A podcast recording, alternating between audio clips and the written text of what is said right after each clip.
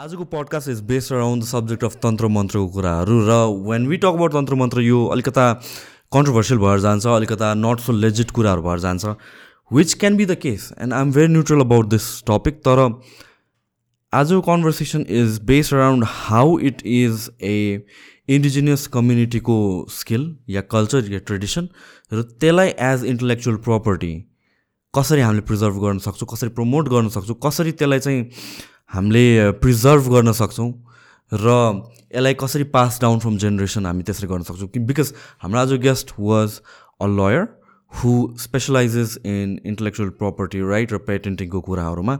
And यो पर्सपेक्टिभबाट conversation गर्दाखेरि अलिकता ओपन माइन्डेडनेस चाहिँ चाहिन्छ यो टपिकलाई बुझ्नको लागि या सोच्नको लागि। But then like the conversation we had was very interesting hope enjoy this podcast यो हामी युट्युबमा पाएको कन्टेन्ट अहिले कति भाइरल नै छ। त्यो कन्टेन्टमा हामी के के पाउँछौँ भन्दाखेरि अफ्रिकाको यो गाउँको कम्युनिटीले त्यहाँको लोकली पाउने माटोलाई चाहिँ नि पिठो मोछे जस्तै मुछेर आगोको त्यो टाप्कामा पकाएर चाहिँ त्यो माटो रोटीको रूपमा चाहिँ खाएको कुराहरू हामी पाउँछौँ। यो विषय चाहिँ नि हामीले सरस्वती बाहिरबाट हेर्दाखेरि यो अचम्मको विषय जस्तो लाग्छ। तर यसलाई हामीले इन्डिजिनियस नलेज पर्सपेक्टिभबाट ट्रेडिसनल नलेज पर्सपेक्टिभबाट यसलाई एनालाइसिस गऱ्यौँ भने चाहिँ यो त्यसरी अचम्बित पार्नुपर्ने विषय चाहिँ नहुनसक्छ ओके किन किन कमन प्र्याक्टिस हो माटोको रोटी खाने। मैले देखाएको छैन त्यहाँ छ। ओके हामीले युट्युबमा भेट्यो खोज्यौँ भने त्यो कुरा पाउँछौँ त्यहाँ प्र्याक्टिस गरिएकै छ। अनि त्यहाँ दुईवटा पर्सपेक्टिभ छ। एउटा पर्सपेक्टिभ चाहिँ खानेकुराको अभावमा मान्छेले माटोको रोटी खायो भन्ने एउटा त्यो बाध्यतामा गुज्रियो भन्ने वर्ल्ड कम्युनिटीको एउटा सिम्प्याथी त्यहाँ क्रिएट हुन्छ। तर अर्को पर्सपेक्टिभमा हामीले त्यसलाई पोजिटिभली कसरी लिनुपर्छ भन्दाखेरि that community have the knowledge त्यो नलेजले के गर्यो त भन्दाखेरि उनीहरूसँग भएको रिसोर्स लोकल रिसोर्स माटो जसलाई कसैले कल्पना गर्दैन खान मिल्छ भन्ने कुरा त्यो कुरा उहाँहरूले खान मिल्ने माटोको रूपमा आइडेन्टिफाई गर्यो। हरेक माटोको रोटी त खाँदैन। तर उहाँहरूले त्यो माटोको आइडेन्टिफाई गर्छ कुन चाहिँ माटोले माटो चाहिँ उपयोग गर्न मिल्छ भनेर। त्यो आधारमा त्यो माटोलाई प्रयोग गरेर उनीहरूले रोटीको रूपमा उपभोग गर्छ। यो पहिलादेखि नै चल्दै आएको कुरा त्यो चल्दै आएको पक्कै पनि हुनुपर्छ भन्छ। अहिलेसम्म पनि त्यो चल्छ। मसँग त्यो त्यहाँको डिटेल नलेज भएको विषय त होइन। मैले आफ्नो subject matter intellectual property traditional इन्डिजि indigenous नलेजको कुरा इन्टेन्जिबल कल्चरल हेरिटेजको फिल्डमा म काम गरिराखेको नाताले मेरो आफ्नो अनुभव र अनुमान चाहिँ के हो भन्दाखेरि उहाँहरूको त्यो एक्सन चाहिँ पक्कै खालि बाध्यतामा भएर त्यो माटो खान पुगेको भनेर लिन मिल्दैन भन्ने कुरा हो। यो चाहिँ उहाँहरूको त्यो नलेजलाई हामीले रेस्पेक्ट गर्नुपर्छ। उहाँहरूको त्यो नलेजलाई चाहिँ हामीले चाहिँ एक किसिमको रिसर्च गर्नुपर्ने विषय छ जस्तो लाग्छ र विषयवस्तु त्यहाँ सीमित हुँदैन। त्यो चाहिँ एउटा उदाहरण हो अहिलेको ग्लोबलाइजेसनको जमानामा आइटीको माहौलले गर्दाखेरि त्यो हामीलाई पनि थाहा पाएको हो। अब हामी आफ्नो जेनेरेसन आफ्नो कल्चर आफ्नो कम्युनिटीतिर आयौँ भने मेरो आफ्नो घरमा म बेचा बेलामा चाहिँ नि हाम्रो दिदीहरूले आमाहरूले नुहाउनको लागि माटोले नुहाउनुहुन्थ्यो। यो कुरा सुन्दाखेरि हामीलाई फेरि पनि अचम्म हुन्छ। तर माटो त युज धेरैमा हुन्छ जस्तो हात धुनुमा पनि युज हुन्छ दाँत माझ्नुमा पनि युज गरिन्छ पहिला पहिला त कपाल कपाल धुनलाई पनि युज गरिन्छ। अब मैले कहाँनिर ल्याउन लागेको भन्दाखेरि त्यो उता खाइयो यता हामीले नुहाउनलाई युज गऱ्यौँ। अब माटोलाई नुहाउनलाई युज गर्यो भन्नेमा फेरि सबै माटो नुहाउन युज गरेर त हुँदैन। हो। त्यसको पनि क्वालिटी हुन्छ भनेपछि अब तपाईँ नेपालको पर्सपेक्टिभमा हामीले हेऱ्यौँ हाम्रो आफ्नो उपत्यकाभित्रको कम्युनिटीको बाहिरको त हामीलाई जानकारी नहोला। उपत्यकाभित्र हामी नेवार कम्युनिटीको मात्रै कुरा गऱ्यौँ भने माटोको चाहिँ धेरै किसिमको क्लासिफिकेसनहरू चाहिँ नि त्यो नलेज पर्सपेक्टिभमा इन्डिजिनियस नलेज प्र्याक्टिसमा चाहिँ हुन्छ। जस्तै मन्दिर बनाउँदाखेरि त्यो फलोअपमा तल राख्ने माटो जे पायो त्यो माटो हुँदैन। त्यो माटोमा चाहिँ नि पानी तल नजाने टाइपको माटो हुन्छ। माटो धेरै किसिमको हुन्छ। पानीबाट तपाईँ माथिबाट हामी पानी राखिदियौँ भने सडकको पानी तल जाने माटो पनि हुन्छ। कुनै माटो चाहिँ माथि त पानी राख्दाखेरि आधी जति मा पानी जान्छ तल पानी जाँदैन। पानीलाई पास गर्न दिँदैन। अनि यो कालो माटो भन्ने चिज त त्यो पानीलाई त प्लास्टिकको जस्तै काम गर्छ त्यसले त पास गर्नै दिँदैन। वाटरप्रुफ जस्तै वाटरप्रुफ जस्तै काम गर्छ। भनेपछि फर इक्जाम्पल त्यो माटोको क्लासिफिकेसनको कुरा जुन हामी गर्छौँ त्यसलाई आइडेन्टिफाई गर्ने नलेजको कुरा ट्रेडिसनल नलेज भन्दै गर्दाखेरि चाहिँ हामी त्यो कसले आविष्कार गर्यो आविष्कार त गरेको होइन खोज कसले गर्यो भन्ने कुराको प्रश्न। अनि त्यसको युटिलिटीको बारेमा जसले त्यो खोज पत्ता लगाए त्यो वास्तवमा कम्युनिटीको लागि ह्युमन सोसाइटीको लागि यो ह्युमेनिटेरियन पर्सपेक्टिभमा चाहिँ कति भ्यालु हुन्छ भन्ने कुराको सामान्य हामीले सोच्यौँ भने चाहिँ यो इन्डिजिनियस नलेज ट्रेडिसनल नलेजको पर्सपेक्टिभ र भ्यालु चाहिँ कति हुन्छ भन्ने एउटा पर्सपेक्टिभमा छ। र अर्को कुरा भनेको चाहिँ यो हरेक इन्डिजिनियस नलेज यो ट्रेडिसनल नलेज भनौँ न बुढापाकाको नलेज भन्छौँ हामी। यस्तोलाई चाहिँ नै हामीले त्यो कन्भेन्सनल टाइपको भनेर हेर्नुपर्ने जरुरत नहोला जस्तो लाग्छ मलाई चाहिँ। यसको चाहिँ नि अहिलेको मोडर्न पर्सपेक्टिभमा तपाईँ हामी स्टुडेन्ट हुँदै गर्दाखेरि ओल्ड इज गोल्ड भनेर त गेस्ट पेपर किन्ने पुरानो क्वेसनहरू चाहिँ नि खोजी गर्ने हाम्रो त्यो त कल्चर छ नि प्र्याक्टिस छ नि आज पनि छ। हामी आफ्नो इक्जाम दिनको लागि कलेजको स्कुलको एउटा इक्जाम दिन चाहिँ हामी ओल्ड इज गोल्ड भनेर पुरानो चिजतिर खोज्न गएर त्यहाँबाट हामी गाइडेड भएर नयाँ इक्जाम पास गर्छौँ। तर हामी नलेजको कुरामा आउँदाखेरि हाम्रो आफ्नो लाइफको कुरामा आउँदाखेरि चाहिँ why not we think again भन्ने कुरा चाहिँ त्यति पर्सपेक्टिभमा सुरु गर्नु राम्रो होला। मोस्ट इन्ट्रेस्टिङ मैले चाहिँ खासमा चाहिँ यो होल सराउन्डिङ दिस पडकास्ट हामीले बिल्ड गर्न खोजेको तान्त्रिक विद्या या भन्छ तान्त्रिक जुन हिसाबले एउटा इट्स अ कल्चर भनौँ न। कल्चर नै भन्नु पऱ्यो नि त होइन? एउटा इन्डिजिनियस पिपलको त्यो कन्टेक्समा हामीले कुरा गर्न खोजेको। मलाई इन्ट्रेस्टिङ कुरा के लाग्यो भने युजली यो तान्त्रिक विद्याहरूको बारेमा या भन्छ इन्टेन्जिबल जुन बिलिफ्सहरू छ या भन्छ सिस्टमहरू छ या भन्छ टेक्नोलोजी एउटा हिसाबले भन्न काम गर्ने तरिकाहरू छ यिनीहरूको बारेमा कुरा गर्दा चाहिँ युजली चाहिँ एउटा कन्भेन्सनल पोइन्ट अफ भ्यूबाट कुरा गर्छ र एक्सप्लेन गर्ने पनि मान्छेहरू चाहिँ अलिकति कन्भिन्सिङ वेमा हुँदैन होइन? ट्रेडिसनल कुराहरू मात्र गरे हो कि जस्तो लाग्छ। बट तपाईँ you being someone who's very educated र तपाईँ त आइपीमा चाहिँ you're an expert you're basically lawyer advocate हो। सो यहाँतिर आउँदाखेरि चाहिँ आई आई मलाई चाहिँ इन्ट्रेस्टिङ लाग्यो कि यो टपिक एक्सप्लोर गर्नुको लागि। सो तपाईँको एउटा ब्याकग्राउन्डबाट सुरु गरौँ अनि त्यहाँ त्यसपछि विल डिस्कस अबाउट तान्त्रिक विद्याहरू के हो कसो भनेर हजुर थ्याङ्क यू सेसनजी विशेष गरिकन मेरो ब्याकग्राउन्ड त एडभोकेट कानुन व्यवसायी नै हो। हजुर। मैले चाहिँ नि यो इन्टेलेक्चुअल प्रपर्टी लमा स्पेसलाइजेसन गरेर चाहिँ LLM masters degree Mahatma Gandhi युनिभर्सिटीबाट two thousand फोरमा गरेको थिएँ का केरलाबाट इन्डिया साउथ इन्डिया। त्यहाँबाट पढ्दै गर्दाखेरि चाहिँ मैले यो इन्टेलेक्चुअल प्रपर्टी ल भने पनि इन्टेलेक्चुअल प्रपर्टी राइट्स भने पनि त्यसको चाहिँ नि इम्पोर्टेन्सको कुरा चाहिँ नि त्यो अहिलेको मोडर्न कन्सेप्टबाट मात्रै नभइकन चाहिँ नि यो इन्टेन्जिबल कल्चरल हेरिटेज इन्टेन्जिबल पर्सपेक्टिभको जुन हाम्रो कम्युनिटी नलेजहरू इन्डिजिनियस नलेज भन्छौँ हामी ट्रेडिसनल नलेज पनि भन्छौँ टेक्निकली त्यो पर्सपेक्टिभमा पनि यसको भ्यालु छ भन्ने हिसाबले चाहिँ नि यो इन्टेन्जिबिलिटी पर्सपेक्टिभमा मेरो झुकाव अलिक बढी भएको। विगत सत्र अठार वर्षदेखि यो आइपिआर लमा चाहिँ प्राध्यापन पनि गरिराखेको छु। पूर्वाञ्चल युनिभर्सिटी त्रिभुवन युनिभर्सिटी अहिले हाल चाहिँ म काठमाडौँ युनिभर्सिटीमा आबद्ध छु। पार्ट टाइम मूल पेसा त यता एडभोकेसी अथवा लयरिङ नै हो। एकाडेमिक चाहिँ मेरो पार्ट टाइम प्यासन भनौँ न। त्यो भएकोले म त्यतातिर इन्भल्भ छु। अनि मेरो चाहिँ विशेष गरिकन centre for intellectual property Nepal प्राली भनेर चाहिँ एउटा research advocacy and service oriented specialise एउटा फर्म कम्पनी इस्टाब्लिस गरेर म त्यस्तो पर्सपेक्टिभमा चाहिँ वर्कआउट गरिराखेको छु। अनि त्यो गर्ने क्रममा चाहिँ हामीले विशेष गरिकन नेपालको चाहिँ यो बौद्धिक सम्पत्ति नीति राष्ट्रिय बौद्धिक सम्पत्ति नीति दुई हजार त्रिहत्तर जुन छ त्यो ड्राफ्टको क्रममा चाहिँ नै मैले पनि आफ्नो कन्ट्रिब्युसन गर्ने मौका पाएको थिएँ। त्यो ड्राफ्टमा चाहिँ विशेष गरिकन हामीले यो विषयमा पनि यो इन्डिजिनियस नलेज ट्रेडिसनल नलेज आइसिएसको इन्टेन्जिबल कल्चरल हेरिटेजको विषयमा पनि इन्कर्पोरेट गर्ने चाहिँ मौका पाइयो। त्यसपछि हामीले युनेस्को काठमाडौँ अफिसको लागि पनि यो हाम्रो चाहिँ नि एउटा युनेस्कोभित्र चाहिँ नि यो इन्टेन्जिबल कल्चरल हेरिटेजसँग सम्बन्धित एउटा ट्रिटी छ। त्यो two thousand three ICS convention भनेर चाहिँ नि यो आइसिएस सेफ गार्डिङ सम्बन्धी चाहिँ एउटा कन्भेन्सन ट्रिटी छ। त्यसको चाहिँ पेरियोडिकल रिपोर्ट दिनुपर्ने हुन्छ हाम्रो देशले मेम्बर कन्ट्रीले। त्यो रिपोर्ट डेभलपमा रिपोर्ट बिल्डिङ को क्रममा पनि हाम्रो सिआइपी अनि सेन्टर फर इन्टेलेक्चुअल प्रोपर्टी नेपालले मैले चाहिँ त्यसमा वर्कआउट गर्ने मौका पाएको थिएँ त्यो रिपोर्ट डेभलपमेन्टमा।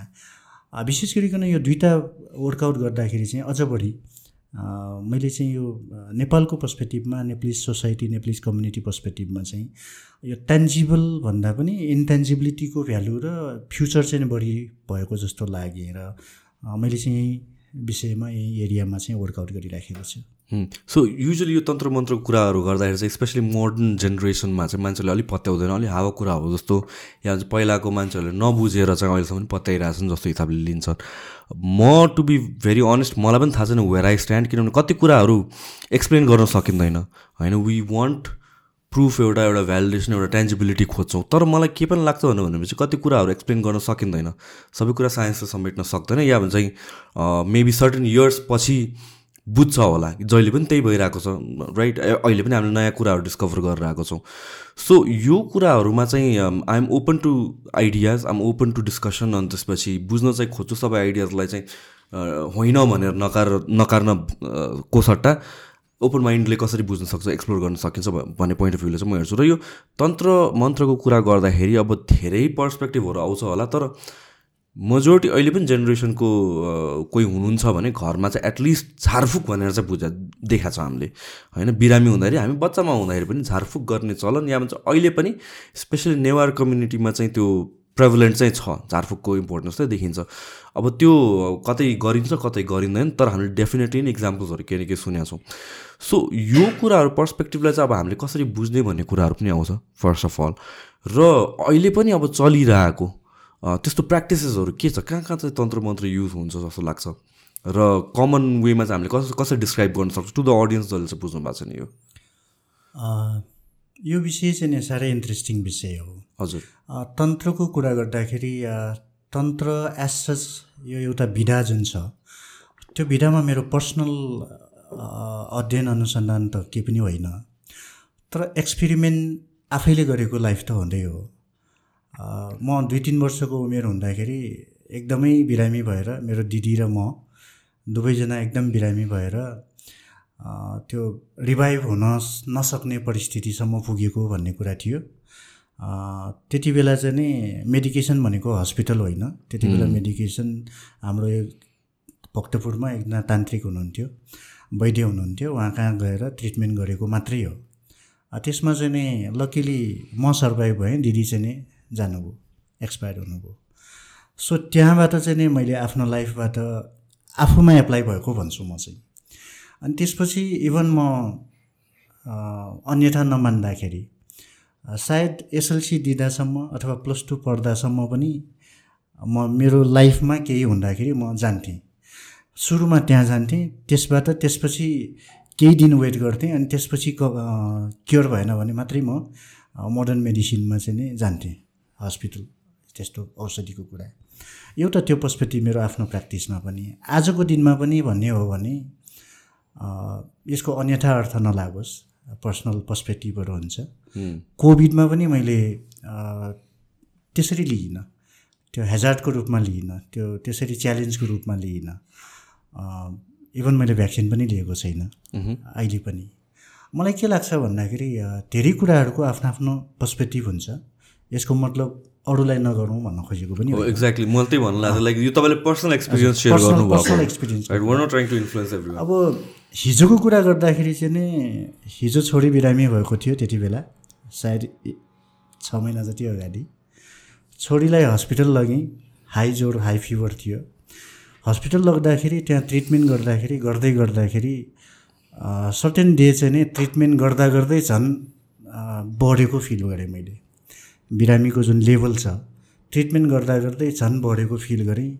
फिल गरेपछि मैले त्यहाँ हस्पिटल म्यानेजमेन्टसँग प्रशासनसँग डक्टरसँग फ्रेङ्कली ओपनली कुरा गरेँ र दुई दिनपछि चाहिँ मैले बच्चालाई एडमिटेड मेरो आफ्नो छोरीलाई लिएर गएर चाहिँ नि आफूलाई विश्वास लाग्ने ठाउँमा गएर झारपुककोमा भनौँ अथवा चाहिँ नि जान्नेमा भनौँ आफ्नो ठाउँमा गएर देखाएर ल्याएर त्यसपछि पूजाआजा गरिसकेपछि एक घन्टापछि म हस्पिटल फर्केर गएँ।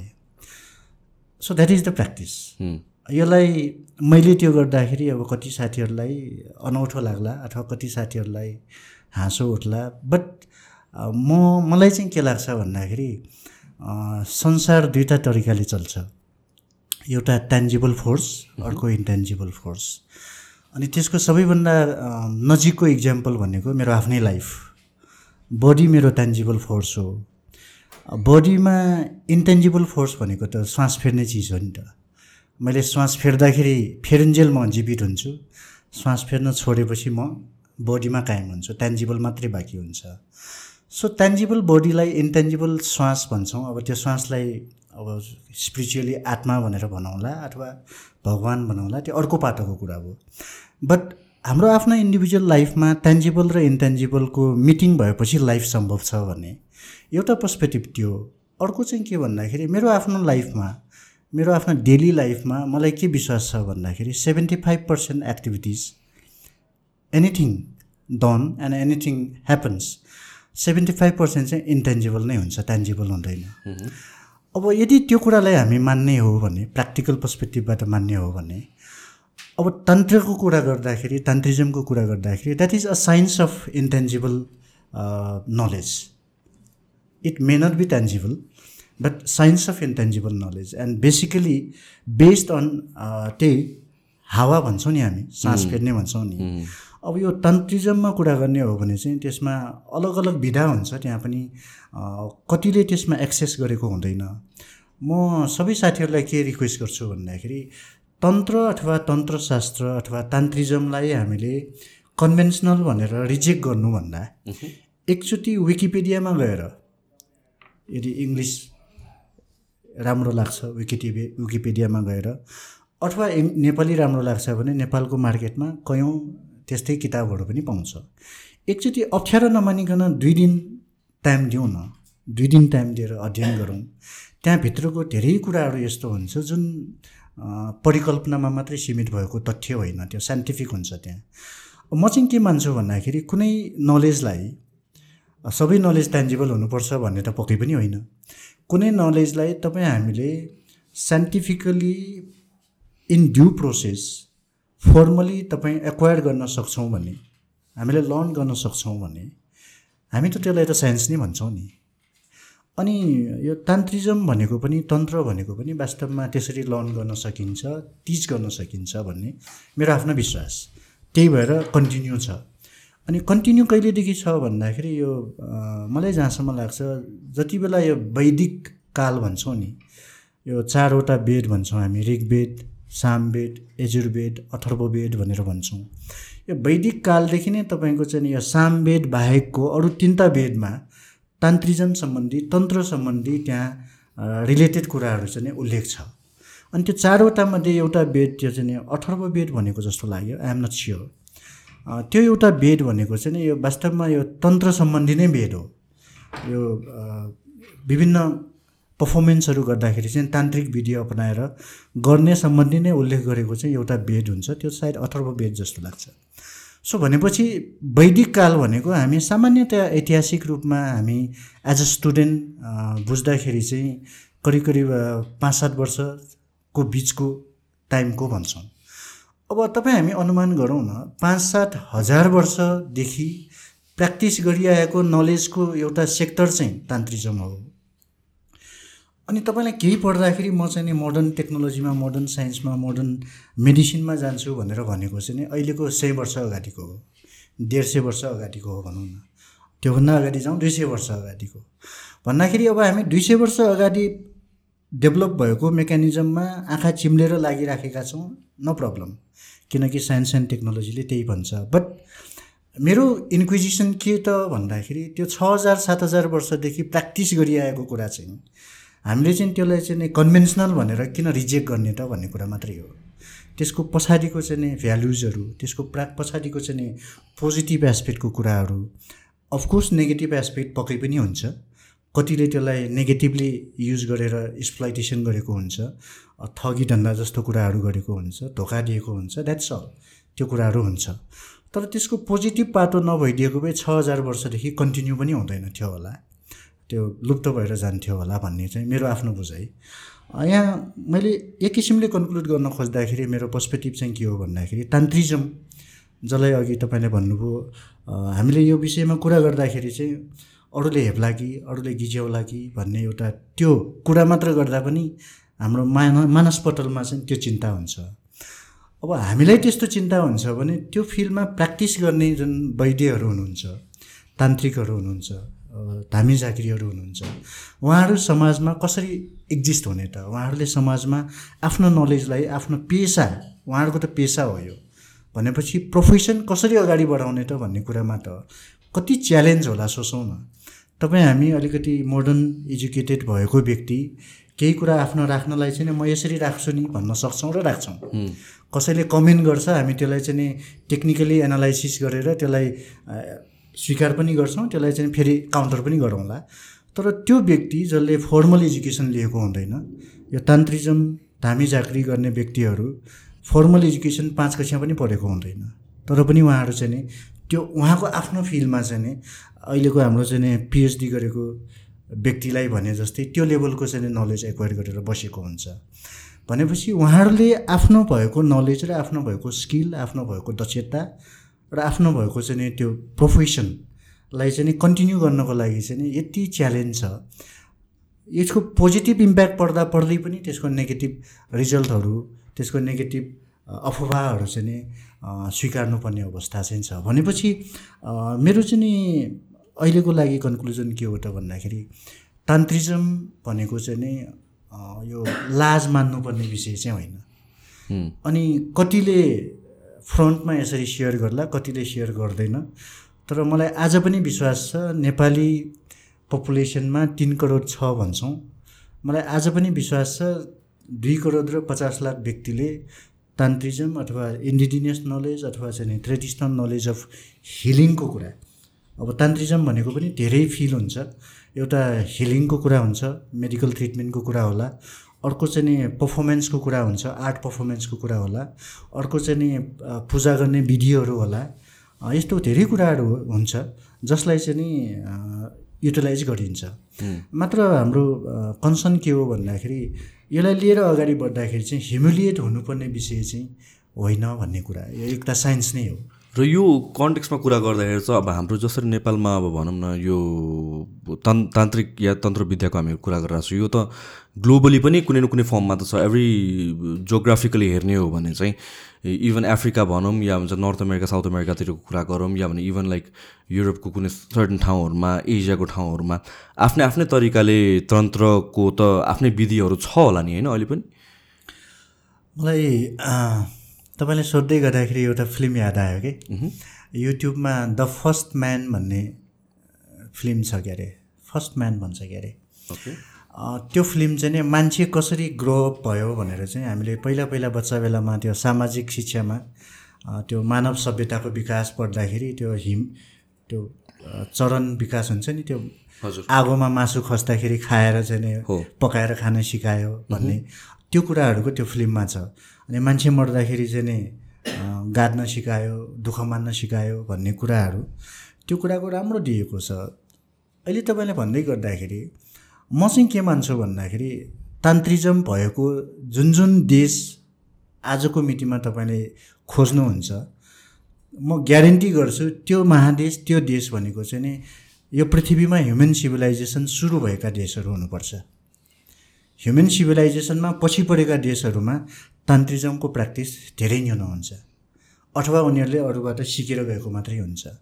मैले भन्न खोजेको कुरा के हो भन्दाखेरि तान्त्रिजम भनेको चाहिँ ह्युमन सिभिलाइजेसन विकासको एउटा चाहिँ नि मापदण्ड भन्छौँ नि.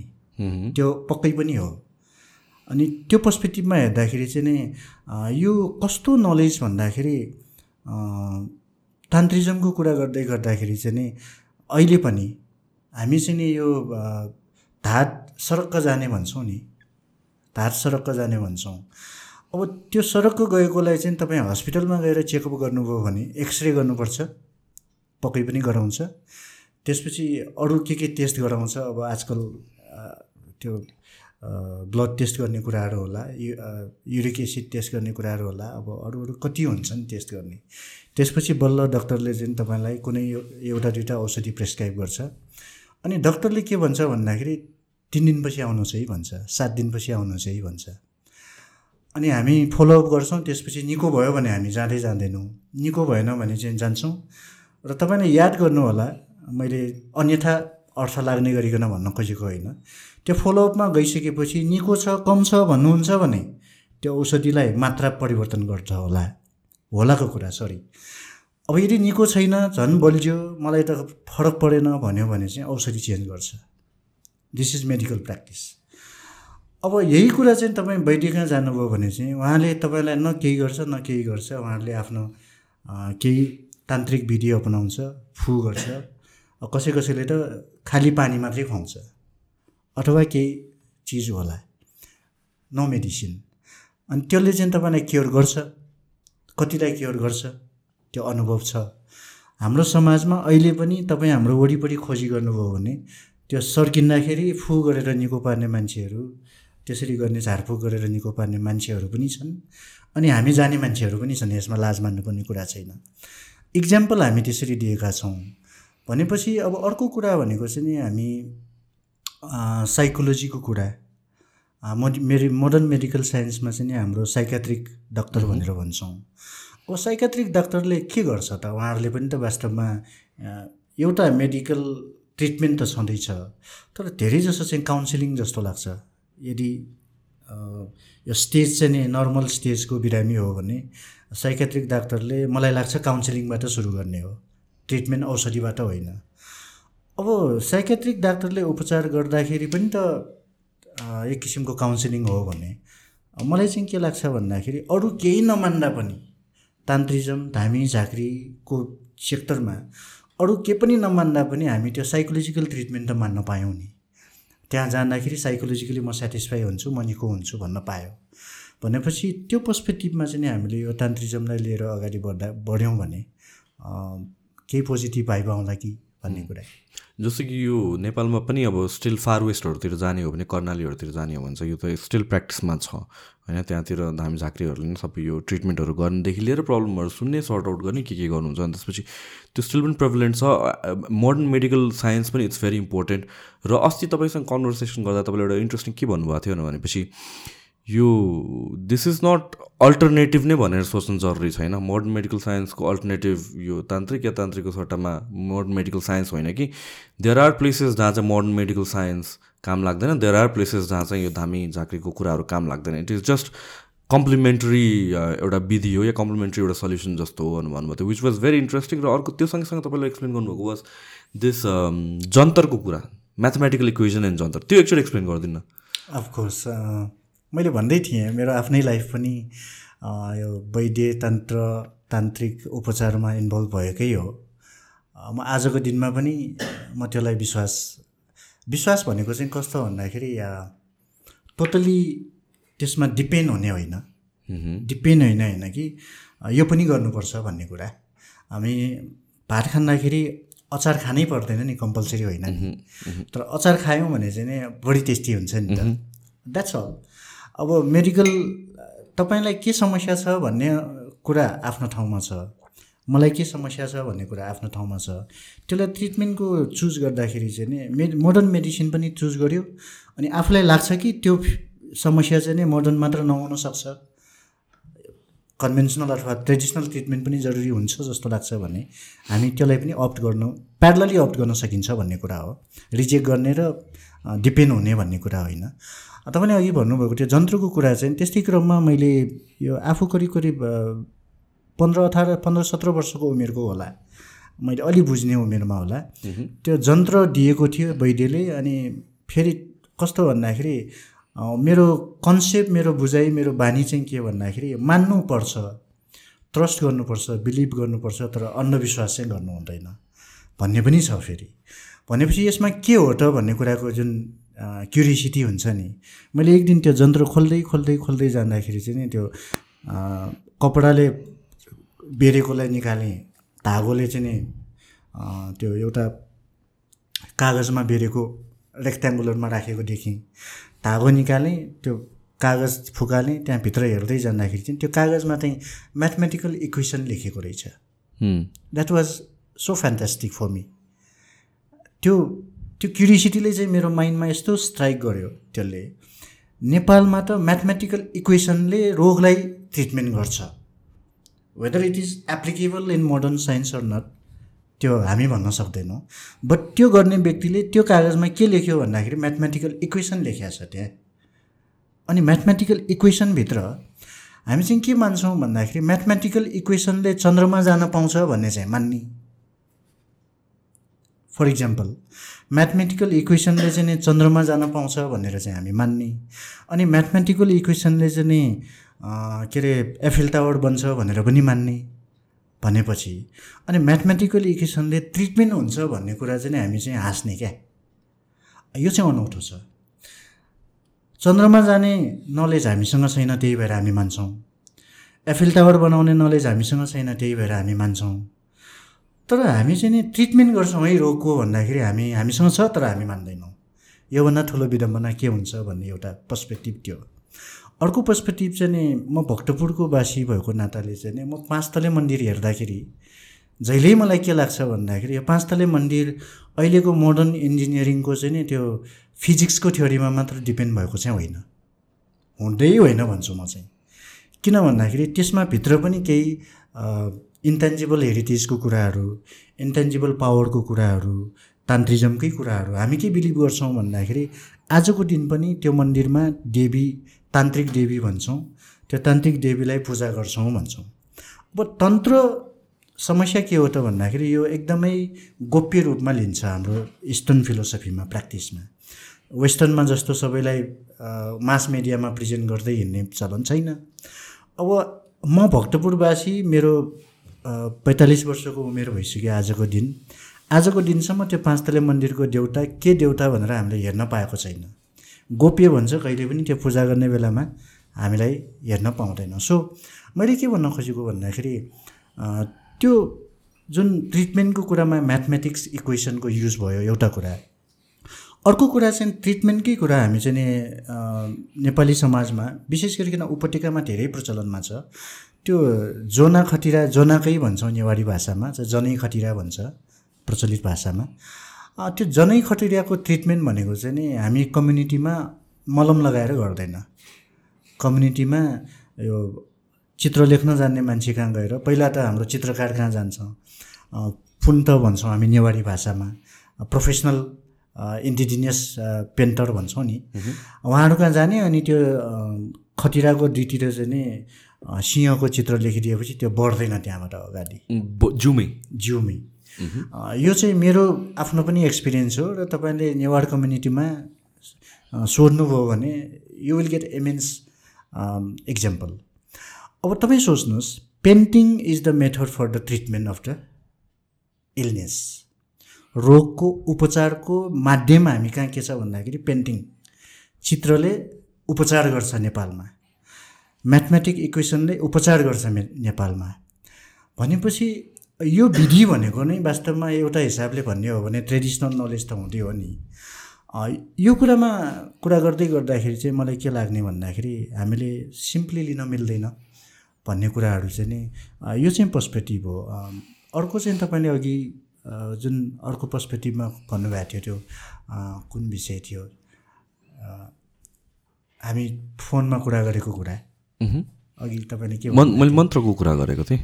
त्यो जन्त्र जन्त्रको जन्त्रको कुरा गरेको थिएँ मैले। जन्त्रलाई चाहिँ नि हामीले यो अनि यो जुन तपाईँले इक्वेजनवाला भन्नुभयो नि त त्यो स्पेसिफिक तपाईँले गर्नुभएको ठाउँमा मात्र त्यस्तो हो कि सबै तन् तान्त्रिकहरूले गर्ने चाहिँ त्यो जन्त्र जुन जन्त्र जुन बनाउँछ त्यसमा भित्र म्याथमेटिक इक्वेसन नै हुन्छ। त्यो विषय त मलाई टेक्निकली नलेज भएन। मैले त मात्र त्यो एसेन्स मात्र बताइदिएको। मैले आफूले हेर्दाखेरि त्यो पाएँ। मलाई जहाँसम्म लाग्छ यो जन्त्र भनेको चाहिँ नि त्यो राख्दाखेरि त्यस्तै नै होला। अनि मैले थोरै जानेको बुझेको अनुसार चाहिँ के हो भन्दाखेरि यो तन् तान्त्रिजममा यो तन्त्र यन्त्र जन्त्र मन्त्र भन्ने कुराहरू पनि हुँदो रहेछ क्या। यो चान्टिङ यो उच्चारण गरेर बोल्ने। अनि उच्चारण नगरिकन चाहिँ खालि चाहिँ नि त्यो एक्टिभिटिज यो फु गरेर श्वासलाई प्रयोग गर्ने। अनि चाहिँ त्यसरी इक्वेसनहरू यो यन्त्र भनेको चाहिँ सायद मलाई जहाँसम्म लाग्छ यो यन्त्र जुन भन्छ यो यन्त्रशास्त्र भन्ने पनि हुन्छ। सायद त्यो यन्त्र हुनुपर्छ जस्तो लाग्छ मलाई। चित्र भनौँ न त्यो पनि ड्रइङ भनौँ न त्यो हुनुपर्छ जस्तो लाग्छ। यो सबैतिर हुन्छ भन्ने कुरा त I'm not authority for that मलाई जहाँसम्म लाग्छ। तर माइट बी केही हुनुपर्छ जस्तो लाग्छ मलाई चाहिँ। जुन यो नवदुर्गाको मन्दिरको कुरा गर्छौँ हामीहरू पाँच तले दरबार भने नवदुर्गाकै मन्दिर हो? कि छुट्टै हो? नै पचपन्न झ्याले दरबार चाहिँ भन्छ एउटा त्यो चाहिँ अर्को बिल्डिङ भयो। पाँच तले मन्दिर भनेको चाहिँ त्यो भक्तपुरको टौमडी स्क्वायरमा। त्यो पाँचवटा छाना भएको मन्दिर एकदम अग्लो मन्दिर हो। मैले त्यसको इक्जाम्पल इसेन्स किन यहाँ मेन्सन गर्न चाहेको भन्दाखेरि त्यो मन्दिरले नेपालमा आएको धेरै ठुलो ठुलो भूकम्प फेस गरिसक्यो। भूपतिन्द्र मल्लको पालामा बनेको भन्छौँ हामी चाहिँ। यो मल्लकालीन भन्छौँ। सायद यो तिन चार सय वर्ष पुरानो हुनुपर्छ। एक्युरेट डेट त मलाई याद भएन। अब तिन चार सय वर्ष पुरानो मन्दिर नेपालको सबैभन्दा अग्लो स्ट्रक्चर त्योभन्दा अग्लो स्ट्रक्चर अहिलेसम्म नेपालमा छैन। त्यो त्यो चाहिँ फेरि मोडर्न टेक्नोलोजी युज नगरिकन मलाई जहाँसम्म लाग्छ तिन सय वर्ष अगाडि न त प्रोटेक्टर डेभलप भएको थियो न त अहिलेको मेजरमेन्ट सिस्टम डेभलप भएको थियो न त कम्पास विकास भएको थियो त्यति बेलासम्म केही पनि युज भएको थिएन नि। त्यति बेला त्यसरी डेभलप गरेको स्ट्रक्चर चाहिँ भूकम्पले पनि न बिग्रनु अथवा नभत्किनु भनेको चाहिँ त्यो पनि एकचोटिको भूकम्प होइन। नेपालमा हरेक सेन्चुरीमा ठुलो ठुलो भूकम्प जान्छ भन्छौँ हामी। त्यो फेस गर्दा पनि अहिलेसम्म स्ट्यान्ड बाई भएको भनेपछि बिलिभ गर्ने ठाउँ छ कि। अब बिलिभ मात्रै भनेर नबसौँ भन्छु म चाहिँ। बिलिभ वाइ यसलाई बिलिभ मात्रै किन भन्ने? यसको पछाडिको चाहिँ नि केही त्यस्तो इन्टेन्जिबल हेरिटेजको कुराहरूको पनि खोजी नीति गर्ने कि भन्ने कुरा हो मेरो पर्सपेक्टिभ त्यतातिर हो। अब जस्तो कि एउटा इन्ट्रेस्टिङ मलाई कुरा के लाग्छ भनेपछि मैले धेरैजना हिस्टोरियनहरूसँग कुरा गरेको छु। जसलाई चाहिँ नेपालको हिस्ट्रीको बारेमा धेरै कुराहरू थाहा छ। र जहिले पनि पृथ्वीनारायण शाहको कन्टेक्स्ट आउँदाखेरि तन्त्र युज भएको टाइपको कुराहरू निस्किन्छ जहिले पनि। किनभने चाहिँ पृथ्वीनारायण बुझा मैले बुझे अनुसारले पृथ्वीनारायण शाहको आर्मी इन नम्बर थोरै थियो कम्पेयर टु काठमाडौँ उपत्यकाको राजाहरूको आर्मीहरूभन्दा। र त्यो जुन एउटा हिसाबले ब्याटल भएको थियो त्यसमा चाहिँ सम फर्म अफ तन्त्र विद्या जस्तो युज भएको थियो भनेर भनिन्छ। त्यसमा चाहिँ तपाईँलाई के नलेज छ? अब यो पर्सपेक्टिभमा हामीले अथेन्टिकली भन्न त सकिँदैन। तर हाम्रो सुनिआएको विषयहरूलाई हेर्दाखेरि पृथ्वीनारायण शाहले उपत्यका विजय गर्नुभन्दा अगाडि उता गोरखनाथको पूजा गर्थे भन्ने कुराहरू पनि हुन्थ्यो। उहाँले चाहिँ मनोकामनाको पूजा गर्थे भन्ने कुराहरू पनि त्यस्तो कुराहरू हामी सुन्छौँ। तर पर्सपेक्टिभ त्यो कुरा सुन्दै गर्दाखेरि हामी ट्रस्ट गर्नुपर्ने कुरा के हुन्छ भन्दाखेरि पक्कै पनि पृथ्वीनारायण शाहले त्यति बेलाको राज्य एकीकरण भन्छौँ। त्यो पर्सपेक्टिभमा चाहिँ उहाँले नगरेको होइन होला भनेर अनुमान गर्न चाहिँ सकिँदैन।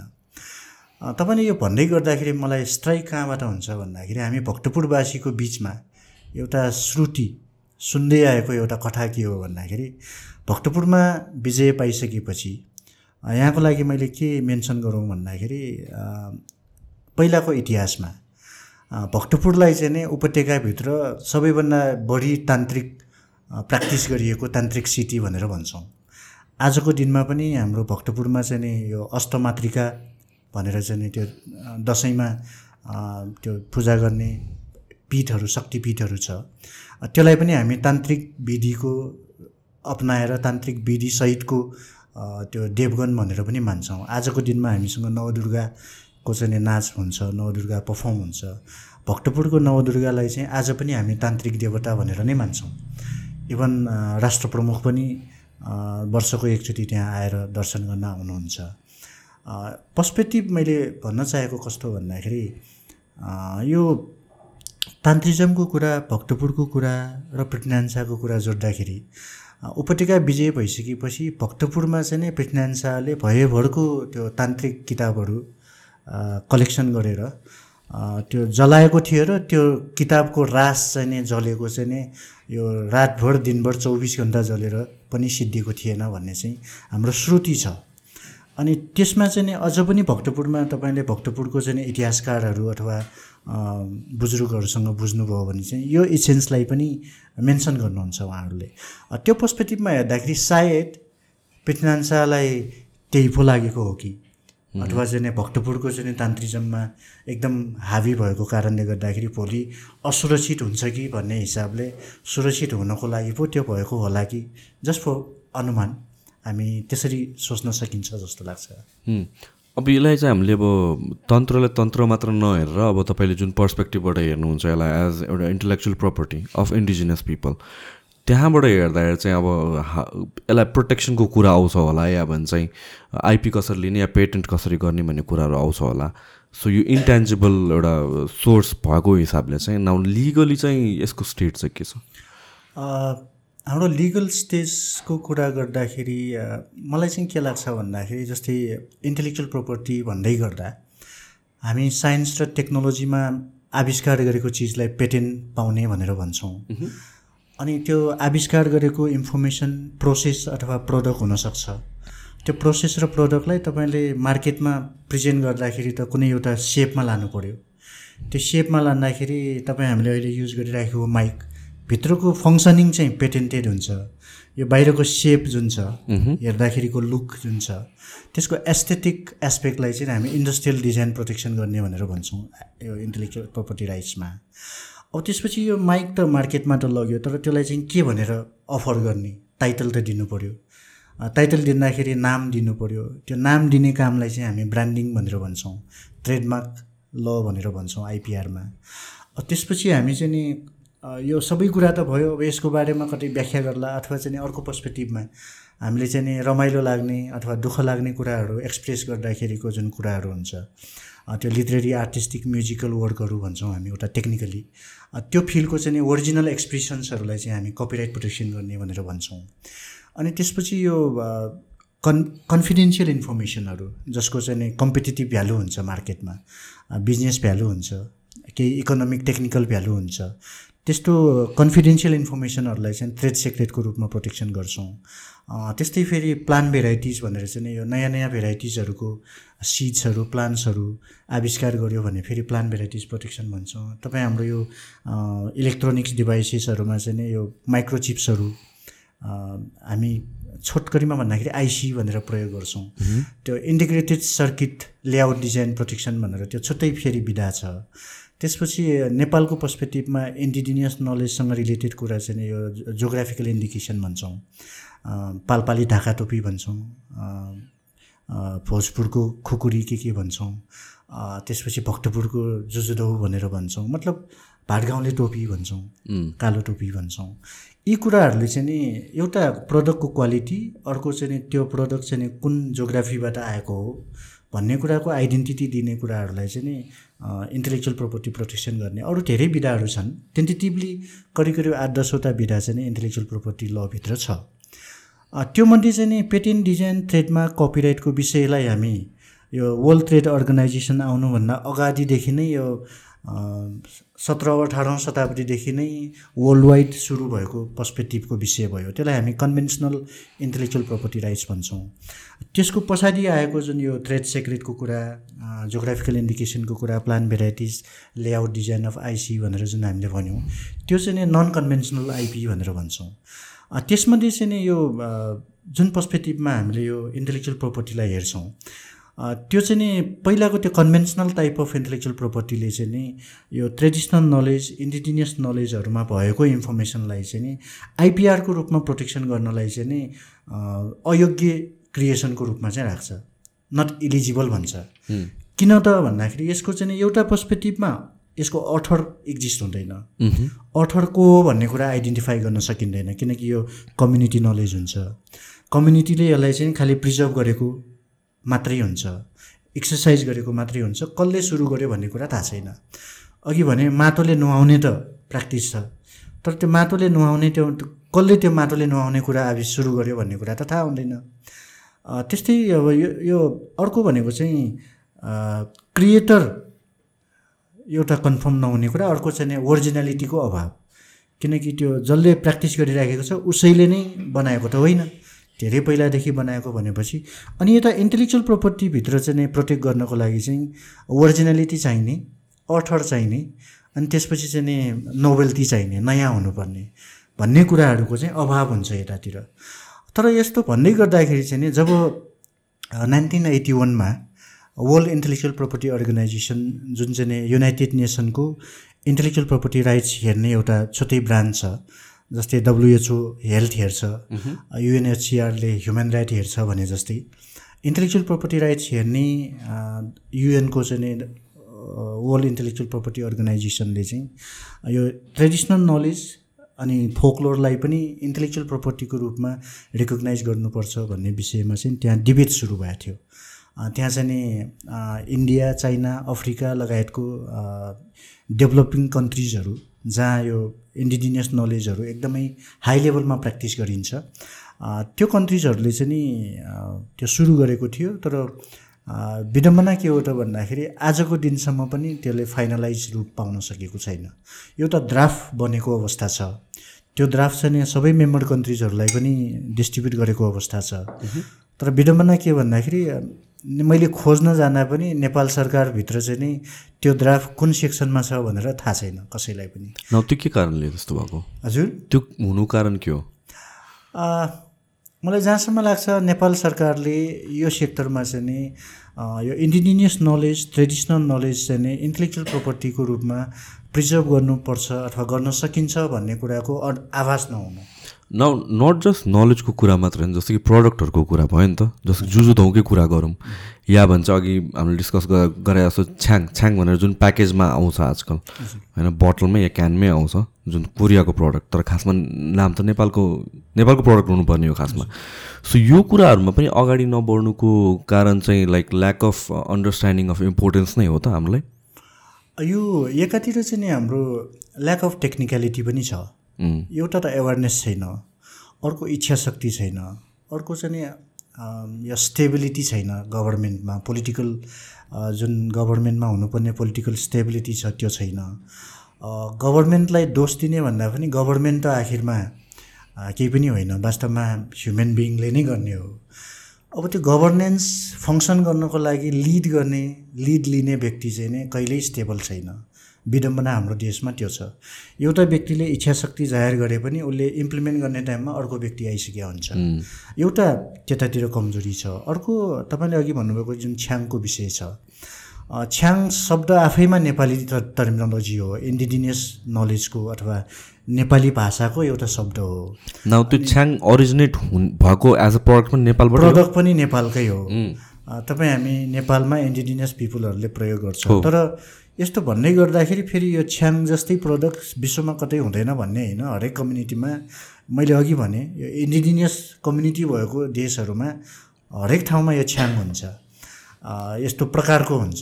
तर छ्याङ भनेर नै जुन शब्दावली प्रयोग गर्यो त्यो शब्दावली मलाई मैले सुनिआएको चाहिँ नि कोरियामा प्रयोग गर्यो भन्ने कुरा हो ट्रेडमार्कको रूपमै प्रयोग गर्यो भन्ने कुरा हो। यो चाहिँ गर्न पाइँदैन कानुनमा। लिगली आइपिआरको लले प्रिन्सिपलले के भन्छ भन्दाखेरि कुनै कन्ट्रीमा कुनै कम्पनीले प्रडक्टमा एप्लाई गर्नको लागि कुनै टर्मिनोलोजी ब्रान्ड ट्रेडमार्क चुज गर्दा त्यसरी चुज गरेको ट्रेडमार्क चाहिँ आफ्नो कन्ट्रीको अथवा अरू कुनै कन्ट्रीको चाहिँ नि जोग्राफिकल इन्डिकेसनको रूपमा उपयोग भएको चिजले चाहिँ चुज गर्न पाइँदैन। त्यो चाहिँ एक्सक्लुडेड क्याटेगोरीमा पर्छ। सो हामीले क्लेम नगरे पनि खासमा चाहिँ बाई डिफल्ट पाइँदैन। किनभने हामीले त हामीले नै छोडिदिइरहेछौँ नि त यहाँ त पहिला सुरु त। यसमा एउटा च्यालेन्ज छ। के भयो भन्दाखेरि यो जोग्राफिकल इन्डिकेसन भौगोलिक सङ्केत भनेर हामी नेपालीमा भन्छौँ। जोग्राफिकल इन्डिकेसनको प्रोटेक्सन मेकानिजम चाहिँ इन्टरनेसनल प्रिन्सिपल के छ भन्दाखेरि जुन कन्ट्रीको जोग्राफिकल इन्डिकेसन छ त्यो कन्ट्रीमा त्यो कन्ट्रीको कानुनले प्रोटेक्सन दिएको छैन भने त्यो कन्ट्रीले चाहिँ अरू कन्ट्रीमा क्लेम गर्न पाइँदैन भन्ने यो डब्लुटिओको ट्रिप्स एग्रिमेन्टमा त्यस्तो मेकानिजम छ। ओके भनेपछि समस्या के छ भन्दाखेरि नेपालमा चाहिँ अहिलेसम्म जोग्राफिकल इन्डिकेसन प्रोटेक्सन एक्ट भनेर कानुन बनेकै छैन। हामीले नै इनिसिएटिभ लिएको छैन। हामीले नै इनिसिएसन लिएको छैन। एउटा ड्राफ्ट चाहिँ आएको छ तर त्यो ड्राफ्ट पनि टेक्निकली एकदमै त्यहाँ लुपहोलहरू छ जुन चाहिँ जसको कारणले गर्दाखेरि त्यो ड्राफ्ट हामीले इम्प्लिमेन्ट गरिहाल्यौँ कानुनको रूपमा भने पनि त्यहाँ प्रब्लम छ। जोग्राफिकल इन्डिकेसन एक्ट हामीसँग नभएपछि हाम्रो नेपालमा भएको जोग्राफिकल इन्डिकेसनहरू अघि मैले भने जुजुदौको कुरा छ छ्याङको कुरा आयो ऐलाको कुरा छ रक्सीको कुरा छ त्यस्तै अब धेरै प्रडक्टहरू छन्। अब छ्याङको हामीले कन्सर्न गर्दाखेरि चाहिँ नै कोरियामा त्यो युज त गर्यो तर नेपालले फर्मली क्लेम गर्नलाई चाहिँ नेपालमा त्यो प्रोटेक्सन छैन। त्यो कारणले गर्दाखेरि जोग्राफिकल इन्डिकेसनको रूपमा चाहिँ क्लेम गर्न नसकेको एउटा पर्सपेक्टिभ त्यो छ। तर अर्को पर्सपेक्टिभमा एउटा सम्भावना चाहिँ के छ भन्दाखेरि कोरियन इन्टेलेक्चुअल प्रोपर्टी ल त्यहाँको ट्रेडमार्क लले नै के भनेको हुनुपर्छ भन्दाखेरि त्यो अरूको इन्डिजिनियस नलेजको अथवा चाहिँ जुन यो जोग्राफिकल इन्डिकेसन भन्यौँ त्यो अरू देशको जोग्राफिकल इन्डिकेसन चाहिँ नि ट्रेडमार्कको रूपमा प्रोटेक्सन गर्न पाइँदैन भन्ने चाहिँ नि त्यो कोरियन लमा पनि पक्कै हुनुपर्छ। त्यो इन्टरनेसनल प्रिन्सिपल नै हो। यो चाहिँ ट्रेडमार्क ल ट्रिटी भन्ने छ। यो इन्टरनेसनली एउटा लिगल मेकानिजम छ। ट्रेडमार्क ल ट्रिटीले पनि वास्तवमा यो जोग्राफिकल इन्डिकेसनलाई चाहिँ ट्रेडमार्कको रूपमा प्रयोग गर्नलाई पाइँदैन भनेको अवस्था भएकोले। कसैले कोरियाभित्रै अथवा चाहिँ अरू कसैले कोरियामा चाहिँ कोरियन इन्टेलेक्चुअल प्रोपर्टी अफिसमा अथवा ट्रेडमार्क अफिसमा कसैले उजुरी गर्यो भने चाहिँ त्यसको केही उपाय चाहिँ आउँछ। सो यो एज अ इन्डिजिनियस पिपलको कल्चर भन्ने कि फुड भन्ने कि या भन्छ अरू डिफ्रेन्ट अरू फ्याक्टरहरू पनि होला त्यसलाई प्रोटेक्सनमा ल्याउनको लागि चाहिँ फर्स्ट स्टेप भनेको त हामीले यहीँबाट रेकगनाइज गर्नु पऱ्यो स्योर यो आइपिआरको पर्सपेक्टिभमा कुरा गर्दाखेरि चाहिँ नि आइपिआर प्रोटेक्सन पाउनको लागि स्पेसली जोग्राफिकल इन्डिकेसनको विषय चाहिँ अब आइपिआरभित्र धेरै विधाहरू छ। कपिराइटको विषयको कुरा गर्नुहुन्छ भने चाहिँ फेरि युनिभर्सल प्रोटेक्सन पाउँछौँ सामान्यतया। बर्न कन्भेन्सन भन्छौँ। बर्न कन्भेन्सनको मेम्बर अथवा डब्लुटिओको मेम्बर भइसकेपछि चाहिँ नि त्यो मेम्बर कन्ट्रीहरू सबैले सबैलाई आफ्ना देशको कपिराइट चाहिँ अरू देशमा पनि प्रोटेक्सन दिने चलन चाहिँ नि प्र्याक्टिस चाहिँ छ एडहक तर प्रोटेक्सन चाहिँ फेरि जुन कन्ट्रीमा हामी उपचार खोज्छौँ त्यही कन्ट्रीको कानुन बमोजिम नै पाउने हो। कपिराइट त्यस्तो छ तर जब पेटेन्टको कुरा गर्छौँ आविष्कारको कुरा गर्छौँ जुन कन्ट्रीमा पेटेन्ट दर्ता गरिएको छ त्यो कन्ट्रीमा मात्रै सीमित हुन्छ। ट्रेडमार्कको कुरा पनि त्यस्तै हो। ट्रेडमार्कमा चाहिँ कहिलेकाहीँ त्यो वेल नन ट्रेडमार्क भनेर भन्छौँ त्यस्तो भयो भने चाहिँ दर्ता नगरे पनि प्रोटेक्सन दिने अवस्थाहरू पनि आउँछ। तर त्यो पनि फेरि कानुनमा व्यवस्था हुनु पऱ्यो जुन नेपालमा अहिले छैन। इन्डस्ट्रियल डिजाइन त्यस्तै छ दर्ता नगरिकन प्रोटेक्सन पाउँदैन। अघि भनेको यो geographical indication plant varieties layout design layout design र प्लान भेराइटिजमा पनि अहिलेसम्म कानुन छैन। प्लान भेराइटिजको विषयमा चाहिँ नै हाम्रो भ्यू भिजन सम्बन्धी एनमा केही कुराहरू चाहिँ मेन्सन छ। तर इन्टेलेक्चुअल प्रोपर्टी राइट्स ल भनेर एक्ट भनेर प्रोपर्टी भनेर जुन हामी सोध्छौँ त्यो स्ट्यान्डर्डको चाहिँ त्यहाँ छैन। मैले अहिले यहाँ भन्न खोजेको कुरा के हो भन्दाखेरि तपाईँले भन्नुभयो जस्तै नेपालको प्रडक्टहरू इन्डिजिनियस प्रडक्टहरू नल इन्डिजिनियस नलेजसँग रिलेटेड भएको प्रडक्टहरू त्यसलाई चाहिँ नि बाहिर गएर प्रोटेक्सन लिन पऱ्यो भने चाहिँ नेपालमै कानुन नभएको कारणले चाहिँ नि गाह्रो भएको चाहिँ हो। त्यसको जरुरी छ। सो हाम्रो पहिला सुरु लोकल लेभलमै रेजिस्टर हुनु पऱ्यो सम सोर्ट अफ अनि त्यसपछि बल्ल हामीले इन्टरनेसनली क्लेम गर्न पाउने भयो। ओके सो यो अर्को कुरा चाहिँ जस्तो कि यो मेडिकल प्र्याक्टिसेसको हामीले अघि नै कुरा गऱ्यौँ झारफुकको कुराहरू। यसलाई चाहिँ लाइक लले चाहिँ कसरी लिन्छ नेपालको लले यो अलाउड हो कि नेपालको लले इन्ट्रेस्टिङ इस्यु तपाईँले उठाउनु भयो। नेपालको यो मेडिकल ट्रिटमेन्ट सम्बन्धी रिलेटेड कानुन हामीसँग दुई तिनवटा छ। मेडिकल काउन्सिल रेगुलेट हुने कानुन एकातिर छ। अर्कोतिर चाहिँ यो होमियोप्याथी सम्बन्धी छ। जुन उपचारको अलग अलग विधा छ। होमियोप्याथी सम्बन्धी रिलेटेड पनि कानुन छ। त्यसपछि उता नेचुरल नेचुरोप्याथी भन्छौँ नि हामी। अल्टरनेटिभ हिलिङ अथवा ट्रिटमेन्ट भन्छौँ। होमियोप्याथी र त्यो भने सेम होइन? होमियोप्याथीलाई पनि अल्टरनेटिभमै राखेको छ के अरे यो मोडर्न मेडिसिन भन्दा पनि। अनि मैले चाहिँ यहाँलाई सेयर गर्न चाहेको के हो भन्दाखेरि नेपालमा भएको अहिलेसम्म एक्जिस्ट भएको मोडर्न मेडिसिन प्र्याक्टिस गर्ने जुन ट्रिटमेन्टको विषय छ त्यसलाई रेगुलेट गर्ने कानुनले चाहिँ नै यो इन्डिजिनियस टाइप्स अफ ट्रिटमेन्टलाई चाहिँ नै प्रोहिबिट गरेको छैन। यो एकदम इम्पोर्टेन्ट कुरा। जस्तै कसैले धामी झाँक्रीको रूपमा म उपचार गर्छु भनेर चाहिँ नि कसैले भन्छ र उपचार गर्दै गर्छ अथवा कसैले म तान्त्रिजमको विधिबाट म उपचार गर्छु भन्छ भने चाहिँ सरकारले उसलाई रोक्ने कानुन चाहिँ छैन। अहिले पनि छैन। हुन चाहिँ के हो भन्दाखेरि तान्त्रिजम प्रयोग गरेर धामी झाँक्री प्रयोग गरेर चाहिँ नि अमानवीय काम कसैले गर्यो एक्सप्लोइट कसैले गर्यो अनि प्रचलित कानुनले अपराध भन्नेको चिज कसैले गर्यो भने चाहिँ त्यो चाहिँ गर्न पाइँदैन भनेको हो। जस्तै तपाईँलाई म सेयर गरौँ हामीले चाहिँ नि बोक्सीको आरोपमा अमानवीय व्यवहार गर्न पाइँदैन भन्ने पनि त्योसँग रिलेटेड पनि कानुन छ। त्यो कानुन हामीले हेऱ्यौँ भने चाहिँ त्यहाँ के भन्छ भन्दाखेरि बोक्सीको आरोप लाउन पाइँदैन भनेको मात्रै छ त्यहाँ। बोक्सी हुँदैन है भनेको छैन। हामीले सब स्पष्ट रूपमा हेऱ्यौँ भने बोक्सी हुँदैन भनेको छैन नेपाल सरकारले। बोक्सीको आरोप लाउन पाइँदैन मात्र भनेको छ। सो मेरो भनाइ चाहिँ के भन्दाखेरि बोक्सी छ वा छैन भन्नेको डिबेट होइन कि? त्यो पनि एक किसिमको ट्रेडिसनल नलेज पक्कै पनि हो। इन्डिजिनियस नलेज पक्कै पनि हो। किन हो त भन्दाखेरि if someone want to learn it you can have it हामीले त्यसलाई चाहिँ सिक्न पाउँछौँ भने खोजी गर्नु पर्ला बुझ्नु पर्ला जानु पर्ला मान्नु पर्ला त्यो आफ्नो ठाउँमा छ। अनि हाम्रो बुझाइ चाहिँ के हो भन्दाखेरि नेपालमा बोक्सी विद्या सिक्नको लागि युरोपबाट मान्छेहरू आउँछन्। हामीले अहिले पनि? अहिले पनि सुनेको कुरा। अनि नेपालमा तान्त्रिजम सम्बन्धी रिसर्च गर्नलाई युरोपबाट मान्छेहरू आउँछन्। अनि यो भन्दै गर्दाखेरि मलाई सेयर गर्न मन लागेको कुरा के हो भन्दाखेरि हामी ह्यारी पोटर भन्ने फिल्म यति रुचाइदियौँ कि त्यसको चाहिँ नि छवटा सातवटा पाँचवटा भोलुममा आयो सिरिजमा आयो।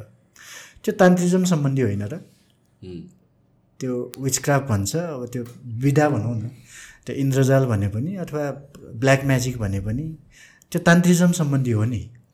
भनेपछि हामी त्यसलाई हेरेर चाहिँ नि इन्जोय चाहिँ गर्छौँ। तर त्यो चाहिँ नेपालमा प्र्याक्टिस गर्थ्यो है हाम्रो चाहिँ पुर्खाले भन्दाखेरि चाहिँ हामी दाँत देखाएर निच्चा हाँस्छौँ कि। विडम्बनाको कुरा। तपाईँले यो भन्दा मलाई ठ्याक्कै एउटा कुरा के याद आयो भनेपछि अब again this is not medical point of भ्यूले त हामीले भन्न सकिँदैन बट देन जुन अहिलेको कन्टेक्स्टमा चाहिँ थिङ्स लाइक मेनिफेस्टेसन भनेर भनिन्छ त्यसपछि स्पिरिचुअलिटीको कुराहरू आउँछ त्यसपछि वेस्टबाट यो कुराहरू आउँदाखेरि चाहिँ हाम्रो लिबरल डेमोग्राफी अफ पिपल या युथहरूले चाहिँ यसलाई एकदमै पोजिटिभली लिनुहुन्छ अनि त्यसपछि we kind of believe in that जस्तो कि मेडिटेसनहरू अहिले रिसेन्टली अब यो पनि त खासमा मेडिटेसन भनेको नयाँ कुरा त होइन। पहिलादेखि नै गरेर आयो योगा एन्ड मेडिटेटिभ प्र्याक्टिसहरू स्पेसली एसियामा र बिचमा यसको डिस्कनेक्ट डेफिनेटली भएको हो। बट देन वेस्टले इस्टबाट सिकेर त्यही कुरा फेरि रिप्याकेज गरिदिँदाखेरि चाहिँ वी बिलिभ इन द्याट होइन? अब मेडिटेसन गर्नु भनेको एउटा नयाँ ट्रेन्ड जस्तो भएको छ। योगा गर्नु भनेको नयाँ ट्रेन्ड जस्तो भएको छ। तर हाम्रो पार्ट अफ द वर्ल्डमा यो कुरा नयाँ होइन। सो त्यो कन्टेक्सबाट हेर्ने हो भने थिङ्स लाइक मेनिफेस्टेसन र स्पिरिचुअलिटीको कुरा आउँदाखेरि वाइ नट यो हामीले जुन कन्टेक्समा कुरा गरिरहेको छ त्यसलाई पनि बिलिभ गर्ने होइन कि इट्स मोर लाइक एकचोटि सुनिदिउँ न सिरियसली भनेर चाहिँ कन्टेक्सले चाहिँ किन नहेर्ने त भन्ने पनि कुरा आउँछ। अफकोर्स यो त अघि पनि भने हामी ओल्ड इज गोल्ड भनेर प्र्याक्टिस गर्छौँ भने। होइन त यो सेक्टरमा पनि हामीले चान्स किन नदिने भन्ने कुरा। तपाईँ हामी सक्छौँ तपाईँ हामी आफूले पनि लाइफमा केही समय यसको लागि छुट्याएर सोधखोज गर्ने अध्ययन गर्ने बानी बसाल्न पायो भने राम्रो। तपाईँ हामी सक्दैनौँ भने जसले गर्छु जसले चाहिँ म सोध्छु जसले म खोज्छु भनेर अगाडि बढ्छ। उसलाई हेल्प गर्न चाहिँ पक्कै पनि पर्छ र सपोर्ट गर्ने पक्कै पनि हाम्रो बिहेभ चाहिँ त्यति हुनुपर्छ भन्ने कुरा चाहिँ मेरो एउटा पर्सपेक्टिभ त्यो छ। अनि अर्को कुरा भन्दै गर्दाखेरि वेस्टले गर्दै गर्दा चाहिँ हामी त्यसलाई प्राउड मान्ने आफूसँग भएको चिज भएसम्म चाहिँ भ्यालु नदिने भन्दाखेरि एउटा हाम्रो नेपाली कथन नै छ नजिकको देउता हेला भनेर त्यो भन्छौँ नै। सायद त्यो पनि एउटा डक्ट्रिन होला। हामी आफूसँग भएको चिज। अनि एउटा कुरा के हो भन्दाखेरि अर्को यो इन्टेन्जिबिलिटीको कुरा गर्दाखेरि मलाई थोरै सेयर गर्न मन लागेको के हो भन्दाखेरि हाम्रो इस्टर्न फिलोसफीले चाहिँ नै दुईवटा पर्सपेक्टिभमा हेर्छ। एउटा इन्टेन्जिबिलिटीसँग रिलेटेड नलेजलाई एकदमै हाई लेभलमा प्र्याक्टिस गरेको छ। यसलाई चाहिँ व्याख्या यसलाई चाहिँ एडप्ट गरेको अवस्था छ। मोडालिटीको पर्सपेक्टिभमा हेर्दा पनि त्यस्तै छ। म कानुनको विद्यार्थी भएर एउटा कुरा सेयर गर्न मन लाग्यो कि यहाँ। दुई हजार एक्काइस सालमा भूमि सम्बन्धी ऐन लागू भयो। त्योभन्दा अगाडि दुई हजार अठार सालमा जग्गा नाप जाँच ऐन आयो। अनि त्यो भूमि सम्बन्धी ऐन र जग्गा नाप जाँच ऐन अन्तर्गत त्यति बेला जग्गा नाप्ने भन्ने सिस्टम आएर जग्गाको रेकर्ड राख्ने भन्ने सिस्टम आएर चाहिँ नि सरकारले जग्गामा गएर कसले खेती गरिराखेको छ यो जग्गा कसको भनेर भरबली सोध्दै गर्थ्यो रेकर्ड गर्दै जान्थ्यो। अनि त्यति बेलाको किसानहरूले चाहिँ के भन्थ्यो भन्दाखेरि जग्गा उसले जोतिराखेको छ। तर उसले के भनिदिन्थ्यो त्यति बेला सरकारको मान्छेलाई भन्दाखेरि यो चाहिँ फलाना बाहुनको यो चाहिँ फलाना मन्दिरको यो चाहिँ फलाना गुठीको यसको चाहिँ फलानालाई तिरेर खाइआएको भनेर भन्छ यो मेरो जग्गा भन्दैन। किन? किन भन्दाखेरि उसले त्यो जग्गा कमाउँछ मात्रै। अनि त्यो कमाएको बापत चाहिँ उसलाई केही चिज चाहिँ अरूलाई दिन जानु पर्थ्यो। कुट बुझाएको अथवा केही दिएको भनेर दिन जानु पर्थ्यो। अनि त्यो किसानलाई चाहिँ के बिलिभ हुँदैन थियो भन्दाखेरि यो मेरो सम्पत्ति भनेर भन्न जान्दैन थियो। मतलब मैले यो जोइन्ट लिङ्क कहाँनिर गर्न खोजेको भन्दाखेरि ह्युमन सोसाइटी अहिलेको मोडर्न ह्युमन सोसाइटी एक्काइस भनेपछि आज हामी अस्सी करिबमा छौँ साठी वर्ष अगाडिको कुरा। साठी वर्ष अगाडिसम्म पनि मान्छेले झुटो बोल्न आउँदैन थियो। एउटा झुटो बोल्यो भने एउटा झुटो बोल्यो भने त्यो प्रपर्टी मेरो हुन्थ्यो। तर झुटो बोल्न आउँदैन थियो सबैलाई नआउने त होइन कतिले झुटो बोलेर अब सार्वजनिक जङ्गललाई नै आफ्नो निजी बनाएका होलान् तर किसानले झुटो बोल्न जानेन। मतलब स्पिरिचुअलिटीको कुरा विश्वासको कुरा पाप र धर्मको कुरा जुन छ त्यो स्पिरिचुअलिटी त्यहाँ थियो भने अर्को स्पिरिचुअलिटी भनेको तपाईँ हाम्रो लाइफ नै मान्दाखेरि नमान्दा त केही पनि होइन मान्दाखेरि त स्पिरिचुअलिटीमा बेस भएको डिपेन्ड भएकै हो नि। म त कहिलेकाहीँ भन्छु कि स्पिरिचुअलिटी मान्नेले त मानेकै छ। अब नमान्ने म मान्दिनँ भनेर चाहिँ नि हिँडेको अब कम्युनिस्ट विचारधारा भनेर लिएको व्यक्ति पनि मौन धारण भनेर बस्छ क्या। त्यति बेला मलाई हाँस उठ्छ। मौन धारण भनेकै स्पिरिचुअलिटी हो। मौन धारण भनेकै इन्टेन्जिबिलिटी हो। अनि मौन धारण किन गर्ने भन्दाखेरि शहीदको नाममा मौन धार्ने मौन धारण गर्ने भन्छौँ। अब साँच्चीकै त्यो मेटेरियलिस्टिक बन्ने हो भने त मान्छे त गइसक्यो त। मेटेरियल फिजिक्स त गइसक्यो ती। अब हामी फिजिक्स गए पनि हामी केलाई याद गर्छौँ भन्दाखेरि उसको इन्टेन्जिबिलिटीलाई त याद गर्छौँ नि। रिकगनाइज गर्छौँ भन्छु क्या म चाहिँ। मतलब जताबाट गए पनि जहाँबाट गए पनि त्यो स्पिरिचुअलिटी र इन्टेन्जिबिलिटीलाई चाहिँ नि हामी लिएर अगाडि त जानु नै छ। त्यो अगाडि जाँदै गर्दाखेरि चाहिँ यसलाई मौका कसरी दिनुपर्छ भन्ने कुरामा जाँदाखेरि चाहिँ नि इन्टरनेसनल पर्सपेक्टिभमा मैले अलिकति सेयर गर्न के चाहेँ भन्दाखेरि यसको हाम्रो खालि परिकल्पनामा मात्रै सीमित चाहिँ होइन है भन्न खोजेको।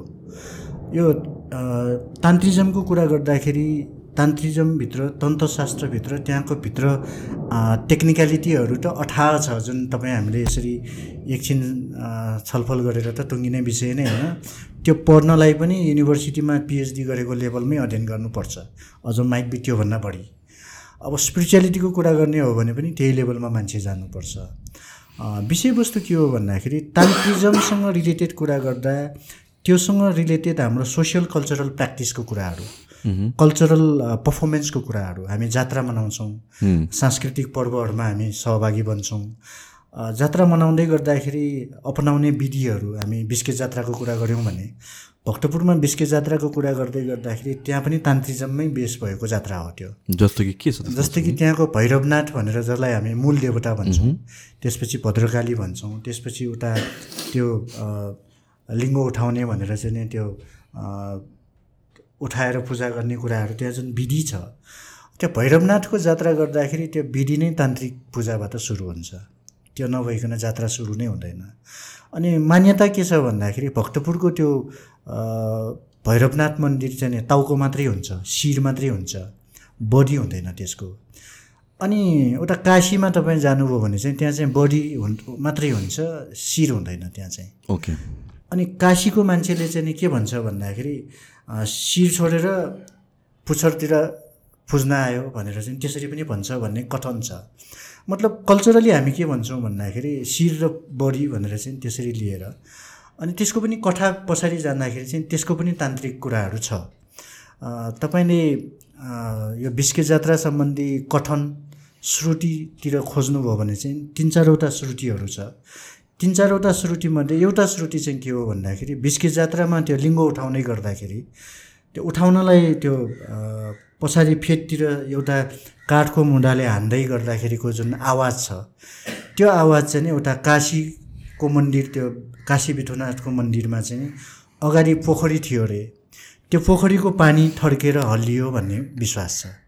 अनि त्यो पानी थर्किएर हल्लिएपछि त्यो विश्व काशी विश्वनाथले चाहिँ त्यति बेला चाहिँ के भएको रहेछ भनेर हेर्दाखेरि यहाँ जात्रा भइराखेको थाहा पाएर ऊ चाहिँ जात्रा हेर्न आयो भन्ने कथन छ। जात्रा हेर्न आउँदाखेरि चाहिँ नि त्यो जात्रा हुँदै गर्दाखेरि त्यो व्यक्ति त्यो भैरवनाथ काशी विश्वनाथ चाहिँ नि अरू मान्छेभन्दा पनि टाउको एउटा चाहिँ नि अग्लो हाइट भएको हेरिराखेको फेला पऱ्यो भनेर अनि त्यति बेला चाहिँ नि भक्तपुरको एउटा तान्त्रिकले चाहिँ त्यसलाई चाहिँ नि भक्तपुरमै बाँधेर राख्ने भक्तपुरमै इस्टाब्लिस गर्ने भनेर इच्छा गरेपछि उसले तान्त्रिक विधिबाट चाहिँ त्यसलाई कन्ट्रोल गर्ने भनौँ न अब त्यति बेला। त्यस्तो गर्दै गर्दै जाँदाखेरि चाहिँ त्यो काशी विठो विश्वनाथ चाहिँ नि बिस्तारै जमिनमा लुप्त भएर जान्थ्यो जाँदै गर्दाखेरि अब त्यो अरू उपाय भएन भनेर त्यो तान्त्रिकले हट्टनपट्ट चाहिँ नि खेतबाट फर्केर आएको मान्छे किसानको चाहिँ नि कम्मरमा राखिराखेको हँसिया लिएर चाहिँ त्यो हँसियाले काटेर लिँदाखेरि चाहिँ त्यो टाउको मात्रै बाँकी भयो। जिउ चाहिँ लुप्त भएर गयो भन्ने चाहिँ विश्वास। कथन त्यो छ? अनि त्यही टाउको चाहिँ नि त्यो ठाउँ ठाउँमा जाँदा जाँदा तान्त्रिक विधिबाट त्यसलाई कन्ट्रोल गरेपछि तौमरी पुगेपछि त्यो साम्य भएर शान्त भएर चाहिँ त्यहाँ मन्दिर स्थापना गरेर त्यो भैरवको पूजा गर्न सुरु गरेको जात्रा मनाउन सुरु गरेको भन्ने चाहिँ एउटा कथन यो छ। मतलब अनि एउटा हाम्रो भक्तपुरमा के भनाइ छ भन्दाखेरि त्यही कारणले गर्दाखेरि भक्तपुरवासीहरूले त्यो हँसियाले मासु काट्दैन। तपाईँलाई म सेयर गरिराखौँ। हँसियाले मासु काट्दैन। चुलेसीले काट्छ हँसियामा काट्दैन। काट्न हुँदैन भन्छ। कारण के? हँसियाले भैरवनाथको घाँटीमा काटेको थियो। मतलब त्यो जनविश्वास श्रुति यसरी छ। अनि यो कुरा भन्दै गर्दाखेरि चाहिँ नि अब यो पर्सपेक्टिभको कुराहरू चाहिँ अब आइपिआरमा कसरी लिङ्क गर्ने त? यो चाहिँ एक किसिमको इन्टेन्जिबल कल्चरल हेरिटेज त हो। अब इन्टेन्जिबल कलर कल्चरल हेरिटेज अथवा अमूर्त सांस्कृतिक सम्पदा भन्दै गर्दाखेरि यो चाहिँ एउटा कथाको कुरा हो। तर त्यहाँभित्र त्यो जात्रा मान्दाखेरि चाहिँ नि त्यो जात्रा पर्फर्म गर्नको लागि अपनाइने त्यहाँ टेक्निकल विधिहरू पनि हुन्छ। तपाईँले हेर्न जानुभयो भने त्यो लिङ्गो उठाउनलाई त्यो एकदमै साठी सत्तरी फिटको त्यो रुख उठाउनलाई चाहिँ त्यसमा डोरीले बान्दाखेरि त्यो बान्ने नट हुन्छ नि हामी कस्ने नट। अब कस्तो नट बनाउँदाखेरि चाहिँ त्यो कसिन्छ सर्दैन भन्ने कुरामा चाहिँ नि मैले पनि लाइफमा धेरै पटक हेरेको छैन। एक दुई पटक हेर्दाखेरि म एकदमै मनमा कुरा उठ्ने हुन्थ्यो। त्यो बान्ने तरिका यस्तो हुन्थ्यो कि मैले लाइफमा हामीले लाइफमा कहिले पनि त्यसरी बान्दैनथ्यौँ। त्यो बान्ने स्किल छ त्यहाँ एउटा मेथड छ। जसरी त्यो बान्दाखेरि नसर्ने र त्यो त्यसले राम्रो काम गर्ने भनौँ न। अब सिम्पली भन्नुपर्दाखेरि चाहिँ त्यो बान्ने जुन नट गाँठो बान्ने जुन स्किल छ त्यो स्किल पनि त नलेजै हो नि। हो। हामी स्काउटको नलेजतिर जाँदाखेरि स्काउटमा धेरै थरीको गाँठो बान्ने सिकाउँछ। हो। सो त्यो नलेज भने जस्तै त्यहाँ पनि छुट्टै तरिकाको चाहिँ नि गाँठो बान्ने एउटा स्किल छ। यावत कुराहरूको स्किलहरूलाई चाहिँ हामी चाहिँ के भन्छौँ भन्दाखेरि इन्टेन्जिबल कल्चरल हेरिटेज भनेर अमूर्त सांस्कृतिक सम्पदाको रूपमा अथवा सांस्कृतिक सम्पदा मूर्त पनि हुन्छ। त्यसलाई प्रोटेक्ट गर्न चाहिँ फेरि हामीसँग अघि मैले सेयर गरेँ। युनेस्कोसँग चाहिँ एउटा त्यो कन्भेन्सन छ। Convention for the safeguarding of intangible cultural heritage भनेर टु थाउजन्ड थ्रीमै आइसकेको छ। त्यसमा हामी मेम्बर छौँ। भनेपछि त्यसले पनि के भन्छ भन्दाखेरि इन्टेन्जिबल कल्चरल हेरिटेज चाहिँ प्रोटेक्सन गर्नुपर्छ है भनेर भन्यो। र त्यसलाई चाहिँ इभन युनिभर्सल दायित्व समेत दिएको अवस्था छ।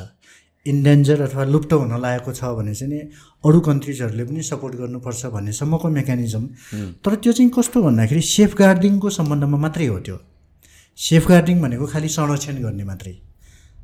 त्यसले चाहिँ ओनरसिपको प्र्याक्टिसको चाहिँ कन्सर्न लिँदैन त्यसले। त्यो आइसिएस कन्भेन्सनले चाहिँ नि यो इन्टेन्जिबल कल्चरल हेरिटेजमा अथवा इन्डिजिनियस नलेजमा अथवा ट्रेडिसनल नलेजमा चाहिँ नि ओनरसिपको पर्सपेक्टिभमा कुरा गर्दैन। प्रिजर्भेसनको सेफ गार्डिङको पर्सपेक्टिभमा कुरा गर्छ।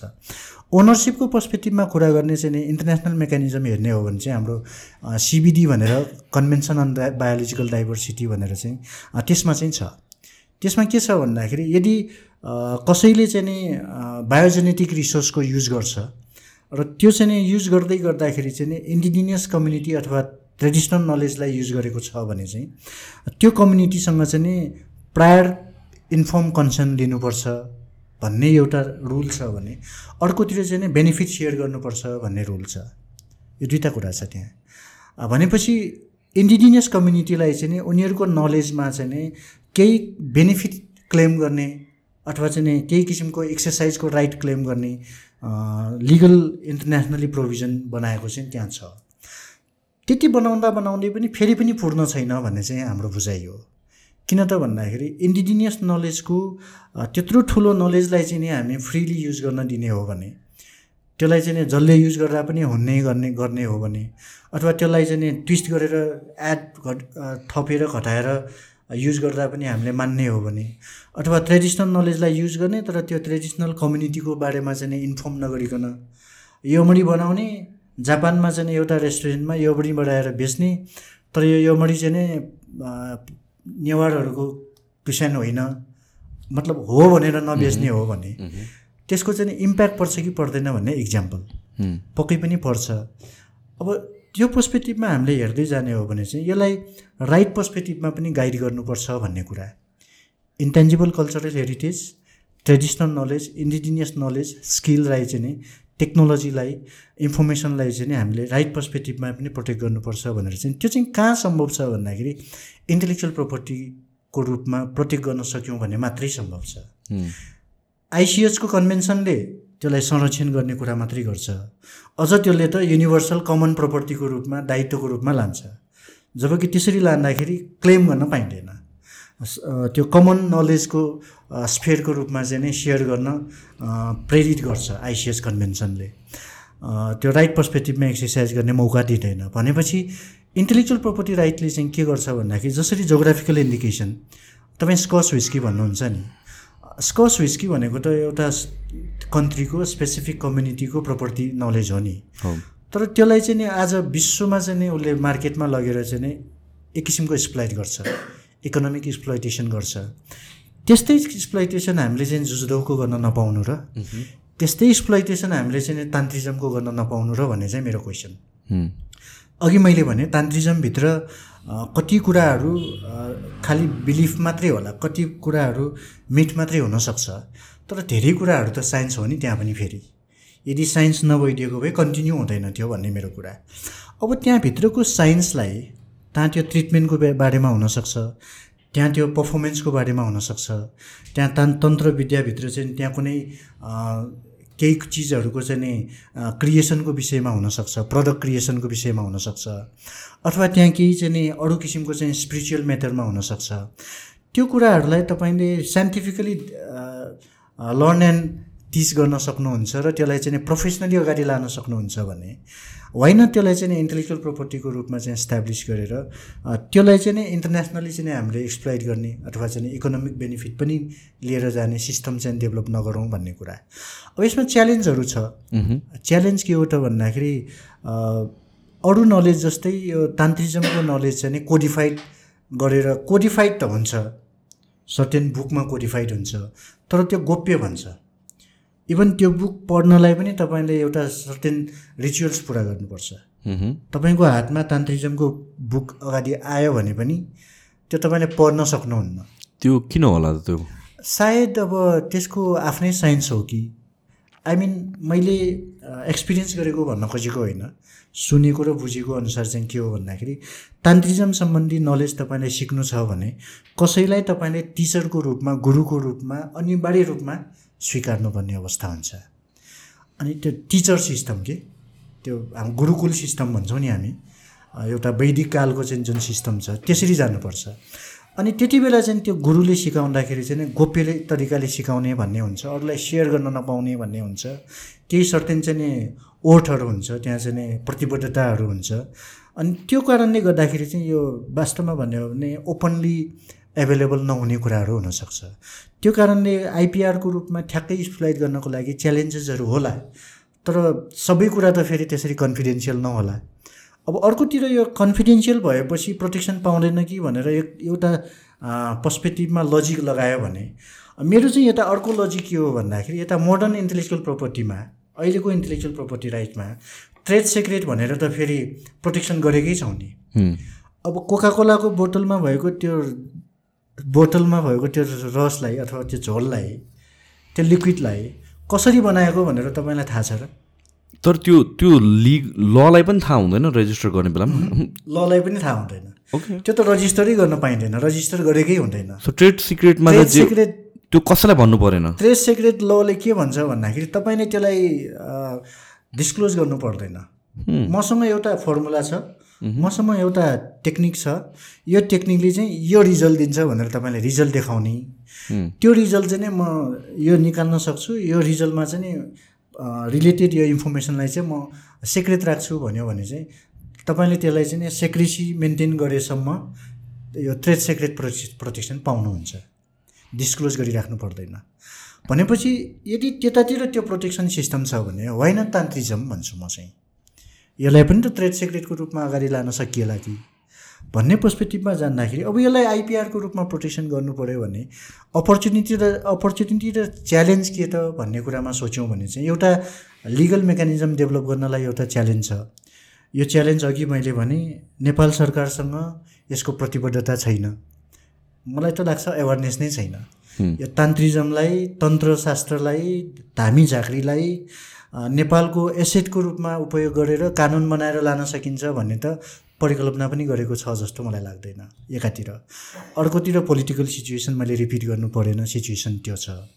अब जसो छ हामीले आइपिआर पोलिसीमा त ल्याइसकेका छौँ। पोलिसीमा आइसकेपछि कानुन बनाउँछौँ भन्ने कुराको राज्यको प्रतिबद्धता छँदैछ त्यसमा अन्यथा छैन। अब कानुन बनाएर अगाडि बढ्यौँ भने चाहिँ मेरो चाहिँ पर्सपेक्टिभ के हो भन्दाखेरि यसमा सर्टेन पर्सपेक्टिभमा हेर्न सकिन्छ। एउटा यसको चाहिँ नि सेफगार्डिङ पर्सपेक्टिभ यो नलेजलाई सेफगार्ड गर्ने जोगाइराख्ने कुरा। अर्को चाहिँ प्रिजर्भिङ पर्सपेक्टिभ यसलाई चाहिँ परिवर्तन गर्न नदिने बिग्रन नदिने कुरा। अर्को चाहिँ यसलाई चाहिँ एक्सप्लोइटेसन पर्सपेक्टिभ यो नलेज जसको कस्टडीमा छ त्यो कम्युनिटीले त्यो व्यक्तिले त्यो समूहले त्यो परिवारले इकोनोमिकली बेनिफिट लिन पाउने प्रोभिजनहरू राख्नुपर्ने। अर्को चाहिँ प्याटर्निटी पर्सपेक्टिभ भन्छौँ। कसैले कम्युनिटी नलेज युज गर्यो भने यो नलेज चाहिँ यो कम्युनिटीको हो भनेर आइडेन्टिफाई गरिदिने। अथवा चाहिँ कसैले चाहिँ यो बिगाऱ्यो भने यो इन्टिग्रिटी राइट भनेर भन्छौँ कसैको ट्रेडिसनल नलेज छ त्यसलाई चाहिँ बिगारेर अगाडि बढिदियो कसैले भने चाहिँ त्यसलाई रोक्ने यावत कुराहरू व्यवस्था गरेर चाहिँ हामीले गर्न सक्छौँ। अब यो प्रयोगको कुरामा जान जाँदाखेरि पनि मैले एक मिनट टाइम लिएँ। यो पनि अलग अलग स्टेजमा छ तपाईँ हामीले सोच्यौँ भने। जस्तै इक्जाम्पल लिउँ अहिलेको जल्दो बल्दो इक्जाम्पल यमरी नेवार कम्युनिटीको यमरी एउटा क्वेसन छ। त्यो यमडी चाहिँ नि हाम्रो चाहिँ नि त्यति बेला एउटा तराईको एउटा साथीले इन्टरनेसनल फुड मेकिङ कम्पिटिसन त्यो सेफ कम्पिटिसनमा भाग लिँदाखेरि बनाउनु भएको थियो। उहाँले चाहिँ नेवार कम्युनिटीको भनेर त्यहाँ इन्ट्रोडक्सन दिनुभएको थियो। अब क्वेसन के हो भन्दाखेरि त्यो यमडी बनाउने विधि जुन छ त्यो विधि चाहिँ नि अब हाम्रो कल्चरल प्र्याक्टिस हो। यमडी भनेको कल्चरली यमडी पूर्णिमा मात्रै बनाएर खाइन्थ्यो। हाम्रो कल्चरल प्र्याक्टिस कम्युनिटी प्र्याक्टिस त्यो हो।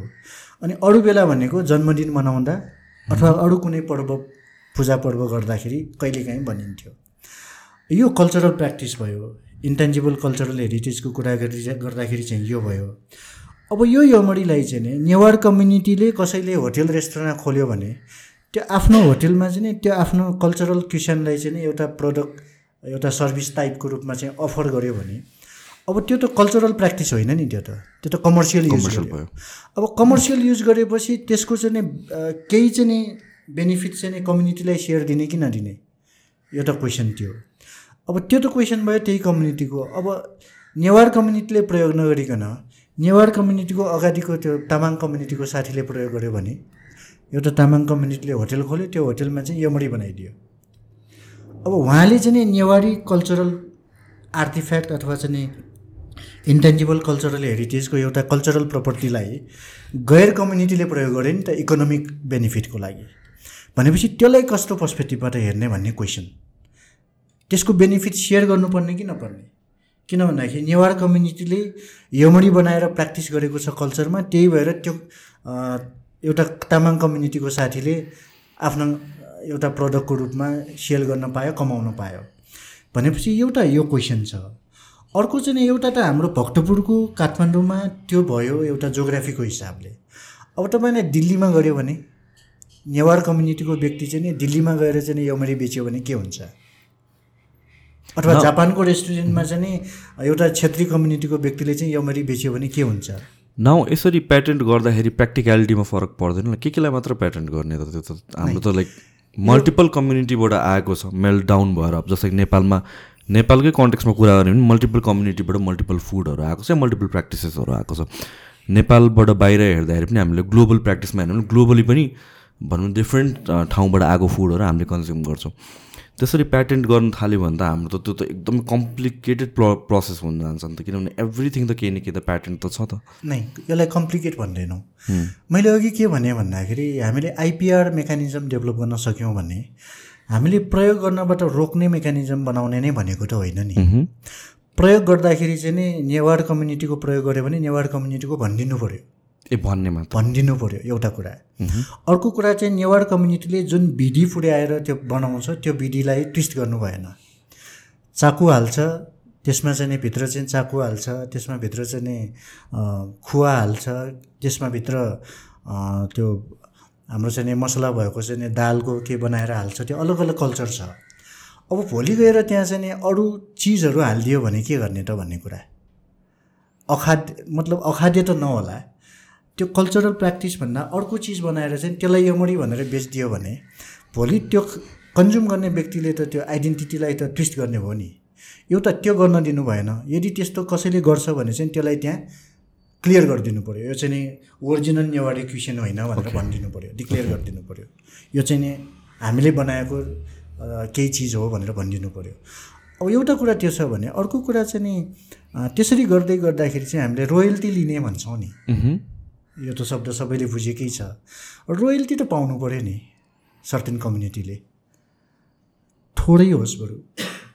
थोरै भए पनि रोयल्टी पाउनु पऱ्यो त्यो रोयल्टीले के सम्भावना हुन्छ भन्दाखेरि त्यो रोयल्टीले चाहिँ अघि हामीले भन्यौँ नि इन्डिजिनियस नलेज ट्रेडिसनल नलेजलाई चाहिँ प्रिजर्भ गर्नको लागि मोटिभेट हुन्छ। अनि त्यसमा भित्र भएको नलेजलाई चाहिँ अझ बढी तिखार्ने अथवा चाहिँ बढी रिसर्च गर्नको लागि चाहिँ त्यसले मौका पाउँछ। अनि ट्रेडिसनल नलेज र traditional cultural heritage intangible cultural heritage चाहिँ नि अहिलेको मोडर्न कम्युनिटीको पनि इकोनोमिक ग्रोथको चाहिँ एउटा बेस हुन्छ भने तपाईँलाई भन्यो हामी चाहिँ अहिलेको देशमा युवा चाहिँ विदेशमा जाने भनेको त कमाउनको लागि भन्छौँ नि। एउटा सिक्नको लागि एउटा कमाउनको लागि। अनि फर्केर आएन भन्छौँ। किन आएन भन्दाखेरि अपर्च्युनिटी छैन भन्ने कुरामा हामी सबै एग्री गर्छौँ। अब मेरो भनाइ के भन्दाखेरि भक्तपुरमा एउटा मन्दिरको छेउमा एउटा ग्रुप बसेर म्युजिकल इन्स्ट्रुमेन्टलाई प्रयोग गरेर भजन गाइराखेको हुन्छ। दाफा भन्छौँ हामी। अब न कसैले पे गर्छ न कसैले गर भनेर भनेको हुन्छ उनीहरूले गरिराखेको छ। तर त्यो गर्दै गर्दाखेरि चाहिँ त्यो इन्टेन्जिबल कल्चरल हेरिटेजलाई कन्टिन्युटी दिँदै गर्दाखेरि ट्रेडिसनल नलेजलाई इन्डिजिनियस नलेजलाई कन्टिन्युस प्र्याक्टिस गर्दै गर्दाखेरि त्यसबाट चाहिँ अघि भनेको जस्तो संसारभरिबाट सर्टेन एउटा मेकानिजम डेभलप गरेर केही रोयल्टी चाहिँ आउने मेकानिजम गऱ्यौँ भने त्यो रोयल्टीले त त्यो फिल्डमा इन्भल्भ भएको व्यक्तिलाई त केही हामीले भट्टा वितरण गर्ने भने जस्तै केही इकोनोमिक सपोर्ट त डेभलप गर्न सक्ने मेकानिजम डेभलप होला नि। भनेपछि त्यति हुँदाखेरि त्यसमा इन्भल्भ भएको जुन युवा छ साठी वर्षको पचास वर्षको सत्तरी वर्षको बुढो मान्छे त मेच्योर मान्छे त स्पिरिचुअलिटीको कारणले इन्भल्भ छ त्यसमा विवाद भएन। तर बिस वर्षको अहिलेको केटोलाई तपाईँ कसरी इन्भल्भ गर्नुहुन्छ त्यहाँ? सो एउटा एउटा वेमा इन्सेन्टिभाइज कसरी गर्ने भन्ने कुरा आयो यसमा चाहिँ हो। So I understand but then like यो भनेको त बोथ वेजबाट वर्क गर्नुपर्छ इन द सेन्स द्याट अरू कल्चरहरूको पनि कति कुरा फुडहरूदेखि लिएर डान्सहरू होला या भन्छ क्लोथ्सहरू होला त्यो कन्जम्सन गर्दाखेरि पनि एज अ कन्ज्युमर चाहिँ त्यहाँतिर पनि रोयल्टिज जानु पऱ्यो अनि सबै इन्डिजिनियस कल्चरहरूतिर चाहिँ इक्वली डिभाइड हुनु पऱ्यो भन्न खोज्नुभएको तपाईँले। स्योर स्योर एउटा डान्सको कुरा गर्नुभयो तपाईँले ठ्याक्कै मैले अहिले ठ्याक्कै कन्ट्री चाहिँ मैले भुलेँ। जापानको इस्यु हो कि यता कताको हो। त्यहाँ के भएछ भन्दाखेरि एउटा कोरियोग्राफरले एउटा कोरियोग्राफरले चाहिँ नि एउटा कोरियोग्राफी गर्छ। त्यो कोरियोग्राफी चाहिँ इन्टरनेसनल पार्टिसिपेसनमा जाँदाखेरि एकदमै हाई लेभलमा एप्रिसिएसन भएर उसले रिकग्निसन पाउँछ। अनि त्यो कोरियोग्राफी डान्सलाई चाहिँ नि उस उसले आफ्नो डान्सको रूपमा चाहिँ नि नाम दिएर चाहिँ अगाडि बढ्छ। पछि के थाहा पाउँछ भन्दाखेरि त्यो कोरियोग्राफी भनेको चाहिँ नि त्यो जापान हो कि कुन देशको चाहिँ नि एउटा कल्चरल ग्रुपको चाहिँ नि उनीहरूको आफ्नो कल्चरल पर्फर्मेन्सको कोरियोग्राफी रहेछ त्यो। अनि त्यो त्यही कोरियोग्राफीलाई चाहिँ थोरै दस पर्सेन्ट जति बिस पर्सेन्ट जति उसले एडिसन गरेर चाहिँ नि रिमेक गरेको रहेछ। कोरियोग्राफी सेम भनेपछि त्यो भइसकेपछि त्यसमा चाहिँ नि कपिराइटको इस्यु आयो। कपिराइटको केस आयो। कपिराइटको केस आएपछि चाहिँ नि त्यहाँ चाहिँ नि केही द्वन्द्वहरू भएर त्यसमा डिसिजन भएर अगाडि बढेको कुराहरू छ।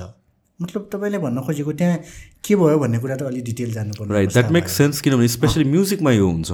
म्युजिकमा अब कुनै फोक ट्युन या के युज गर्यो एउटा रिनोन्ड आर्टिस्टले भनेर भनेपछि पाँच वर्ष दस वर्ष पन्ध्र वर्ष जति होस् त्यसपछि चाहिँ some sort of lawsuit सुरु हुन्छ। अनि इभेन्चुली लले चाहिँ फेभर गर्छ ओरिजिनल ओरिजिनल आर्टिस्टलाई ओरिजिनल प्लेसलाई अनि सम सोर्ट अफ रोयल्टी या पेनल्टी जे पनि पे गर्नुपर्छ। बट देन त्यही त्यही तपाईँले मेकानिजम या त्यही जुन एउटा सर्टन वे अफ रोयल्टी छ त्यसलाई चाहिँ you are trying to apply that with different प्रडक्ट्सहरू which can be tangible or intangible right त्यसरी गर्न सक्यौँ भने चाहिँ नि पोसिबिलिटी छ भन्न खोजेको तपाईँले जुन भन्नुभयो सिधा हेर्दाखेरि चाहिँ नि हामी त्यसरी जाने हो भने चाहिँ फेरि यो जुन नलेज फेयर छ अहिलेको यो मोडर्न समयमा चाहिँ हामी नलेज फेयर नै डेभलप गर्न नसक्ने हो कि? सबैले रोकिदिने सबैले चाहिँ नि ब्लक गरिदिने सबैले काइन्ड अफ बेरियर हुने हो कि भन्ने कुरा त्यस्तो हुन्छ कि भन्ने कुरा हो त्यो चाहिँ होइन। मात्र हाम्रो भनाइ चाहिँ के हो भन्दाखेरि इमान्दार बनिदिनु पऱ्यो भन्नेको मात्रै हो नि। हो। अघि तपाईँले भन्नुभयो एउटा म्युजिक आर्टिस्टले केही चिज डेभलप गर्छ म्युजिकल ट्युन डेभलप गर्छ। ट्युन डेभलप गर्दाखेरि कतै गाउँमा कुनै एउटा कम्युनिटीले कुनै एउटा पर्फर्म गर्दाखेरिको ट्युनलाई नै एसस ल्याएर प्रयोग गर्नुहुन्छ। द्याट्स फाइन तर प्रयोग गर्दाखेरि चाहिँ नि एटलिस्ट पनि यो कम्युनिटीको ट्युन है भनेर त भनिदिनु पर्ने दायित्व त नैतिकता त हो नि। त्यति मोडालिटी ड्युटी त हो नि। त्यो त कानुनै नभए पनि मान्नुपर्ने चिज हो। अब यहाँ हामी के भन्दैछौँ भन्दाखेरि we need to develop the law त्यो लले के गर्नुपर्छ भन्दाखेरि जस्तै भक्तपुरको गाई जात्रामा बजाउने घिन्ताङ घिसिङको जुन ट्युन छ त्यो ट्युनलाई चाहिँ कसैले म्युजिकल एल्बममा चाहिँ एडप्ट गरिदियो भने चाहिँ त्यति बेला के हुन्छ त भन्ने कुरा? अहिले तपाईँले इन्डियामा चाहिँ पठान फिल्ममा एउटा चाहिँ पहेँलो वस्त्र अरेन्ज कलरको यो अरेन्ज कलरको चाहिँ भगुवा वस्त्र भन्छ उहाँहरूले। त्यो भगुवा वस्त्रलाई प्रयोग गरेको कुरामा इस्यु आयो नि। यो यो कुरालाई धेरै पर्सपेक्टिभबाट हेर्न सकिन्छ। मैले चाहिँ के पर्सपेक्टिभबाट हेर्छु भन्दाखेरि इन्टेन्जिबल हेरिटेजको पर्सपेक्टिभबाट चाहिँ यसलाई हेर्न चाहिँ पर्छ है भन्छु। मोडर्न पर्सपेक्टिभबाट हेर्दा त एउटा कलर प्रयोग गर्यो वाट्स क्वेसन भन्ने कुरा होला इस्यु के हो भन्ने कुरा होला। तर इन्टेन्जिबल कल्चरल हेरिटेजको कुरा गर्दाखेरि चाहिँ नि यसले चाहिँ नि त्यसमा पो डिफेक्ट गर्छ कि त्यसमा पो लिङ्क हुने हो कि भन्ने कुरामा यो अध्ययन चाहिँ गर्ने विषय पक्कै हो। यो भन्दै गर्दाखेरि जस्तै अर्को इस्यु चाहिँ के हो भन्दाखेरि हामी कुमारी नेपाली कल्चरमा चाहिँ अझ नेवारी कल्चरै भनौँ। कुमारी जीवित देवता भन्छौँ। कुमारीको अरू त म याद गर्दिनँ। कुमारीको जुन त्यो नेक्लेस छ त्यसलाई चाहिँ हामी नेवारी कम्युनिटीमा चाहिँ विवाह गर्दाखेरि मङ्गलसूत्र भन्छ उताको भाषामा त्यस्तोको रूपमा चाहिँ उपयोग गर्छौँ हामी। तायाचा भन्छौँ नेवारीमा। सो त्यो तायाचालाई चाहिँ नि मैले के देखेँ भन्दाखेरि अहिले मार्केटमा चाहिँ त्यही तायाचा चाहिँ नि अर्कै मेट मेटलको बनाएर चाहिँ मार्केटमा चाहिँ नि बिक्री गरेको पाएको छु मैले। तपाईँले त्यो याद गर्नुभएको छ कि छैन? थाहा छैन। अनि त्यो तायाचा भनेको चाहिँ नि त्यो पवित्र कल्चरल आर्टिफ्याक्ट हो त्यो। विवाह गर्दाखेरि मङ्गलसूत्रको रूपमा चाहिँ नि केटाले केटीलाई चाहिँ नि हस्तान्तरण गर्ने यो कल्चरल आर्टिफ्याक्ट। त्यसलाई चाहिँ अब एउटा कम्युनिटीले एउटा इन्डस्ट्री इन्डस्ट्रियलिस्टले व्यापारीले के गर्यो भन्दाखेरि अर्को धातुको बनाएर चाहिँ नि मार्केटमा फ्लो गरिदिएको छ अहिले। अब क्वेसन के हो भन्दाखेरि एउटा त त्यो कुमारीको आर्टिफ्याक्ट भयो इन्टेन्जिबल कल्चरल हेरि हेरिटेजको एउटा पार्ट हो त्यो। अर्को नेवार कम्युनिटीको एउटा पार्ट पनि हो। अब त्यसलाई बनाएर लगायो कसैले भन्नेसम्मको विषयमा त विवाद भएन। तर क्वेसन के भन्दाखेरि कसैले नन नेवार कम्युनिटीले अथवा कसैले नन कल्चरल पर्सपेक्टिभमा गएर इन्डस्ट्रियलिस्टले उद्योगीले व्यापारीले त्यसलाई प्रडक्टको रूपमा डेभलप गर्छ र त्यसले कमाउँछ भने चाहिँ अब यसमा दुईवटा क्वेसन चाहिँ हामीले राइज गर्नुपर्छ भन्छु म चाहिँ। एउटा यसलाई चाहिँ नेवारी कम्युनिटीको कल्चरल प्रडक्ट हो है भन्ने कुरा आइडेन्टिटी उसले दिनुपर्छ मार्केटमा किन भन्दाखेरि उपत्यकाभित्र नेवारहरूले किन्दा त नेवारी भन्ने थाहा छ। तर त्यही प्रडक्ट त्यही डिजाइन मन परेर भोलि जापानको इन्डियाको मार्केटमा गयो भने चाइनाको मार्केटमा गयो भने त्यो डिजाइन कसको भन्ने त?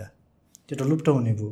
एउटा आइडेन्टिटी पर्सपेक्टिभ प्याटर्निटी राइटलाई क्लेम गर्नु पऱ्यो मेन्टेन गर्नु पऱ्यो दोस्रो चाहिँ उसले त्यो गर्दाखेरि जुन बेनिफिट गरेको छ तपाईँले भनिदिउँ एउटा प्रडक्टको नयाँ डिजाइन डेभलप गर्नलाई कति मिहिनेत गर्छ मान्छेले? कुनै एउटा प्रडक्ट एउटा गिलास कपको डिजाइन नयाँ डेभलप गर्नलाई त्यो साँच्चीकै डिजाइन डेभलप गर्ने व्यक्तिलाई हप्ताउँ लाग्छ महिनौँ लाग्छ। एउटा डिजाइन कम्प्लिट गर्न। भनेपछि त्यो बिजनेस गर्ने मान्छेले त डिजाइन नयाँ बनाउनु परेन नि उसले अलरेडी भएको डिजाइनलाई एडप्ट गर्यो। भनेपछि त्यस बापत रोयल्टी तिर्नुपर्ने कि नपर्ने भन्ने क्वेसन अर्को भयो। अनि थर्ड क्वेसन भनेको चाहिँ त्यसले नेवारी कम्युनिटीको त्यो कल्चरल जुन इन्टेन्जिबल कल्चरल हेरिटेज छ त्यसलाई चाहिँ नि बिगार्छ कि बनाउँछ कि च्यालेन्ज आउँछ कि आउँदैन। यो केही कुराहरूलाई चाहिँ एड्रेस गर्नको लागि चाहिँ लिगल मेकानिजम जरुरी छ भन्ने चाहिँ हाम्रो आफ्नो बुझाइ। सो रिकल भन्नु भनेको चित्त बुझेन भने फेरि यो चाहिँ बनाउनु भएन बुझेन भने त्यसलाई रोक्न पाउनु। रोक्नु पाउनु पऱ्यो या भन्छ सुरु गर्नुभन्दा अगाडि सम सोर्ट अफ एउटा अग्रिमेन्ट चाहिँ लिनु पऱ्यो होइन? एउटा केही स्टेट मेकानिजम डेभलप गर्नु पऱ्यो जसले चाहिँ नि एटलिस्ट एउटा कम्युनिटी मेकानिजम डेभलप गरेर यो कम्युनिटी प्रोपर्टी इन्डिजिनियस कम्युनिटीको प्रोपर्टीलाई चाहिँ नि त्यसरी युज गर्नु छ भने चाहिँ नि इन्डिजिनियस कम्युनिटीले चाहिँ नि त्यसलाई रेगुलेट गर्न सक्ने एउटा मेकानिजम चाहिँ डेभलप गर्नु पऱ्यो यो कुरा हाम्रो विचार मात्रै होइन। यो त अझ तपाईँले हेर्नुभयो भने त आइएलओ वान सिक्सटी नाइन भनेर हामी सुन्छौँ। त्यसपछि एउटा माटाटोवा डिक्लेरेसन अघि मैले तपाईँलाई सेयर गरेँ। त्यसपछि युनेस्कोको धेरै त्यस्तो ह्युमन राइटको त्यो दस्तावेजहरू पनि छ। इन्डिजिनियस पिपुलहरूले आफ्नो आइडेन्टिटीलाई प्रिजर्भ गर्नको लागि आफूले केही रेगुल्यारिटीहरू मेकानिजमहरू डेभलप गर्न सक्छ। अनि त्यस अन्तर्गत नै हाम्रो यो आइपिआर मेकानिजम चाहिँ यो artifact intangible cultural heritage traditional knowledge जुन हामी चाहिँ तान्त्रिजमको कुरा गर्दैछौँ। त्यसलाई चाहिँ प्रिजर्भ गर्न त्यसलाई चाहिँ प्रोटेक्ट गर्न त्यसलाई चाहिँ नि अरूले क्लेम गर्नबाट रोक्न। अब तपाईँलाई सेयर गर्दै गर्दाखेरि एउटा अर्को कुरा प्रोटेक्ट गर्छु त भन्यौँ हामीले। अघि एउटा सुरुमा मैले बिचमा सेयर गरेको थिएँ कसैले पेटेन्ट दर्ता गर्न खोज्यो भने कसैले आफूले आविष्कार गरेको पेटेन्ट दर्ता गर्न खोज्यो भने चाहिँ त्यो टेक्नोलोजी चाहिँ कुनै कम्युनिटी इन्डिजिनियस कम्युनिटीको कम्युनिटीले प्र्याक्टिस गरिआएको छ भनेर कुनै प्रमाण हुन्छ भने चाहिँ त्यो टेक्नोलोजीलाई पेटेन्ट दिँदैन। त्यसको त्यसको इक्जाम्पल भनेको चाहिँ तपाईँले यो निमको सिडको ओइल त्यसपछि यो बेसारको धुलोको चाहिँ उपयोगिता सम्बन्धी चाहिँ अमेरिकामा पेटेन्ट गरेको अवस्था थियो। यो nineteen ninety ninety four ninety फाइभतिरको यो दुइटा इन्सिडेन्ट छ। अनि त्यो कुरा चाहिँ नि अलरेडी कम्युनिटीमा प्र्याक्टिस गरेको कुरा। भएर चाहिँ नि त्यो दुइटै पेटेन्टलाई चाहिँ खारेज गरेको अवस्था छ। भनेपछि पेटेन्ट दर्ता गर्नलाई चाहिँ नि ट्रेडिसनल नलेज चाहिँ नि एउटा सर्टको रूपमा रहेको छ भने त्यस्तै चाहिँ नि हामीले यो ट्रेडिसनल नलेजलाई चाहिँ नि एक किसिमको कम्युनिटी प्रोपर्टीको रूपमा अगाडि लिएर जान सक्यौँ भने चाहिँ त्यो पोसिबिलिटी छ। अब यसमा चाहिँ नि के गर्यो भन्दाखेरि इन इन्डियाले कसरी अगाडि बढिरहेको छ एउटा इन्डियाको मैले कन्सर्न किन लिन खोजेको भन्दाखेरि हामी नेपाल र इन्डिया चाहिँ नि कल्चरली धेरै सेयर छौँ। जोग्राफिकली पनि सेयर्ड कन्डिसन छ। नेपालमा भएको जोग्राफी इन्डियासँग पनि छ नेपालमा भएको कल्चर इन्डियासँग पनि छ। इभन कम्युनिटी पनि सेयर छ। भनेपछि दुइटैको चाहिँ नलेजहरू चाहिँ नि मोस्टली नलेजहरू दुवै कन्ट्रीले सेयर गरेको अवस्था छ। अब यहाँनिर इन्डियाले चाहिँ के गरेको छ भन्दाखेरि ट्रेडिसनल नलेज डिजिटल लाइब्रेरी भनेर चाहिँ नि टिकेडिएल भनेर चाहिँ नि उनीहरूले एउटा प्रोजेक्टै सुरु गरेको छ। आजभन्दा पन्ध्र सोह्र वर्ष अगाडि। अनि भयोभरको यस्तो ट्रेडिसनल नलेजहरू चाहिँ उहाँहरूले चाहिँ नि इन्डियामा चाहिँ नि त्यो कोडिफाइड गरेको अवस्था छ। लिस्टिङ गरेर कोडिफाइड गरेको छ। अनि त्यसलाई चाहिँ नि इन्डियाले के भन्छ भन्दाखेरि यो चाहिँ हाम्रो नलेज हो है हाम्रो प्रपर्टी हो है भनेर क्लेम गरेको अवस्था छ र त्यो प्रपर्टीमा चाहिँ नि करिब करिब थर्टी फोर्टी पर्सेन्ट नलेज चाहिँ नेपालसँग सेयर छ। मलाई याद भएको कुरा के हो भन्दाखेरि यो पूर्वबाट हावा आउँदाखेरि चाहिँ नि पानी पर्छ भन्ने कि के हो एउटा त्यस्तो यो किसानहरूको हाम्रो नेपालीमा चाहिँ नि एउटा ट्रेडिसनल नलेजको कथन छ। त्यसैलाई सम्म पनि इन्डियाले चाहिँ नि उनीहरूको ट्रेडिसनल नलेज भनेर लिस्टिङ गरिसकेका छ। सो यो च्यालेन्ज छ हामीसँग। इन्डिया त्यहाँ अगाडि बढिसकेका छ। नेपाल चाहिँ अझै पनि पछाडि छौँ। कन्क्लुजन अहिले मैले यो पर्सपेक्टिभमा लिगल मेकानिजमको कुरामा कन्क्लुड गर्न खोज्दाखेरि चाहिँ कसरी गर्न सकेँ भन्दाखेरि ट्रेडिसनल नलेज अथवा चाहिँ नि इन्टेन्जिबल कल्चरल हेरिटेज अथवा इन्डिजिनियस नलेज जुन हामी यता तान्त्रिजमको थ्रोबाट हामी डिस्कस गरिरहेछौँ त्यसलाई चाहिँ नि एउटा कम्युनिटी अथवा कम्युनियल प्रपर्टीको रूपमा चाहिँ नि इन्टेलेक्चुअल प्रपर्टी मेकानिजमले रिकगनाइज गर्न जरुरी छ। त्यो वाइफोले पनि सपोर्ट गरेको छ युनेस्कोले पनि सपोर्ट गरेको छ आइएलओ मेकानिजमले पनि सपोर्ट सपोर्ट गरेको छ। भनेपछि इभन अहिलेको समयमा मैले अघि सेयर गरेँ नेपालको आइपी पोलिसीले पनि त्यसलाई सपोर्ट गरेको छ भने।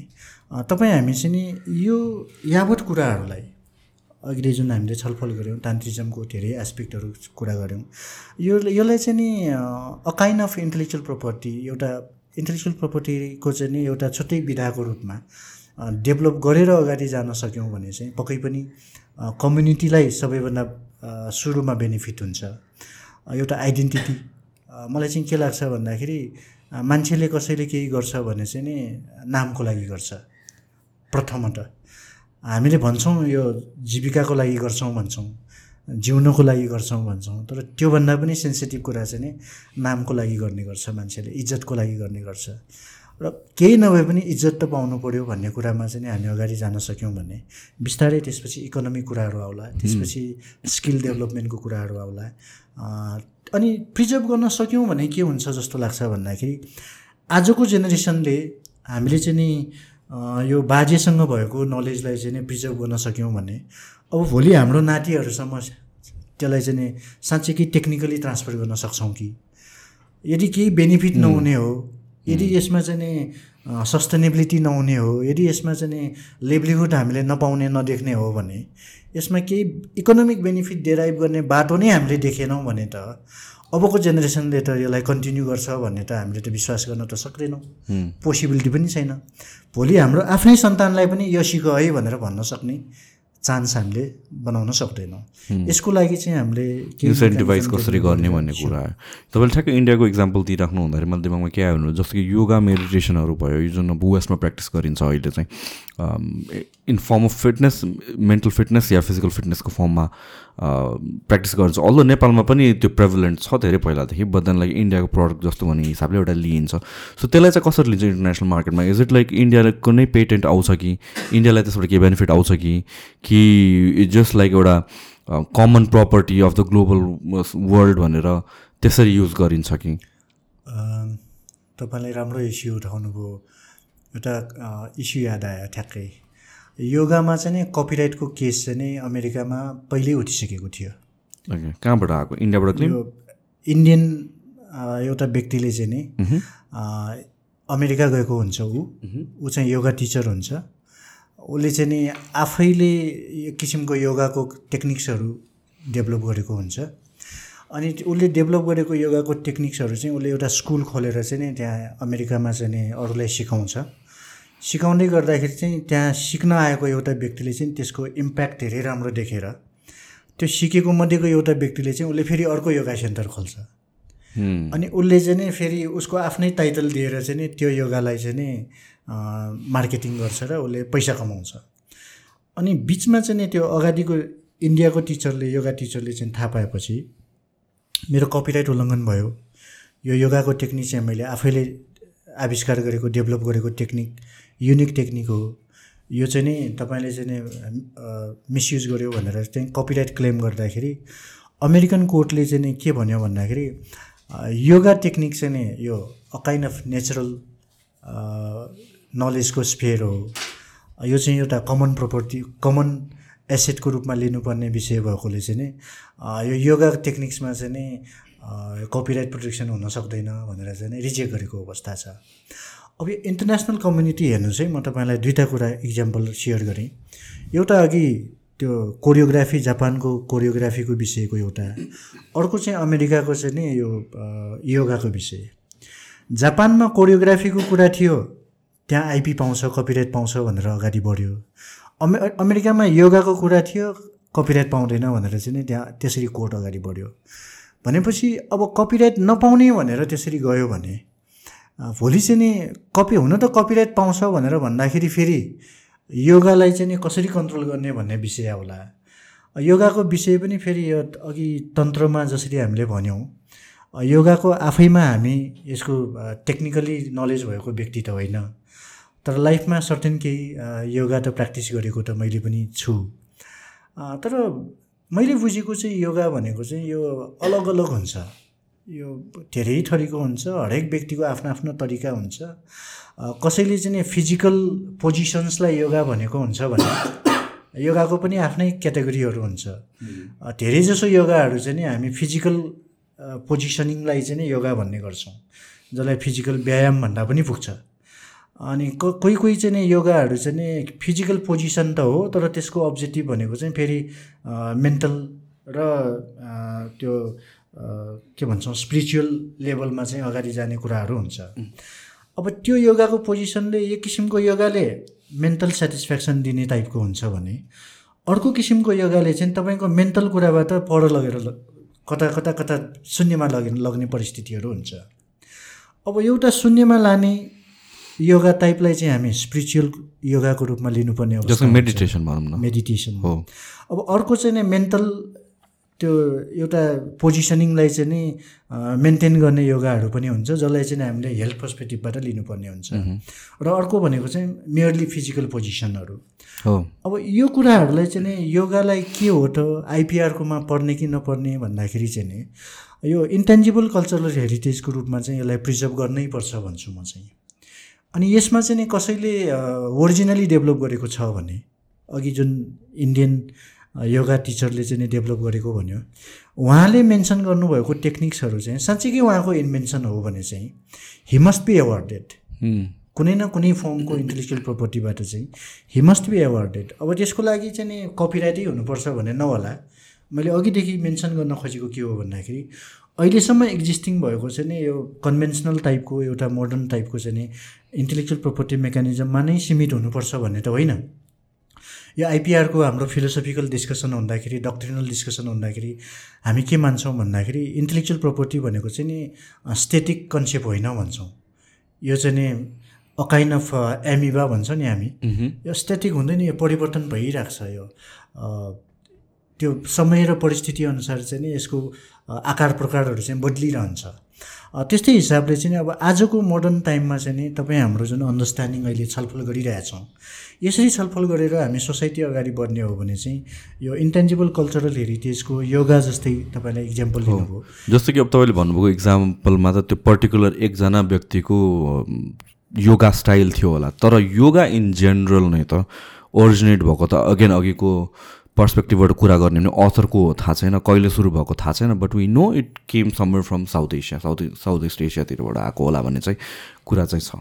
होइन भने भनेपछि त जुन something that is widely accepted यो यो कुरा पनि हामीले अघि सेयर गऱ्यौँ। र यसलाई कमर्सियल फर्ममा पनि कमर्सियलाइज गरिएको छ। अब योगाको क्लोथ्स भनेर अब it's not actually yoga cloth but then yoga pants भनेर भनिन्छ। या भन्छ योगाको लागि सर्टन सर्टन कसेट्सहरू सेल गर्छ या भिडियोजहरू सेल गर्छ या भन्छ टेक्निक्सहरू सेल गर्छ। या भन्छ मेडिटेसनको फर्म्सहरू हुन्छ again we can debate meditation कहाँबाट आयो? किनभने हेर्ने हो भने बुद्धिज्ममा पनि छ चाइना टिबेटतिरबाट आएको हुनसक्छ। या इन्डियातिरबाट पनि आएको हुनसक्छ। बट देन यो सबै कुराहरू वी अन्डरस्ट्यान्ड कि like it comes from a certain geography र त्यसको अथर थाहा छैन भने। भनेपछि अब अमेरिकामा चाहिँ इट्स अ ग्लोबल प्रपर्टी भनेर गरियो त्यो केसमा।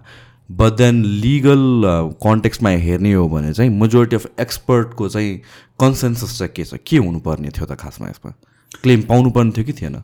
यसमा अघि हामीले सेयर गर्दै गरेको जुन कन्सेप्ट छ हामीले कन्सेप्चुअली हेर्दाखेरि चाहिँ के भयो भन्दाखेरि कतिपय विषयवस्तुहरू चाहिँ नि मास लेभलमा चाहिँ प्र्याक्टिस गरिआएको भएपछि त्यसलाई रेगुलेट गर्न खोज्दाखेरि चाहिँ नि यो सोसियल ब्यालेन्समा नै इफेक्ट गर्छ कि भन्ने पर्सपेक्टिभमा यो चाहिँ सोसियल प्रोपर्टी हो कमन कमन प्रोपर्टी हो ग्लोबल प्रोपर्टी हो भन्ने पर्सपेक्टिभमा जाने त भयो। तर हामीले खोजेको के हो भन्दाखेरि आइपिआर इन्टेलेक्चुअल प्रोपर्टीको रूपमा अगाडि बढ्नुपर्छ एक किसिमले मेकानिजम डेभलप गर्नुपर्छ भन्दै गर्दाखेरि चाहिँ यसको अर्थ इकोनोमिकली नै एक्सप्लोइट हन्ड्रेड पर्सेन्ट हुनुपर्छ भन्ने पनि होइन। यसको अलग अलग आयाम हुन्छ अघि मैले भने। यो चार पाँचवटा आयामहरू छ एउटा चाहिँ प्याटर्निटी पर्सपेक्टिभबाट हेर्नुपर्छ। योगा भनेर भन्दै गर्दाखेरि भोलि वेस्टर्न कन्ट्रिजहरूमा चाहिँ नि युरोपमा अमेरिकामा दुई दुईवटा जेनेरेसन पछाडि जाँदाखेरि चाहिँ योगा भनेको अमेरिकन प्रडक्ट हो भनिदियो भने के गर्ने त? होइन? कसैले चाहिँ न्युटनको थ्योरी भनेर अहिले पढ्दै गरेको हो।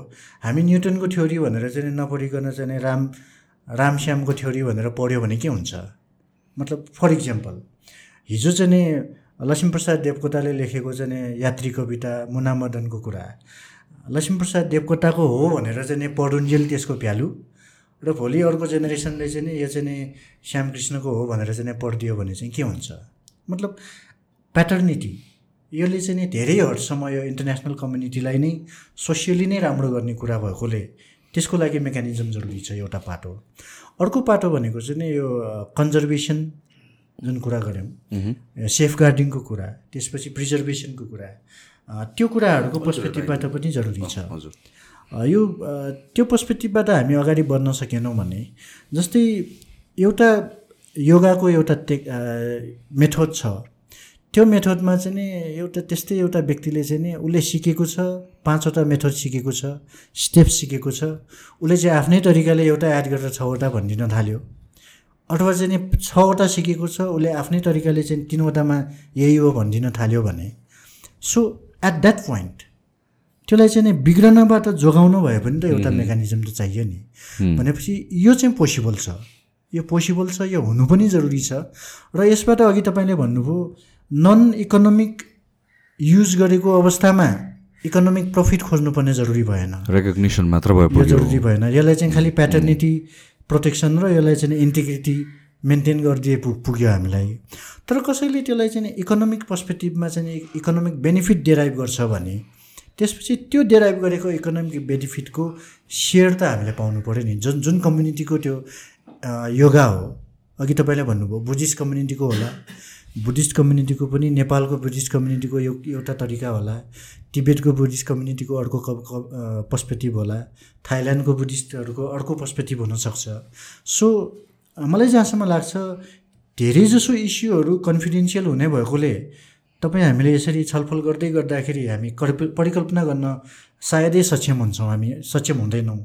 तर डक्ट्रिनली एनालाइसिस गऱ्यौँ भने चाहिँ नि योगाको पनि आफ्नो आफ्नो कम्युनिटीमा आफ्नो आफ्नो साइडमा चाहिँ त्यसको फर्म्सहरू हुन्छ त्यसको फिचर्सहरू हुन्छ त्यसको आइडेन्टिटीहरू हुन्छ। भनेपछि त्यसलाई चाहिँ आइडेन्टिफाई गरेर एउटा कम्युनिटीको यो हो भनेर चाहिँ रिकगनाइज गरिदिएपछि त्यसपछि त्यसलाई चाहिँ नि सेफ गार्डिङ प्रोटेक्सन र त्यसपछि बेनिफिट सेयरिङको कुराहरू पोसिबल पक्कै पनि छ। मलाई दिमागमा के आयो भने चाहिँ एगेन अघि कम्प्लिकेसनको कुरा गरेको थियौँ होइन त्यहाँतिर अलिकति मलाई टच गर्न मन लाग्यो। किनभने चाहिँ आई थिङ्क सबै ठाउँबाट हामीले एड्रेस गऱ्यो भने क्ल्यारिटी मोर पाउँछ। जस्तो कि अब हामीले हाम्रो डे टु डे लाइफमा त हामीले धेरै कुरा त आई थिङ्क डिफ्रेन्ट कल्चरहरूबाट सिकेका छौँ नि त। सो त्यसरी अब अब हामीले कमर्सियल युज गर्दैनौँ भने त आइडेन्टिफिकेसन कुरा मात्रै कमर्सियल युज गर्छौँ भने पनि त्यसमा इकोनोमिक पर्सपेक्टिभ पनि आउने भयो। सो चाहिँ कफी नै बनाउने तरिका भनौँ न। कफी बनाउनु पनि तरिका लाइक मसिनबाट बनाउन सकिन्छ होम ब्रु गर्न सकिन्छ डिफ्रेन्ट डिफ्रेन्ट मेथडबाट गर्न सकिन्छ। सो त्यो पर्सपेक्टिभबाट कफी पनि कुन मेथडबाट बनायो? त्यहाँ पनि हामीले अब हामीले पर्सनल युज गरिरहेको छौँ भने चाहिँ आइडेन्टिफिकेसनको मात्रै कुरा आयो बदललाई कमर्सियल युज गर्नु त्यहाँ पनि हामीले रोयल्टी पे गर्नु पऱ्यो मेबी सिमिलरली यो पडकास्ट गर्ने फर्मेट पनि कसैले डेभलप गरेर त्यसको पनि हुन्छ होला। मेबी इन्टरभ्यू गर्ने पनि कसैले डेभलप गरेर त्यसको पनि हुन्छ होला। सो मैले भन्नु खोजेको हामीले एउटा दिनमा गर्ने एक्टिभिटीहरूमा त धेरै कुराहरू त हामीले त अब डिफ्रेन्ट कल्चरबाट डिफ्रेन्ट ठाउँबाट सिक्दै आएको छौँ। त्यसरी आइडेन्टिफाई गर्न थाल्यो भने चाहिँ इज इट प्र्याक्टिकल कुनै कन्टेक्समा इम्पोसिबल होइन। प्र्याक्टिकल पनि छ पोसिबल पनि छ। किन छ भनेर सोद्धाखेरि अघि तपाईँले भन्नुभयो कफी बनाउने जुन मेथड भन्नुभयो। कफी बनाउने मेथड तपाईँको स्पेसिफिक युनिक मेथड तपाईँले आविष्कार गर्नुभएको छ भने त्यो आविष्कार गरेको मेथडलाई चाहिँ तपाईँले ट्रेड सेक्रेटको रूपमा पनि उपयोग गर्न सक्नुहुन्छ। आजको दिनमा आजको दिनमा ट्रेड सेक्रेटको रूपमा तपाईँले प्रिजर्भ गर्न सक्नुहुन्छ। तर त्यसको लागि के गर्नुपर्ने भयो तपाईँले तपाईँको त्यो टेक्निकलाई चाहिँ तपाईँ इन्डिभिजुअली मात्रै प्रयोग गर्नुपर्ने भयो अथवा तपाईँको स्टाफहरूको बिचमा मात्रै त्यसलाई त्यसबाट प्रफिट जेनेरेट गर्नु भएन मैले। त्यसबाट प्रफिट जेनेरेट गर्न सक्नुहुन्छ। अब के गर्न सक्नुहुन्छ भन्दाखेरि तपाईँको तपाईँले आफूले आविष्कार गरेको डेभलप गरेको टेक्निक छ। तपाईँको चारजना अर्को स्टाफलाई चाहिँ सेयर गर्नु पऱ्यो तपाईँले कफी बनाएर मार्केटमा जानुभयो भने। तपाईँले त्यो स्टाफसँग चाहिँ नि कन्फिडेन्सियलिटी ड्युटी मेन्टेन गर्नको लागि चाहिँ कन्ट्र्याक्ट बनाउन सक्नुहुन्छ आजको डेटमा। त्यो कन्ट्र्याक्ट बनाएर चाहिँ नि उनीहरूलाई चाहिँ नि तपाईँले सिकाउने सेयर गर्ने। अनि त्यो स्टाफले चाहिँ नि अरूलाई नसिकाउने र यो कफी सप हाम्रो आफ्नो रेस्टुरेन्ट छोडेर गइसकेपछि चाहिँ अर्कोमा चाहिँ तपाईँले गर्न पाइँदैन भनेर चाहिँ त्यस्तो किसिमको कन्फिडेन्सियलिटी कन्ट्र्याक्ट बनाएर चाहिँ यो कुरालाई लान सकिन्छ। यो कुरा भयो हाम्रो कफीको मेथडको। तपाईँको अघिको जिज्ञासा कन्सर्न के हो त भन्दाखेरि यस्तो धेरै कन्सर्नहरू हुन्छ यस्तो धेरै नलेजको एउटा स्पेयरहरू हुन्छ। जुन नलेजको स्पेयर चाहिँ हाम्रो डे टु डे लाइफमा चाहिँ अनगिन्ती कम्युनिटीको चाहिँ प्रयोग गरेको हुन्छौँ भनेर जुन भन्नुभयो। यही यही विषयमा नै हामीले भनेको हो। प्रयोग गर्न पाइयो। इन्टेलेक्चुअल प्रपर्टी राइटले के भन्छ भन्दाखेरि तपाईँले नन इकोनोमिक बेनिफिटको लागि कसैको नलेजलाई युज गर्नुहुन्छ भने द्याट इज नट क्राइम। तपाईँको इकोनोमिक बेनिफिट गर्नुभएको छैन। इकोनोमिक एक्सप्लोइटेसन गर्नुभएको छैन प्रफिट मेकिङ गर्नुभएको छैन एउटा। अर्को चाहिँ नि जसको त्यो ओनरसिप हो त्यो ओनरसिपलाई चाहिँ तपाईँले ड्यामेज गर्नुभएको छैन भने चाहिँ you're free to use others intellectual property rights त्यो आइपी लले त्यो पर्मिट गर्छ। तर दुईवटा कन्डिसनमा दिँदैन। तपाईँले प्रयोग गर्दै गर्दाखेरि उसको बेनिफिट उसलाई चाहिँ इकोनोमिकली चाहिँ नि अथवा मोडली उसलाई ड्यामेज हुन्छ भने तपाईँले पाउनुहुन्न। अथवा चाहिँ नि तपाईँले चाहिँ इकोनोमिकली चाहिँ नि बेनिफिट लिइराख्नु भएको छ भने तपाईँले पाउनुहुन्न। अब क्वेसन आउँछ तपाईँको डे टु डे लाइफमा चाहिँ त अब सयौँवटा नलेज हामीले युज गर्छौँ भने। मलाई चाहिँ के लाग्छ भन्दाखेरि म कहिलेकाहीँ क्लासमा डिस्कस गर्दाखेरि राख्छु। तपाईँहरूले हामीले बिहान उठ्दादेखि बेलुकी नसुत्दाखेरिसम्म अघि तपाईँले भने जस्तै हामीले के के प्रयोग गर्छौँ सामानहरू ट्यान्जिबल चिजहरू के के प्रयोग गर्छौँ त्यसको लिस्टिङ गर्ने हो भने सयौँदेखि हजारौँ पुग्छ। अनि त्यो सयौँदेखि हजारौँ सामानहरू कसले सुरुमा आविष्कार गर्यो कसले सुरुमा क्रिएट गर्यो भनेर हामीले त सोचेको हुँदैनौँ। तर हामीले प्रयोग गरेको हुन्छौँ कताबाट प्रयोग गर्छौँ भन्दाखेरि सर्टेन चिजहरू हामी फ्रीमा युज गर्छौँ सर्टेन चिजहरू हामी पे गरेर किनेर युज गर्छौँ। अनि त्यो पे गरेको भनेको चाहिँ के हो भनेर मेरो आफ्नो बुझाइ चाहिँ के हो भन्दाखेरि you're actually paying the royalty to the creator हामीले एउटा कुनै प्रडक्ट किन्दाखेरि एउटा ब्रस किन्दाखेरि हामीले सय रुपियाँ तिरिरहेछौँ भने त्यो ब्रसको डिजाइन गर्ने व्यक्तिलाई पचास पैसा गरे गएको हुनुपर्छ। अनि त्यो ब्रसको चाहिँ नि आविष्कार गरेको व्यक्तिलाई चाहिँ नि पचास पैसा गएको हुनुपर्छ। त्यो ब्रसको त्यो ब्रस बनाउने मेसिन बनाउने मान्छेलाई चाहिँ नि एक रुपियाँ गएको हुनसक्छ। त्यस्तो त्यस्तो डिभाइड हुँदै हुँदै हुँदै गएर मात्र त्यसको प्राइस सय रुपियाँ भएको हुनुपर्छ। त्यो सैद्धान्तिकली प्रिन्सिपली त्यो पक्कै पनि हो। भनेपछि तपाईँले किन्नु भनेको चाहिँ वास्तवमा त्यो रिकगनाइज गर्नु हो। क्रिएटरको क्रिएसनलाई चाहिँ तपाईँले थ्याङ्क्स भन्नु हो। म चाहिँ थ्याङ्क्स गिभिङ मेकानिजम भन्छु। इन्टेलेक्चुअल प्रपर्टी राइट्स मेकानिजम भनेको चाहिँ तपाईँले थ्याङ्क यू भन्ने हो क्या? कसैले क्रिएट गरेको छ? तपाईँले केही चिज काम लाग्ने चिज तपाईँलाई कसैले दिएको छ भने थ्याङ्क यू भन्ने हो। त्यति हो। हामी इक्जाममा बसिराख्दाखेरि कहिलेकाहीँ हुन्छ नि बच्चा बेलामा? इक्जाममा बसिरहेछौँ लेख्दा लेख्दै इङ्क सिदिन्छ इङ्क सिदिएपछि हामी के गर्छौँ? अफकोर्स हामी सँगै बसेको साथीसँग पेन दिनुहोस् भन्छौँ। त्यो सँगै बसेको साथीले कस्तो राम्रो पेन राखिरहेको थियो उसले त्यो पेन तपाईँलाई दिनुभयो। तपाईँले लेख्दा लेख्दै त्यो त्यसको नि भाँच्यो बिग्रियो ड्यामेज भयो। तपाईँ के गर्नुहुन्छ त्यति बेला? सक्छ हामी नयाँ त्यसको रिप्लेसमेन्ट दिन्छ। रिप्लेस गरिदिन्छौँ। सक्दैनौँ सडिद भन्छौँ। त्यो दुइटाको अलावा फेरि अर्को तेस्रो चिज हामी गर्छौँ त्यो भनेको थ्याङ्क यू त भन्छौँ नि। अब त्यो पच्चिस रुपियाँको पेन दियो भनेर तपाईँ त्यसलाई तिस रुपियाँ दिनुहुन्छ र? त्यो जाँच इक्जाम दिँदै गर्दाखेरि त्यसले दुई पेज हामीले लेखेको भनेको पच्चिस रुपियाँको भ्यालु होइन नि। सो त्यो भ्यालु कुनै प्रडक्टको त्यसको चाहिँ नि जुन भ्यालु छ हामीलाई त्यो भ्यालुलाई चाहिँ हामीले रियलाइज गरेर उसलाई जुन हामी थ्याङ्क यू भन्छौँ नि त्यो थ्याङ्क यू भन्ने चिज नै इन्टेलेक्चुअल प्रोपर्टी राइट्स हो कि? वास्तवमा। अप्रिसिएसन रेकग्नेसन एन्ड अप्रिसिएसन यस अब हामी एप्रिसिएट नगर्ने त भन्ने क्वेसन तपाईँलाई जसले सपोर्ट गर्यो तपाईँको डेली लाइफलाई चाहिँ नि इजी बनाउनको लागि जसले जे कुराले तपाईँलाई सजिलो गर्यो तपाईँको नलेजको स्फियरलाई चाहिँ नि टेनबाट इलेभेन पुर्याउनलाई चाहिँ नि जुन कुराले सपोर्ट गर्यो त्यो कुरालाई हामीले थ्याङ्क्स नभनिकन त हाम्रो नलेज सिस्टम नै कम्प्लिट हुँदैन नि। भनेपछि अहिले हामीले फ्रीमा पाइराखेका छौँ त्यही भएर यो पोसिबल छ र भन्ने कुरा हुन्छ। तर वास्तवमा के हुन्छ भन्दाखेरि कुनै कुनै कुरा चाहिँ त्यसलाई हामी सब्सिट्युट गर्छु भन्दाखेरि सक्दैनौँ। फ्रीमा पाएको अक्सिजन हामीले सास लिइरहेछौँ यसलाई हामी पैसाले किन्छौँ भन्दाखेरि अहिले तपाईँ हामी यसरी कुरा गर्दाखेरि त सक्दैनौँ। तर मान्छे हस्पिटलमा आइसियुमा बस्दा हस्पिटलमा आइसियुमा बस्दाखेरि त्यति बेला त अक्सिजन किनेकै हो नि। हुन त उता सिस्टमले चलाएको त पक्कै हो तर अक्सिजन किनेको पनि हो। मतलब किन्ने त पोसिबिलिटी रहेछ नि त। भनेपछि तर इन्टेन्जिबल अक्सिजन इन्टेन्जिबल छ अहिले फ्रीमा पाइरहेका छौँ।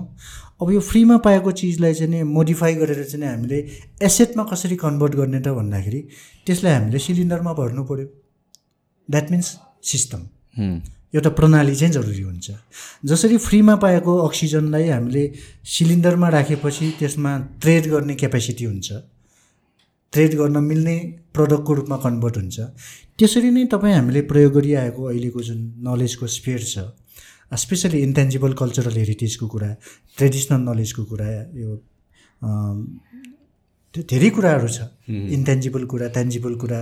अघि तपाईँले भन्नुभयो नलेजकै कुरा पनि हामी ट्यान्जिबल र इन्टेन्जिबल भनेर पनि भन्नु परेन। कुनै कम्युनिटीको भनेर पनि भन्नु परेन। धेरै नलेजहरू हुन्छ जुन यसरी प्रयोग गर्छौँ भने। अब इस्यु कतिको मात्रै हो भन्दाखेरि त्यो रिकगनाइज गर्ने कुरा त हामीले गरिदिनु पऱ्यो भन्ने कुरा हो। अनि जति सकिन्छ जति सकिन्छ त्यति रिकगनाइज गरिदिँदाखेरि चाहिँ नि हामीलाई नराम्रो होइन राम्रै हुन्छ। जस्तै किताब पढ्दाखेरि हामीले हाम्रो चलन के छ भन्दाखेरि नयाँ किताब किन्दाखेरि हजार रुपियाँ पर्छ फोटोकपी गर्दा तिन सयमा तयार हुन्छ। हामीले त एकचोटि जाँच दिनलाई हो जिन्दगीभरि पढ्नलाई होइन। अब त्यो हजारको त हामी तिनवटा किताब लिन्छौँ नि भनेर हामी सिम्पली हामी फोटोकपी गर्छौँ। तर त्यो फोटोकपी गर्दै गर्दाखेरि के हुने भयो त भन्दाखेरि त्यो ओरिजिनली किताब लेखेको व्यक्तिले त पाएन नि। फोटोकपी गर्दाखेरि पेपर बनाएको व्यक्तिले कम्पनीले त पायो। फोटोकपी मेसिन बनाएको कम्पनीले पनि पायो। कन्टेन्ट लेख्नेले चाहिँ पाएन। कन्टेन्ट लेख्नेले पाएन। अनि त्यो किताब भनेको त त्यही कन्टेन्ट हो। हो। त्यो किताब पेपर हेरेर त हामीलाई काम लागेको होइन। मेसिन हेरेर पनि काम लागेको होइन। त्यो कन्टेन्टको जुन त्यसको इन्टेन्जिबिलिटी हो। अनि फेरि त्यो कन्टेन्टमा पनि हामी इन्टेलेक्चुअल प्रपर्टी चाहिँ कपिराइटमा म चाहिँ कहिले काहीँ के भन्छु भन्दाखेरि त्यो कन्टेन्ट पढ्दै गर्दाखेरि जुन हामी रियलाइज गर्छौँ नि जुन हाम्रो ब्रेनले चाहिँ एउटा इमेज क्रिएट गर्छ नि त्यो इमेज क्रिएट गरेको क्यापेसिटीको कन्टेन्टलाई मात्र हामी कन्टेन्ट भन्छौँ। त्यस्तो क्रिएट गरेन भने कन्टेन्ट हामी मान्दैनौँ। त्यसैले हामी ओरिजिनालिटी भन्छौँ वास्तवमा। सो मैले भन्न खोजेको कुरा के हो भन्दाखेरि तपाईँले अघि राख्नुभएको जुन जिज्ञासा छ इम्पोसिबल छ त? भनेर जुन क्वेसन गर्दाखेरि चाहिँ हामीले गाह्रो चाहिँ पक्कै हो। एकदमै गाह्रो छ किन भन्दाखेरि हामीले यो बानी परेको छैन। तर यसलाई पोसिबल बनाउनु पर्ने विषय पनि हो। कोसिस गर्नुपर्ने विषय पनि हो। कोसिस भनेको हामी टेनबाट इलेभेन त गर्न सकिन्छ अब हन्ड्रेड पुग्नको लागि टेनबाट इलेभेन उक्लँदै उक्लँदै अब सय वर्षमा सय पुग्ला कि एकछिन टुवेल्भ ब्रेक लिउँ है त सर। ओके सो अघिको डिस्कसनले चाहिँ मैले चाहिँ एउटा कुरा के चाहिँ दिमागमा आयो भने चाहिँ कल्चरल अप्रोप्रिएसन भन्ने चाहिँ भनिन्छ कि वेस्टमा अहिले। अहिले चाहिँ यो दिस हेज बिकम अलिकता जल्दो बल्दो इस्यु जस्तो। स्पेसली अब इन्टरनेटमा सोसियल मिडियामा मैले चाहिँ यसलाई चाहिँ अलिकति कन्सिडर पनि गरेको थिएन खास हिसाबले बुझेको पनि थिएन but I don't know how I feel about it अहिले पनि. I think it's too early but then एउटा दिमागमा क्वेसन जस्तो चाहिँ आयो कि एउटा कल्चरबाट केही कुरा चाहिँ अर्को कल्चर या भन्छ नन नेटिभ अफ द्याट कल्चरले युज गर्दाखेरि अब त्यसको इम्पोर्टेन्स या क्रेडिट दिने कि नदिने भन्ने कुरा के? र अब कमर्सियल युजमा इट्स अ डिफ्रेन्ट थिङ तर पर्सनल युजमा पनि गर्दाखेरि त्यो युज गर्न पाउने कि नपाउने भन्ने फर्स्ट थिङ भयो। अरू कुरा भन्यो भनेको त्यो क्रेडिट दिने कि नदिने भन्ने पनि कुरा आयो। र अफकोर्स सिचुएसन अनुसारले यसको कन्टेक्स्ट अनुसारले यसको can be rights or eligibility eligibility can be change let's चाहिँ मेरो कल्चरलाई चाहिँ म बढाउन चाहन्छु। भनेर भनेपछि त्यो कल्चरको एउटा भनौँ न अग्रिमेन्ट अनुसारले चाहिँ अगाडि लग्न पायो। बट देन लाइक द कल्चरले त्यो रिट्रेस गर्न पनि पाउनुपर्छ जब तपाईँले अघि भन्नुभएको हिसाबले चाहिँ। सो दिस इज समथिङ जुन चाहिँ रिसेन्ट इयर्समा चाहिँ बढ्दै आएको देखिन्छ कि इस्युमा यो यो एरिया चाहिँ कस्तो इन्ट्रेस्टिङ छ भन्दाखेरि कल्चरको कुरा गर्दा पनि हामीले अलिकति इनडेप्थ हेरौँ भने कल्चरभित्रको कतिपय प्र्याक्टिस इन्डिभिजुअल पनि हुनसक्छ। भक्तपुरमा भक्तपुरभरि एउटै मान्छे मात्र व्यक्ति मात्रै हुनसक्छ एज अ इन्डिभिजुअल जसले उसको केही नलेज प्र्याक्टिस गरिराखेको हुनसक्छ traditionally that might be his own individual knowledge त्यो पर्फर्मेन्सको हुनसक्छ त्यो त्यो कुनै चिजको टेक्निकलिटी हुनसक्ला। त्यो चाहिँ उसको इन्डिभिजुअल इन्टेलेक्चुअल प्रोपर्टी अथवा ट्रेडिसनल नलेजै भनौँ हुनसक्ला एउटा एउटा पार्ट हो अर्को चाहिँ नि त्यस्तो नलेज कुनै एउटा फ्यामिलीमा लिमिटेड भएको हुनसक्छ। कुनै एउटा फ्यामिली अनि त्यसपछि एक्सटेन्ड भएर कुनै एउटा कम्युनिटीमा रिलेटेड भएको हुनसक्छ सीमित भएको हुनसक्छ जस्तै फर इक्जाम्पल तपाईँलाई नेपालकै कुरा गरौँ। भक्तपुरमा नवदुर्गा नाच भनेर अघि मैले थोरै मेन्सन गरेँ। त्यो नवदुर्गा नाच भनेको चाहिँ नि भक्तपुरको छुट्टै एउटा कम्युनिटीले मात्रै पर्फर्म गर्छ। वनमाला कम्युनिटी भन्छ अहिलेको टर्मिनोलोजीमा त्यहाँको लोकल भाषामा चाहिँ हामी गाथा भनेर भन्छौँ। गाथा जुपुङ भनेर भन्छौँ त्यो मतलब थर त्यो कम्युनिटीको आफ्नो आफ्नै पर्फर्मेन्सको त्यो हेरिडे त्यो कल्चर छ। अरूले अरू कम्युनिटीले पर्फर्म गर्दैन। अनि त्यसको छुट्टै विधा विधि विधान छ त्यसको छुट्टै कल्चरल ट्र्याक छ। अब त्यसलाई चाहिँ नि के गरिदियो यो वर्ष भन्दाखेरि उता तोखामा तोखाको त्यहाँको एउटा कल्चरल कम्युनिटीले चाहिँ नि हुन त उहाँहरूको पर्सपेक्टिभ पोजिटिभ होला। त्यो पर्सपेक्टिभ चाहिँ नेगेटिभ नहुनुपर्छ। तर त्यहाँ के गरिदियो भन्दाखेरि गाई जात्रामा चाहिँ नि त्यो प्रहसन देखाएको जस्तै भक्तपुरको नवदुर्गाको नाचको ठ्याक्कै त्यहाँ कपी गरेर त्यो कागजको मास्क बनाएर प्रेजेन्ट गरेको अवस्था युट्युबमा भाइरल भयो। त्यसमा हामीलाई के दुःख लाग्यो भन्दाखेरि त्यसले कल्चरली त्यसलाई चाहिँ नेगेटिभ इम्प्याक्ट पर्छ।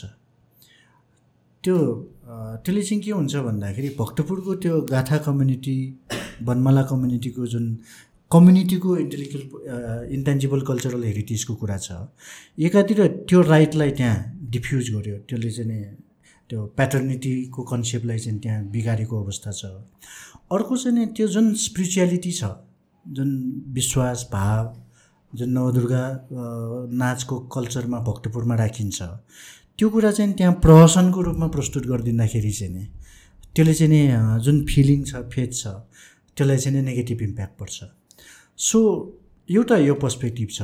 अर्को चाहिँ नि तपाईँले भन्नुभयो जस्तै कल्चरल आर्टिफ्याक्टहरू कल्चरल प्रडक्टहरू त्यो क्रस बोर्डरमा अथवा क्रस कम्युनिटीमा ट्रान्स बोर्डरमा प्रयोग गर्दाखेरि नन इकोनोमिकल इकोनोमिकल पर्सपेक्टिभमा प्रयोग गर्दाखेरि त्यसको रेगुलेसन कसरी गर्न सकिन्छ कसरी एड्रेस गर्न सकिन्छ गर्नुपर्ने होला कि नहोला भन्ने पर्सपेक्टिभमा जाँदाखेरि मलाई जहाँसम्म लाग्छ एउटा इक्जाम्पल धेरै पुरानो हो।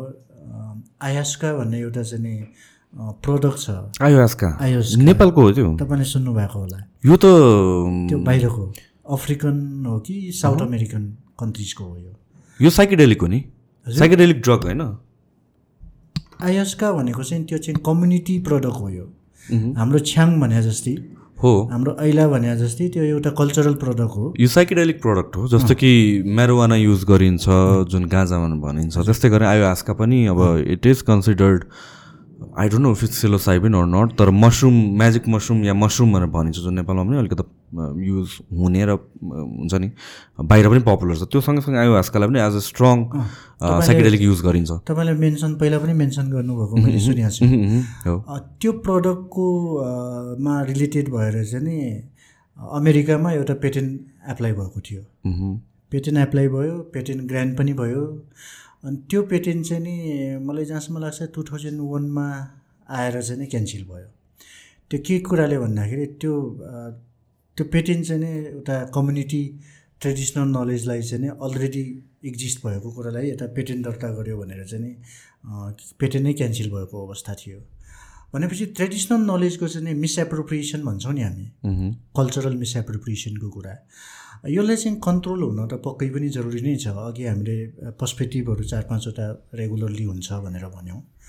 अब यसलाई मात्र यो हो कि व्यक्तिले चाहिँ नि कुन पर्सपेक्टिभमा प्रयोग गर्यो भन्ने एउटा क्वेसन हुन्छ। कसैलाई ड्यामेज गर्ने पर्सपेक्टिभमा प्रयोग भइराखेको छ कि कसैले बेनिफिट लिने पर्सपेक्टिभमा प्रयोग भइराखेको छ कि भन्ने कुरामा जाँदाखेरि अनि एउटा चाहिँ आफ्नै कम्युनिटीले प्रयोग गरेको हो कि एलियन कम्युनिटीले प्रयोग गर्यो भन्ने क्वेसनहरू पनि छ। अब यो इस्यु हो भनेर अहिले हामी चाहिँ नि यो फुड प्रडक्टहरूमा आउँदाखेरिको इस्यु चाहिँ नि आइरहेछ तर हामीलाई जानकारी मात्र नभएको हो त्यो म्युजिक सेक्टरमा धेरै पहिलादेखि थियो। म्युजिक सेक्टरमा त इजन वेस्टर्न कन्ट्रिजहरूमा पनि त्यो इन्डिजिनियस ट्र्याकहरूलाई चाहिँ लिएर आउने अनि यता चाहिँ नि फिल्ममा यो मोडर्न म्युजिकमा चाहिँ नि त्यसलाई चाहिँ एडप्ट गर्ने गर्दाखेरि चाहिँ नि त्यसले इस्यु आएर चाहिँ नि कपिराइट केस भएर त्यसलाई इम्प्लिमेन्ट गरेकोसम्म अवस्थाहरू छ। सो हामीले भन्न खोजेको कुरा के हो भन्दाखेरि जरुरी छ। जरुरी किन छ त भन्दाखेरि एउटा त त्यो नलेजलाई चाहिँ नि रिफ्रेस गरेर नलेजको चाहिँ एज सच कन्टिन्युएसनको पर्सपेक्टिभ सिचुएसन डेभलप गर्नको लागि त्यो जरुरी छ। अर्को चाहिँ जसको नलेज हो जसको कल्चर हो त्यो कल्चरको कम्युनिटी चाहिँ नि विदाउट टेक्नोलोजिकल एडभान्स जस्तै नेपालकै कुरा गरौँ। नेपालको कम्युनिटीलाई जापानको जस्तो फास्ट गुड्ने ट्रेन आएर यहाँ डेभलप हुने भनेर हामीले परिकल्पना गरेर बसेर त भएन नि।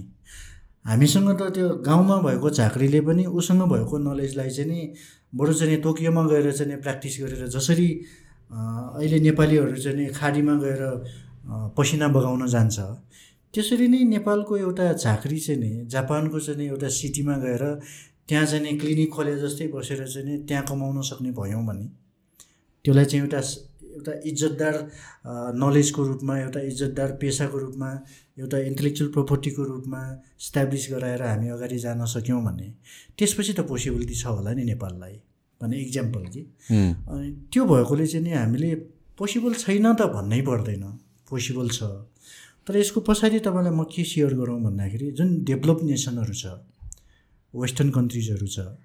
हामी अमेरिका जापान अब यता युरोप भन्छौँ। त्यो कन्ट्रीहरूले चाहिँ नि यो पर्सपेक्टिभको लिगल मेकानिजम डेभलप गर्नलाई चाहिँ नि रुचाउँदैन। पक्कै पनि रुचाउँदैन। पोलिसी लेभलमै रुचाउँदैन। एउटा इक्जाम्पल एउटा तपाईँलाई के दिउँ भन्दाखेरि नेपालमा बायोडाइभर्सिटीको कुरा गर्दाखेरि यो विश्वको धनी देशहरूमध्येमा पर्छ नि। मैले सुनेको संसारको चाहिँ नि त्यो प्लान्टको कुरा गर्दा स्पेसिसको कुरा गर्दा ब्राजिल पछिको पर्छ भन्नेसम्म पनि सुनेको थिएँ मैले। हामीले मतलब जेनरलाइजेसनमा के हो भन्दाखेरि विश्वको धनी मुलुकहरूमध्येमा नेपाल पर्छ बायोडाइभर्सिटीको कुरा गर्दाखेरि। अब तपाईँ कुरा गर्नुहोस् एउटा गाँजाको कुरा गर्दा एउटा चाहिँ नि यार्साकुम्बाको कुरा गर्दा एउटा तुलसीको पातको कुरा गर्दा हामी चाहिँ तुलसीको पातको कुरा गर्दा खुसी हुन्छौँ। यार्साकुम्बाको कुरा गर्दाखेरि एक्सपोर्ट गर्न पाइन्छ एक किलोको लाखौँ रुपियाँ पाइन्छ भनेर हामी मख पर्छौँ। अनि गाँजाको कुरा गर्दा चाहिँ हामी तर्सेर भाग्छौँ। हेर्नुहोस् है तिनटै प्लान्ट हो नि। तिनटै प्लान्ट हो। अनि तिनटै जेनेटिक रिसोर्स हो त्यसमा मेडिसिनल भ्यालु अरू प्रोपर्टी भ्यालुहरू छ। अब तुलसीको हामी युज गरिरहेछौँ। गाँजाको हामी युज गर्न लागि नै डराइरहेछौँ युज गर्नै दिइरहेको छैनौँ अनि यार्सा गुम्बाको चाहिँ त्यसमा पोसिबिलिटी छ हामीसँग युज गर्ने क्यापेसिटी छैन। त्यसमा पेटेन्ट जेनेरेट गर्ने औषधि जेनेरेट गर्ने हामीसँग क्यापेसिटी छैन। क्यापेसिटी छ हामीसँग फेसिलिटी छैन। अब मैले यहाँ राख्न खोजेको कुरा के हो भन्दाखेरि नेपालमा त्यत्रो अनगिन्ती प्लान्टहरू छ। बाटोमा उम्रिराखेको झाड पनि औषधि हो भनेर हामी मानेका छौँ। अब विदेशी लगानीको कुरा गर्नुहोस् तपाईँ विदेशी सहयोग सहायताको कुरा गर्नुहोस् तपाईँ एनजिओ आइएनजिओहरूको सपोर्टको कुरा गर्नुहोस् तपाईँ। कहिले पनि गभर्मेन्ट र नन गभर्मेन्टल प्रोजेक्ट हामीले नेपालमा यस्तो एउटा ल्याब डेभलप गरौँ जुन ल्याबमा चाहिँ यो नेपालमा भएको जति प्लान्टहरूको genetic रिसोर्सहरूको not only genetic non genetic resource पनि भन्छु म चाहिँ जस्तै माटो एउटा ढुङ्गा तपाईँलाई थाहा छ नेपालमा खान मिल्ने ढुङ्गा छ? शिलाजित भन्छौँ।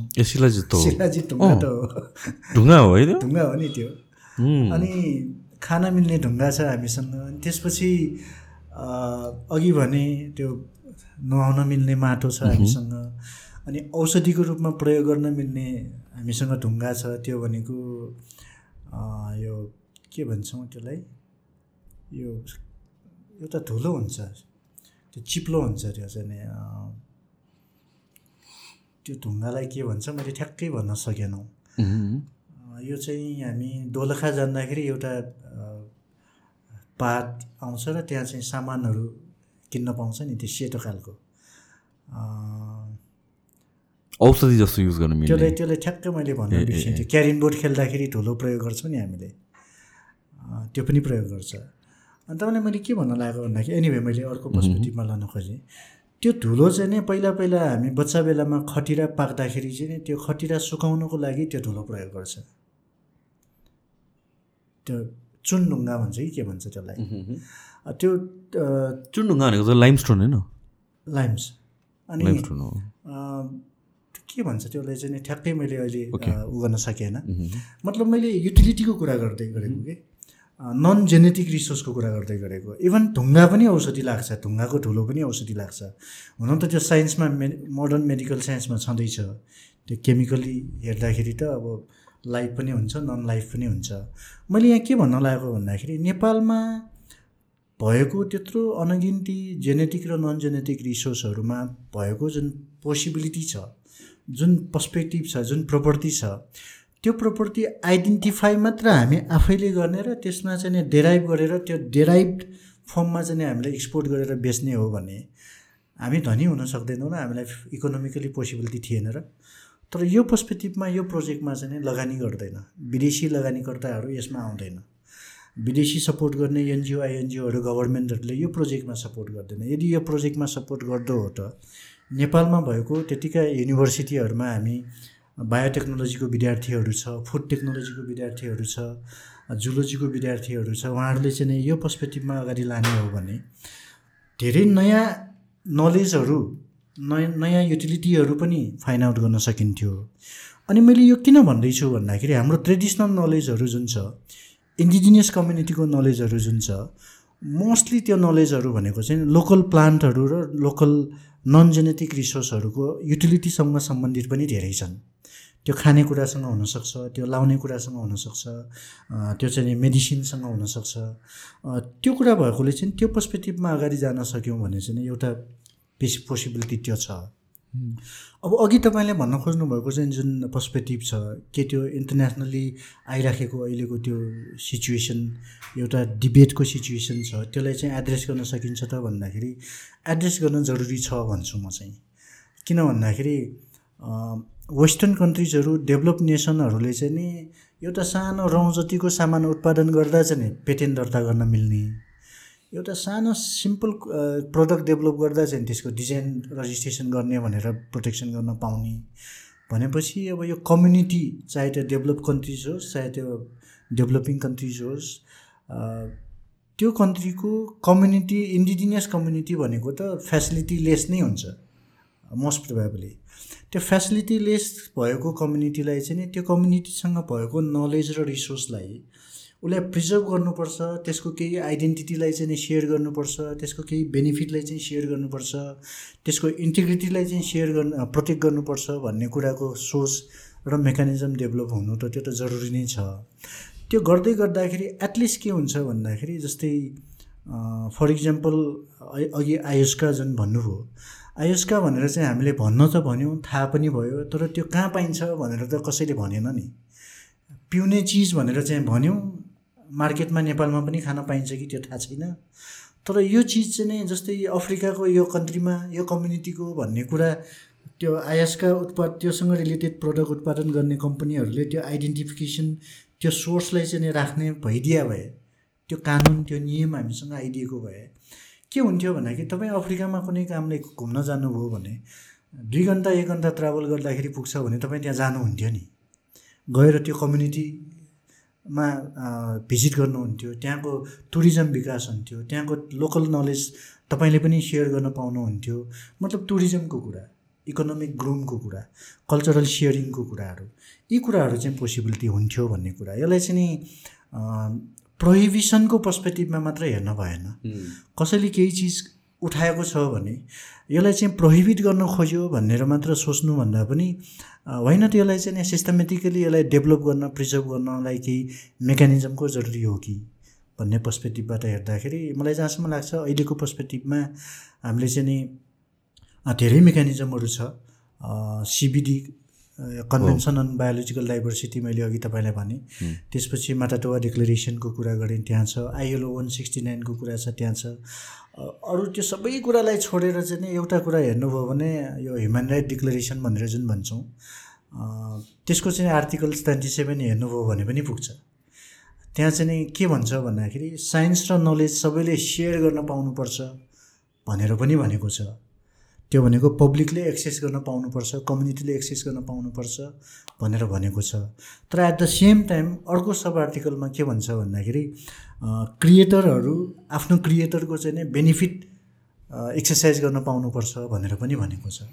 राइट एन्ड ड्युटिजको कुरा चाहिँ नि त्यहाँ दिएको छ। जुन यो इन्टेलेक्चुअल प्रपर्टी राइट्सको अथवा चाहिँ यो इन्टेलि इन्टेन्जिबल कल्चरल हेरिटेजको कुरा अघि तपाईँले कल्चरल आर्टिफ्याक्ट्सको कुरा गर्नुभयो।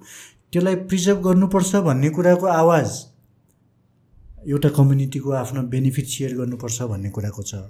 तर त्यो प्रिजर्भ गर्नुपर्छ भन्दै गर्दाखेरि चाहिँ नि उता चाहिँ कम्युनिटीले चाहिँ नि उसको बेनिफिट हुने चिजलाई चाहिँ नि प्रयोग गर्नबाट रोक्नुपर्छ भन्ने पनि होइन। तर यति भन्दै गर्दा पनि फेरि आइएलओ वान सिक्सटी नाइन जस्तो मेकानिजमले के भन्छ भन्दाखेरि इन्डिजिनियस पिपुलहरूलाई चाहिँ नि उनीहरूको आफ्नो आइडेन्टिटीलाई नै असर गर्ने हो भने चाहिँ त्यस्तो कुरालाई चाहिँ नि उनीहरूको आफ्नो डिसिजनमा छोडिदिनुपर्छ भन्छ। बाहिरबाट हस्तक्षेप गर्न पाइँदैन भन्छ। नेपालको कुरा गर्दाखेरि मलाई चाहिँ नि के याद आउँछ भन्दाखेरि राउटे कम्युनिटीको जुन एउटा इस्यु छ मेरो आफ्नो पर्सपेक्टिभ एउटा अलिकति थोरै फरक लाग्छ मलाई चाहिँ। हामी चाहिँ के लाग्छ भन्दाखेरि राउटे कम्युनिटी चाहिँ नि मोडर्न नलेज र टेक्नोलोजीको त्यो सञ्जालभित्र नआइकन चाहिँ नि एकोडिएको कम्युनिटी अज्ञानतामा रुम्लिएको कम्युनिटी भनेर भन्छौँ। तर वास्तविकता हामीले हेर्ने हो भने उनीहरूलाई त्यो कम्युनिटीलाई हामीले यो मेन स्ट्रिम कम्युनिटीमा ल्याउने एकातिर त्यो आफ्नो प्रयास त होला राज्यले आफ्नो तरिकाले त्यो मेकानिजम बनाउला।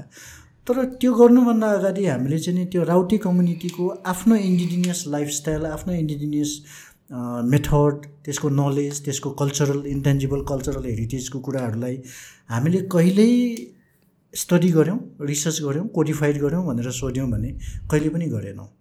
हामीले कति कुरामा कन्क्लुड गऱ्यौँ भन्दाखेरि उनीहरू भनेको तन्न पिउने लत्था सुत्ने केही मोडर्न इस्युको चाहिँ नलेजको चाहिँ उनीहरूलाई मतलब छैन। अनि चाहिँ नि त्यो कम्युनिटी भनेको चाहिँ नि आफ्नो कम्युनिटीलाई चाहिँ नि ग्रोथ गर्नलाई चाहिँ नचाहने भनेर हामी त्यसरी लिइदिन्छौँ तर त्यो कम्युनिटीले चाहिँ कसरी जङ्गलमा लाइफ सर्भाइभ गरिराखेको छ यत्रो हजारौँ वर्षदेखि र त्यो लाइफ सर्भाइभ गर्नुको पछाडिको चाहिँ उनीहरूको चाहिँ क्यापेसिटी के हो? नलेज के हो? कल्चर के हो? मेथड के हो? त्यो नलेज चाहिँ कुन लेभलसम्ममा चाहिँ नि मोडर्न टेक्नोलोजीलाई चाहिँ सपोर्ट गर्न सक्नेछ? मोडर्न लाइफलाई चाहिँ सपोर्ट गर्न सक्नेछ भन्ने कुरा हामीले कहिले पनि हेरेनौँ। हामीले कहिले पनि हेरेनौँ। अनि अहिले त के गऱ्यौँ भन्दाखेरि सरकारले चाहिँ नि उनीहरूलाई इभन ट्राभल गर्नबाट रोक्यौँ। एउटा ठाउँमा बसेको छ अर्को ठाउँमा ट्राभल गऱ्यो भने उनीहरूलाई चाहिँ हामी सपोर्ट गर्दैनौँ। अब यो इस्युमा चाहिँ मैले के भन्छु भन्दाखेरि हामी त मलाई चाहिँ के लाग्छ भन्दाखेरि इभन त्यो कम्युनिटीमा पनि इन्टेन्जिबल कल्चरल हेरिटेज त्यो कम्युनिटीमा पनि यो इन्डिजिनियस नलेजको कुराहरू ट्रेडिसनल नलेजको कुराहरूको चाहिँ खोजी गर्नुपर्छ भन्ने चाहिँ एउटा पर्सपेक्टिभ छ भने कन्क्लुड गर्दै गर्दाखेरि यस यस्तो पर्सपेक्टिभलाई कन्क्लुड गर्दै गर्दाखेरि चाहिँ नि हामी चाहिँ युनिभर्सिटीको प्रोफेसरसँग चाहिँ नलेज हुन्छ भनेर पर्सेप्सन बनाउने व्यक्ति। तर इन्टेलेक्चुअल प्रपर्टी राइटले के भन्छ भन्दाखेरि भिखारीसँग पनि आइपिआर हुन्छ है भिखारीसँग पनि नलेज हुन्छ है भनेर चाहिँ रिकगनाइज गर्छ। कुन पर्सपेक्टिभमा भन्दाखेरि कोही मान्छे बाटोमा मागेर बसेको हुन्छ भने ऊ त्यत्तिकै हात फैलाएर माग्छ भने त त्यो कुरा अर्को हो तर कोही गाएर माग्ने गाउँदै गर्छ माग्दै गर्छ कोही चाहिँ इन्स्ट्रुमेन्ट प्ले गर्दै गर्छ मागेर बस्छ भने त्यो चाहिँ वास्तवमा मागेर बसेको व्यक्ति होइन। ऊ त पर्फर्म गरेर बसेको छ उसको आफ्नो स्किललाई उसको आफ्नो दक्षतालाई आर्टलाई पर्फर्म गरेको छ भने हामीले चाहिँ उसलाई केही पैसा राखिदिनु भनेको डोनेट गरिदिनु भनेको चाहिँ नि हामीले सितैमा दिएको होइन भन्ने सैद्धान्तिक कुरा। त्यो त हामीले इन्जोय गरे बापत रोयल्टी दिएको भनेर मान्न सकिन्छ। That is a kind of theoretical perspective अनि वास्तवमा रियालिटी पनि हो। त्यो बाटोमा गाउँदै गरेको व्यक्तिले मागिराखेको छ उसले गाइराखेको छ भने तपाईँले आफ्नो क्यामेराबाट त्यो भिडियो सुटिङ गर्न पाउनुहुन्न। कपिराइट लले त्यसलाई प्रोहिबिट गर्छ। तपाईँले उसलाई सोध्नुपर्छ अनुमति दिनुपर्छ त्यसपछि मात्र रेकर्ड गर्न पाउनुहुन्छ। त्यो पनि तपाईँको पर्सनल युजको लागि। तपाईँले त्यसलाई चाहिँ नि कमर्सियल बेनिफिटको लागि युज गर्नुहुन्छ र तपाईँले त्यसलाई कमर्सियल बेनिफिट लिनुहुन्छ भने चाहिँ अब कपिराइट लले के भन्छ भन्दाखेरि you need to take permission for the same त्यसको चाहिँ रोयल्टी चाहिँ बेनिफिट सेयर गर्नुपर्छ भन्छौँ हामी. सो पर्सपेक्टिभ के हो त भन्दाखेरि एउटा माग्ने मान्छेको पर्फर्मेन्सलाई कपिराइटले प्रोटेक्सन गर्छ एकातिर. अर्कोतिर डेभलप नेसनहरूले चाहिँ एउटा सानो रौँमा फिट हुने चिज केही माइक्रो टेक्नोलोजी न्यानो टेक्नोलोजी भन्छौँ अहिले हामी. हुँदा हुँदा अब एआई भनेर भनिराखेका छौँ. त्यस्तो डेभलप गर्दा पनि हामी आइपिआर दिनुपर्छ राइट दिनुपर्छ भनेर भन्छौँ भने अब हामी एउटा इन्डिजिनियस कम्युनिटी जसमा चाहिँ नि हजारौँ वर्षदेखि प्र्याक्टिस गरिआएको नलेजलाई प्रिजर्भ गरिराखेको कम्युनिटीलाई चाहिँ नि केही चिज बेनिफिट दिनुपर्छ भन्नेमा कन्जुस्याइ गर्न नपर्ला। अब यसमा चाहिँ नि मलाई एउटा कुरा इन्स्टेन्स याद आयो। मैले नेपाल टेलिभिजनमा आखिजाल भन्ने एउटा प्रोग्राम आउँथ्यो। सायद त्यो प्रोग्राम अहिले पनि कन्टिन्यू छ।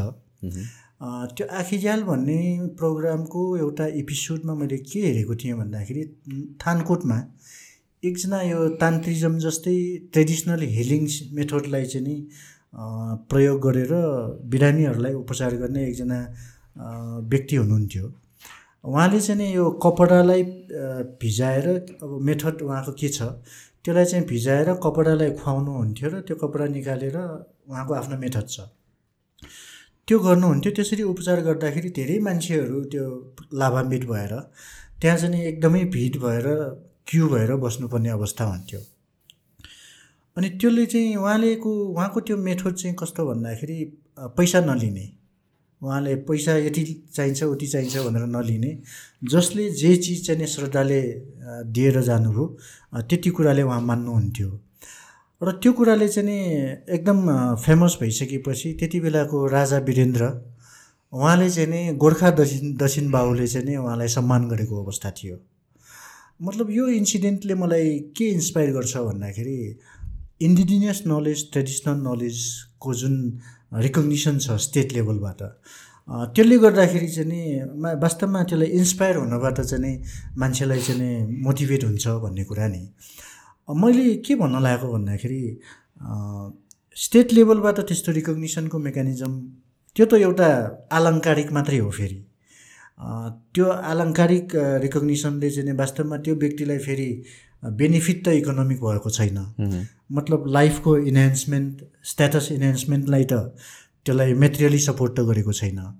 अब त्यस्तै मेकानिजम हामीले चाहिँ नि किन डेभलप गर्न सक्दैनौँ भन्ने कुरा त हो। अब त्यो पर्सपेक्टिभबाट चाहिँ हामीले अगाडि लान सकिन्छ पक्कै पनि। जस्तो कि तन्त्र मन्त्र सिकाउनु भने इलिगल छ कि छैन? त्यसलाई इलिगल मान्दैनौँ। मानिँदैन नेपालको इलिगल हुँदै पनि होइन इलिगल हुने गरिकन राज्यले कानुन बनाउन पनि पाउँदैन। म तपाईँलाई सेयर गरौँ।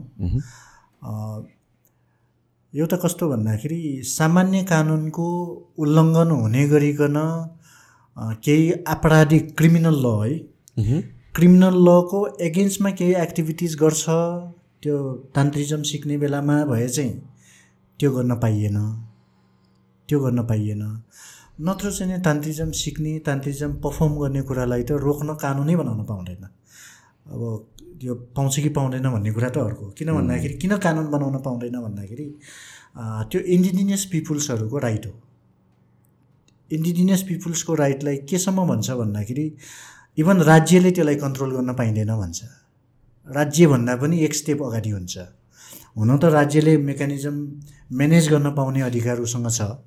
दायित्व पनि हो अधिकार पनि हो तर त्यो दायित्व र अधिकार चाहिँ इन्डिजिनियस पिपुलहरूको आइडेन्टिटी इन्डिजिनियस कम्युनिटीको एक्जिस्टेन्सलाई नै च्यालेन्ज गर्छ भने चाहिँ राज्यले त्यो गर्न सक्दैन।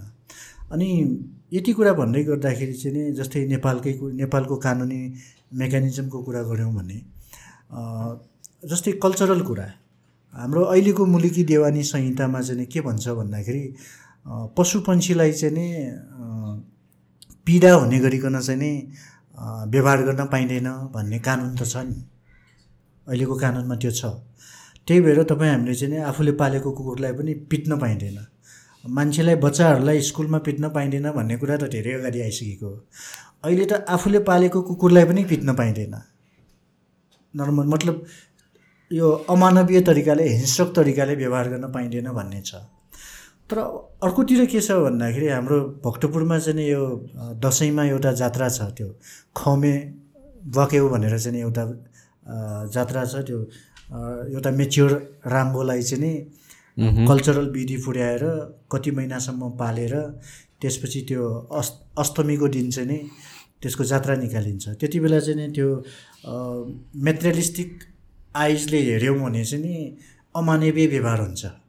त्यो राङ्गोलाई चाहिँ यति शास्ति गर्छ यति टर्चर दिइन्छ। त्यो एउटा पर्सपेक्टिभबाट हेऱ्यो भने त्यो राम्रो होइन। तर त्यो कस्तो छ भन्दाखेरि त्यो त एउटा कम्युनिटी कल् कल्चरल प्र्याक्टिस हो। कल्चरल आइडेन्टिटीको कुरा छ इन्टेन्जिबल कल्चरल हेरिटेजको पर्सपेक्टिभ छ त्यहाँ। अनि त्योभन्दा पनि बढी के छ भन्दाखेरि त्यहाँ चाहिँ तान्त्रिजम पूजा विधिको एउटा पार्ट हो त्यो। नवदुर्गाको तान्त्रिजम पूजा विधिको एउटा पार्ट छ। त्यो बिना त्यो नवदुर्गाको विधि नै पुरा हुँदैन। भनेपछि अब कानुनमा चाहिँ नि यता पशुलाई चाहिँ त्यसरी टर्चर दिन पाइँदैन भनेको कानुनी प्रोभिजनलाई टेकेर भोलि चाहिँ कसैले त्यसमा उजुरी गर्न पाउने त भन्ने क्वेसन गर्यो भने चाहिँ अफकोर्स नट त्यसलाई क्वेसन गर्न पाइँदैन। अब छलफल गर्न पाइयो। सोसियल मिडियामा कतिले त्यसमा क्वेसन उठाउँछ। अनि दसैँ आयो कि यो चाहिँ हत्या हिंसा पशु बलि बन्द गरौँ भन्ने मुभमेन्ट नै चल्छ। एउटा अनौठो कुरा के छ भन्दाखेरि कल्चरल मेथोडबाट पशु बलि दिएको विषयलाई चाहिँ हत्या हिंसा भएको देख्छ। तर त्यही हत्या हिंसा गलत हो भन्ने व्यक्ति चाहिँ फेरि पार्टीमा गएर चाहिँ नि कन्ज्युम उसैले पनि गरेको अवस्थाहरू हुनसक्छ। अथवा अर्को पर्सपेक्टिभमा हेर्नुभयो भने हामीले युट्युबमा हेऱ्यौँ भने कहिलेकाहीँ चाहिँ म पाउँछु। वेस्टर्न कन्ट्रिजहरूमा डेभलप नेसनहरूमा चाहिँ यो नन भेजको प्रडक्टहरू उत्पादन गर्ने कम्पनीहरूले कसरी त्यो एनिमलहरूलाई चाहिँ पशुहरूलाई पशु पन्छीलाई चाहिँ अनमा अमानवीय तरिकाले ट्रिट गर्छ र अमानवीय तरिकाले चाहिँ नि त्यो प्रडक्ट निकाल्ने बेलामा चाहिँ नि टर्चर दिन्छ भन्ने कुरा त हामीले हेर्दाखेरि आम जिरिङ्ग हुन्छ। उतातिर त्यसरी गर्ने प्रडक्ट त्यसरी इन्डस्ट्री चलाउनेलाई चाहिँ हामी क्वेसन उठाउन सक्दैनौँ। तर अब नेपालमा चाहिँ नि कल्चरल इन्सिडेन्टहरूलाई चाहिँ हामी क्वेसन उठाउँछौँ। मतलब मैले कन्क्लुड यता पर्सपेक्टिभ के राख्न चाहेको भन्दाखेरि तान्त्रिजमको कुरा जुन तपाईँले भन्नुभयो मैले चाहिँ नि यो कनेक्टिभिटीमा लान खोजेको। कल्चरल प्र्याक्टिस गर्दै गर्दाखेरि चाहिँ त्यसलाई चाहिँ नि बाहिरको कानुन लगेर एकैचोटि चाहिँ नि हस्तक्षेप गर्न चाहिँ पाइँदैन। अघि मैले भने अब यदि क्रिमिनल अफेन्स नै भइराखेको अवस्था छ भने त एउटा पाटो हो तर त्यो क्रिमिनल अफेन्सको पनि फेरि अघि भने त्यसको पनि अब वेट र पर्सपेक्टिभ र त्यसको गहनता कति छ भन्ने कुरामा सायद त्यतातिर जानु पर्ला। हाम्रो यो कल्चरमा बलि दिनुको सिग्निफिकेन्स चाहिँ के हुन्छ खासमा?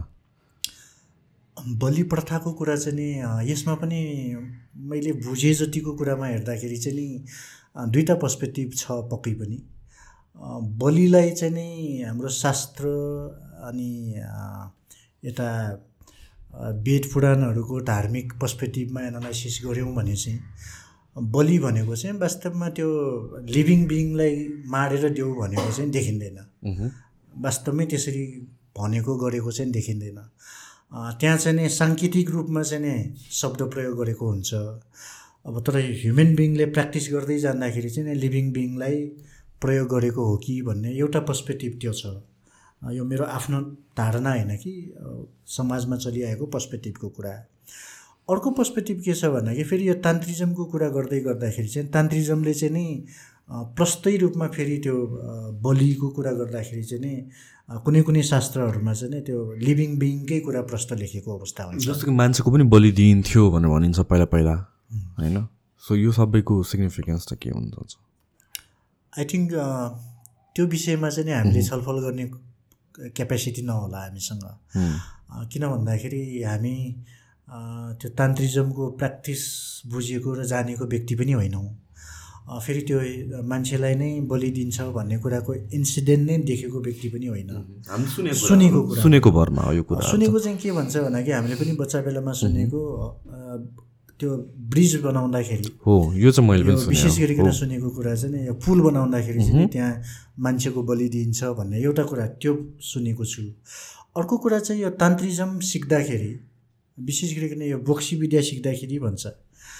त्यो सिक्दाखेरि चाहिँ नि त्यो सिकेको मान्छेले विशेष गरिकन फिमेलले सिक्छ भन्ने कुरा चाहिँ जेन जेनरलाइजेसन हो। तर त्यो कम्पलसरी त नहोला। जसले सिकेको छ उसले चाहिँ नि उसकै परिवारको मेम्बरलाई चाहिँ नि बलि दिनुपर्छ। त्यसलाई चाहिँ नि कन्क्लुड गर्दाखेरि भन्ने कुराहरू चाहिँ त्यो श्रुतिमा पाइन्छ। नेवार कम्युनिटीमा अहिले पनि त्यो श्रुतिमा पाइन्छ। श्रुति मात्रै होइन तपाईँले गुगल गर्नुभयो भने अथवा चाहिँ कतै यो सोसियल मिडियामा खोजी गर्नुभयो अथवा कतै नेवार कम्युनिटीको घरहरूमा कतै जानुभयो भने अहिले पनि त्यस्तो तस्बिर पाउनुहुन्छ। चित्र पाउनुहुन्छ पेन्टिङ पाउनुहुन्छ। जसमा एउटा व्यक्ति चाहिँ नि पूजा गर्न गएको मन्दिर जाँदै गरेको अनि त्यसले चाहिँ नि डोरीले चाहिँ नि एउटा अर्को मान्छेलाई चाहिँ नि घाँटीमा बाँधेर चारवटा खुट्टा टेकाएर चाहिँ नि लाँदै गरेको। त्यो त्यो पिक्चर देख्न पाइन्छ। एउटा त्यो भयो अर्को कुरा चाहिँ नि यो बलिको कुरा गर्दै गर्दाखेरि अर्को एउटा पर्सपेक्टिभ यो तान्त्रिजमको कुरा सेयर गर्न मन लागेको कुरा। म चाहिँ सायद प्लस टू पढ्दै गर्दा होला। एसएलसी दिने बेला प्लस टू पढ्दै गरेको बेलामा। एउटा क्लासमेट साथी भक्तपुरमा हुनुहुन्थ्यो। उहाँको बुवा चाहिँ अलिकति यो तान्त्रिजम सम्बन्धी अलिअलि इन्ट्रेस्ट राख्ने अध्ययन गर्ने व्यक्ति हुनुहुन्थ्यो। सामान्य झारफुक पनि गर्नुहुन्थ्यो। उहाँसँग चाहिँ एउटा किताब थियो। त्यो किताब मलाई पढ्नको लागि दिनुभएको थियो एकचोटि उहाँको घरमा। त्यो नेवारीमा लेखेको थियो मैले त्यो पढेको थिएँ। त्यति बेला बल्ल बल्ल त्यो नेवारी अक्षर पढ्न जानेको मैले। फेरि यो नेवारी स्क्रिप्ट पनि तपाईँलाई थाहा छ त्यो देवनागरीको जस्तै त्यो पढ्नलाई सजिलो हुँदैन। त्यहाँ पढ्दै जाँदाखेरि त्यसमा मैले दुई मिनट टाइम लिएँ। त्यसमा अलिकति व्याख्या कस्तो थियो भन्दाखेरि गिभन डेटमा चाहिँ नि चोखो भएर व्यक्तिले चाहिँ नि त्यो कालो माटो भन्छौँ नि त्यो कालो माटो लिएर आउने। अनि त्यसपछि गिभन डेटमा चाहिँ नि एउटा परेवालाई चाहिँ लिएर आएर गिभन डेटमा कौशिकमा पार्टिकुलर दिशामा हेरेर पूर्वतिर भनेको जस्तो लाग्यो मलाई अहिलेसम्म या अहिले याद आएको कुरा। हेरेर चाहिँ नि त्यो परेवालाई बलि दिएर त्यो परेवाको टाउको चाहिँ त्यो कौशीको उसमा पर्खालमा राखेर त्यो मा कालो माटोले त्यसलाई टाउकोमा राखेर पूजा गरेर त्यसमा चाहिँ तिलले पूजा गर्ने भन्छ। तिलले पूजा गरेर अनि त्यो दिनदिनै त्यसलाई चाहिँ पानी जल चढाएर चाहिँ त्यो तिल उमार्ने रे। त्यो तिल उम्रिसकेपछि तिलको बोटमा चाहिँ तिल फल्छ। त्यो फलिसकेपछि त्यो तिल त फेरि कस्तो हुन्छ भन्दाखेरि पाकेपछि आफै फुटेर झर्ने हो त्यो। अनि त्यो आफै फुटेर झर्ने बेलामा चाहिँ भुइँमा नपरोस् भनेर रातो कपडाले विधि पुर्याएर चाहिँ चारैतिर राख्ने। अनि त्यो तिल फुटेर त्यो रातो कपडामा परेपछि गिभन डेटमा गिभन त्यो प्रोसेस पुरा गरेर विधि पुरा गरेर त्यसलाई कलेक्सन गरेर एउटा स्टोर गर्नलाई एउटा बट्टामा राख्ने अरे। एउटा इन्ट्रेस्टिङ कुरा के छ भन्दाखेरि त्यो तिलको जुन बिउ छ त्यो तिललाई चाहिँ हामीले जिब्रो मुनि राखेपछि त्यो व्यक्ति चाहिँ नि अदृश्य हुन्छ भन्छ। त्यसमा उल्लेख गरेको कुरा। त्यो किताबमा म आफै स्वयं पढेको कुरा। अनि त्यो कुरा पढेदेखि पनि मनमा चाहिँ कस्तो हुने भन्दाखेरि नलेजको स्फेयर। कहाँसम्म थियो होला भन्ने कुरा। अब त्यो किताब कसैले साहित्य लेखे जस्तै परिकल्पना गरेर कथा लेखे भनौँ भने त्यहाँ एक्सनको कुरा व्याख्या छ। कसैको मनोरञ्जन गर्ने कुरा लेखिया छैन त्यहाँ। एक्सनै लेखेको छ नि त्यहाँ। कसैले यो एक्सनमा जाने यो विधि पुर्याउने भनेको छ। अब त्यसलाई अविश्वास गरेर छोडिदिउँ भन्यो भने अब विषय त्यस्तै छ। अब विश्वास गरेर ट्राई गरौँ भन्यो भने त्यो सामान्य तरिकाले सकिने विषय भएन। मतलब यहाँ सेयर गर्न खोजेको कुरा के हो भन्दाखेरि त्यो नेवारी ल्याङ्ग्वेजमा लेखेको त्यो किताब आज फेरि छैन। मैले चार पाँच वर्ष अगाडि यो कलेजमा छलफल हुँदाखेरि यस्तै इस्यु उठ्यो। त्यसपछि बुझ्न जाँदाखेरि त्यो साथीको बुवाले चाहिँ कसले त्यो पढ्नलाई लिएर गएको रे फिर्ता नै ल्याएन भन्ने कुरा हो। मतलब हामीसँग छ त्यो रिसोर्स अब त्यो रिसोर्सलाई चाहिँ के हुन्छ भन्दाखेरि हामी आफैसँग भएको आफ्नो भएकोले भ्यालु दिँदैनौँ। तर मलाई जहाँसम्म लाग्छ त्यही किताब चाहिँ वेस्टर्न युनिभर्सिटीले पायो भने अक्सफोर्ड जस्तो युनिभर्सिटीले पायो भने चाहिँ पक्कै रिसर्च गर्नु गर्छ होला जस्तो लाग्छ। मैले राख्न खोजेको कुरा के हो भन्दाखेरि तान्त्रिजमको कुरा तान्त्रिजमभित्र तन्त्रशास्त्रभित्र चाहिँ अब यस्तो कुराहरू पनि कति होला। अब यसलाई चाहिँ नि तन्त्र मात्रै भन्ने कि अब यसमा केही साइन्स छ कि भनेर हामीले रिसर्च गर्ने कि? भन्ने चाहिँ हाम्रो कुरा के हो भन्दाखेरि अबको अहिलेको जेनेरेसनले अहिलेको जेनेरेसनले चाहिँ नि यस्तो कुरालाई चाहिँ नि हामीले अर्थोडक्सको रूपमा अथवा कन्भेन्सनल इस्यु हो भनेर चाहिँ रिचेक गर्नुभन्दा सिधा रिजेक्ट गर्नुभन्दा यसलाई चाहिँ एकचोटि रिथिङ्क गर्नुपर्ने विषय हो कि भन्ने विषय एउटा पर्सपेक्टिभ थियो अब अर्को पर्सपेक्टिभ चाहिँ के हो भन्दाखेरि अहिले हामीले गफ गर्दै गरेको छलफल गर्दै गरेको सेयर गर्दै गरेको विषय चाहिँ हामी चाहिँ खालि गफमा गफ गरिरहेछौँ कुरामा कुरा गरिरहेछौँ। यसको स्टेक होल्डर वास्तवमा कस्टोडियन को त भन्दाखेरि हाम्रो बाजे मात्रै हो। तपाईँको बाजे मात्रै हो मेरो बाजे मात्रै हो। बुवा पनि होइन भन्छु म चाहिँ। हाम्रो जेनेरेसनको बुवासँग पनि यो नलेज छैन बाजेसँग मात्रै बाँकी छ। अब त्यो बाजेको लाइफ स्पान कति त भन्दाखेरि म्याक्स म्याक्सिमम् गयो भने अबको ट्वेन्टी फाइभ इयर्स म्याक्सिमम् गयो भने। अब त्यो बाजेसँग भएको नलेजलाई चाहिँ नि अब हाम्रो जेनेरेसनमा अथवा हाम्रो पछिको अब पढ्दै गरेको जेनेरेसनमा सिस्टमेटिकली डेराइभ गर्न पाएनौँ भने चाहिँ त्यो व्यक्तिसँग त्यो नलेज डिसएपियर भएर जान्छ अब। नलेज लुप्त भएर जान्छ। नलेज भनेको चिज त नलेज ब्रेनमा हुन्छ। त्यो ब्रेनै लुप्त भएर सिद्धिएपछि त सिद्धियो सबै। भनेपछि च्यालेन्ज र अपर्च्युनिटी के हो भन्दाखेरि अब यो गभर्मेन्टको लागि पनि राज्यको लागि पनि अनि तपाईँ हामी कम्युनिटीको लागि पनि र तपाईँ हामी एज अ इन्डिभिजुअल इन्थुजियास्टिक इन्डिभिजुअल्सको लागि पनि अबको पच्चिस वर्षभित्रमा हामीले सबै प्रिपेयर मेकानिजम डेभलप गर्न सक्यौँ भने यस्तो नलेज अब ट्रान्सफर्म हुन्छ। नत्र चाहिँ कति नलेजहरू चाहिँ अब यो लुप्त भएर जाने खतरा एकातिर छ।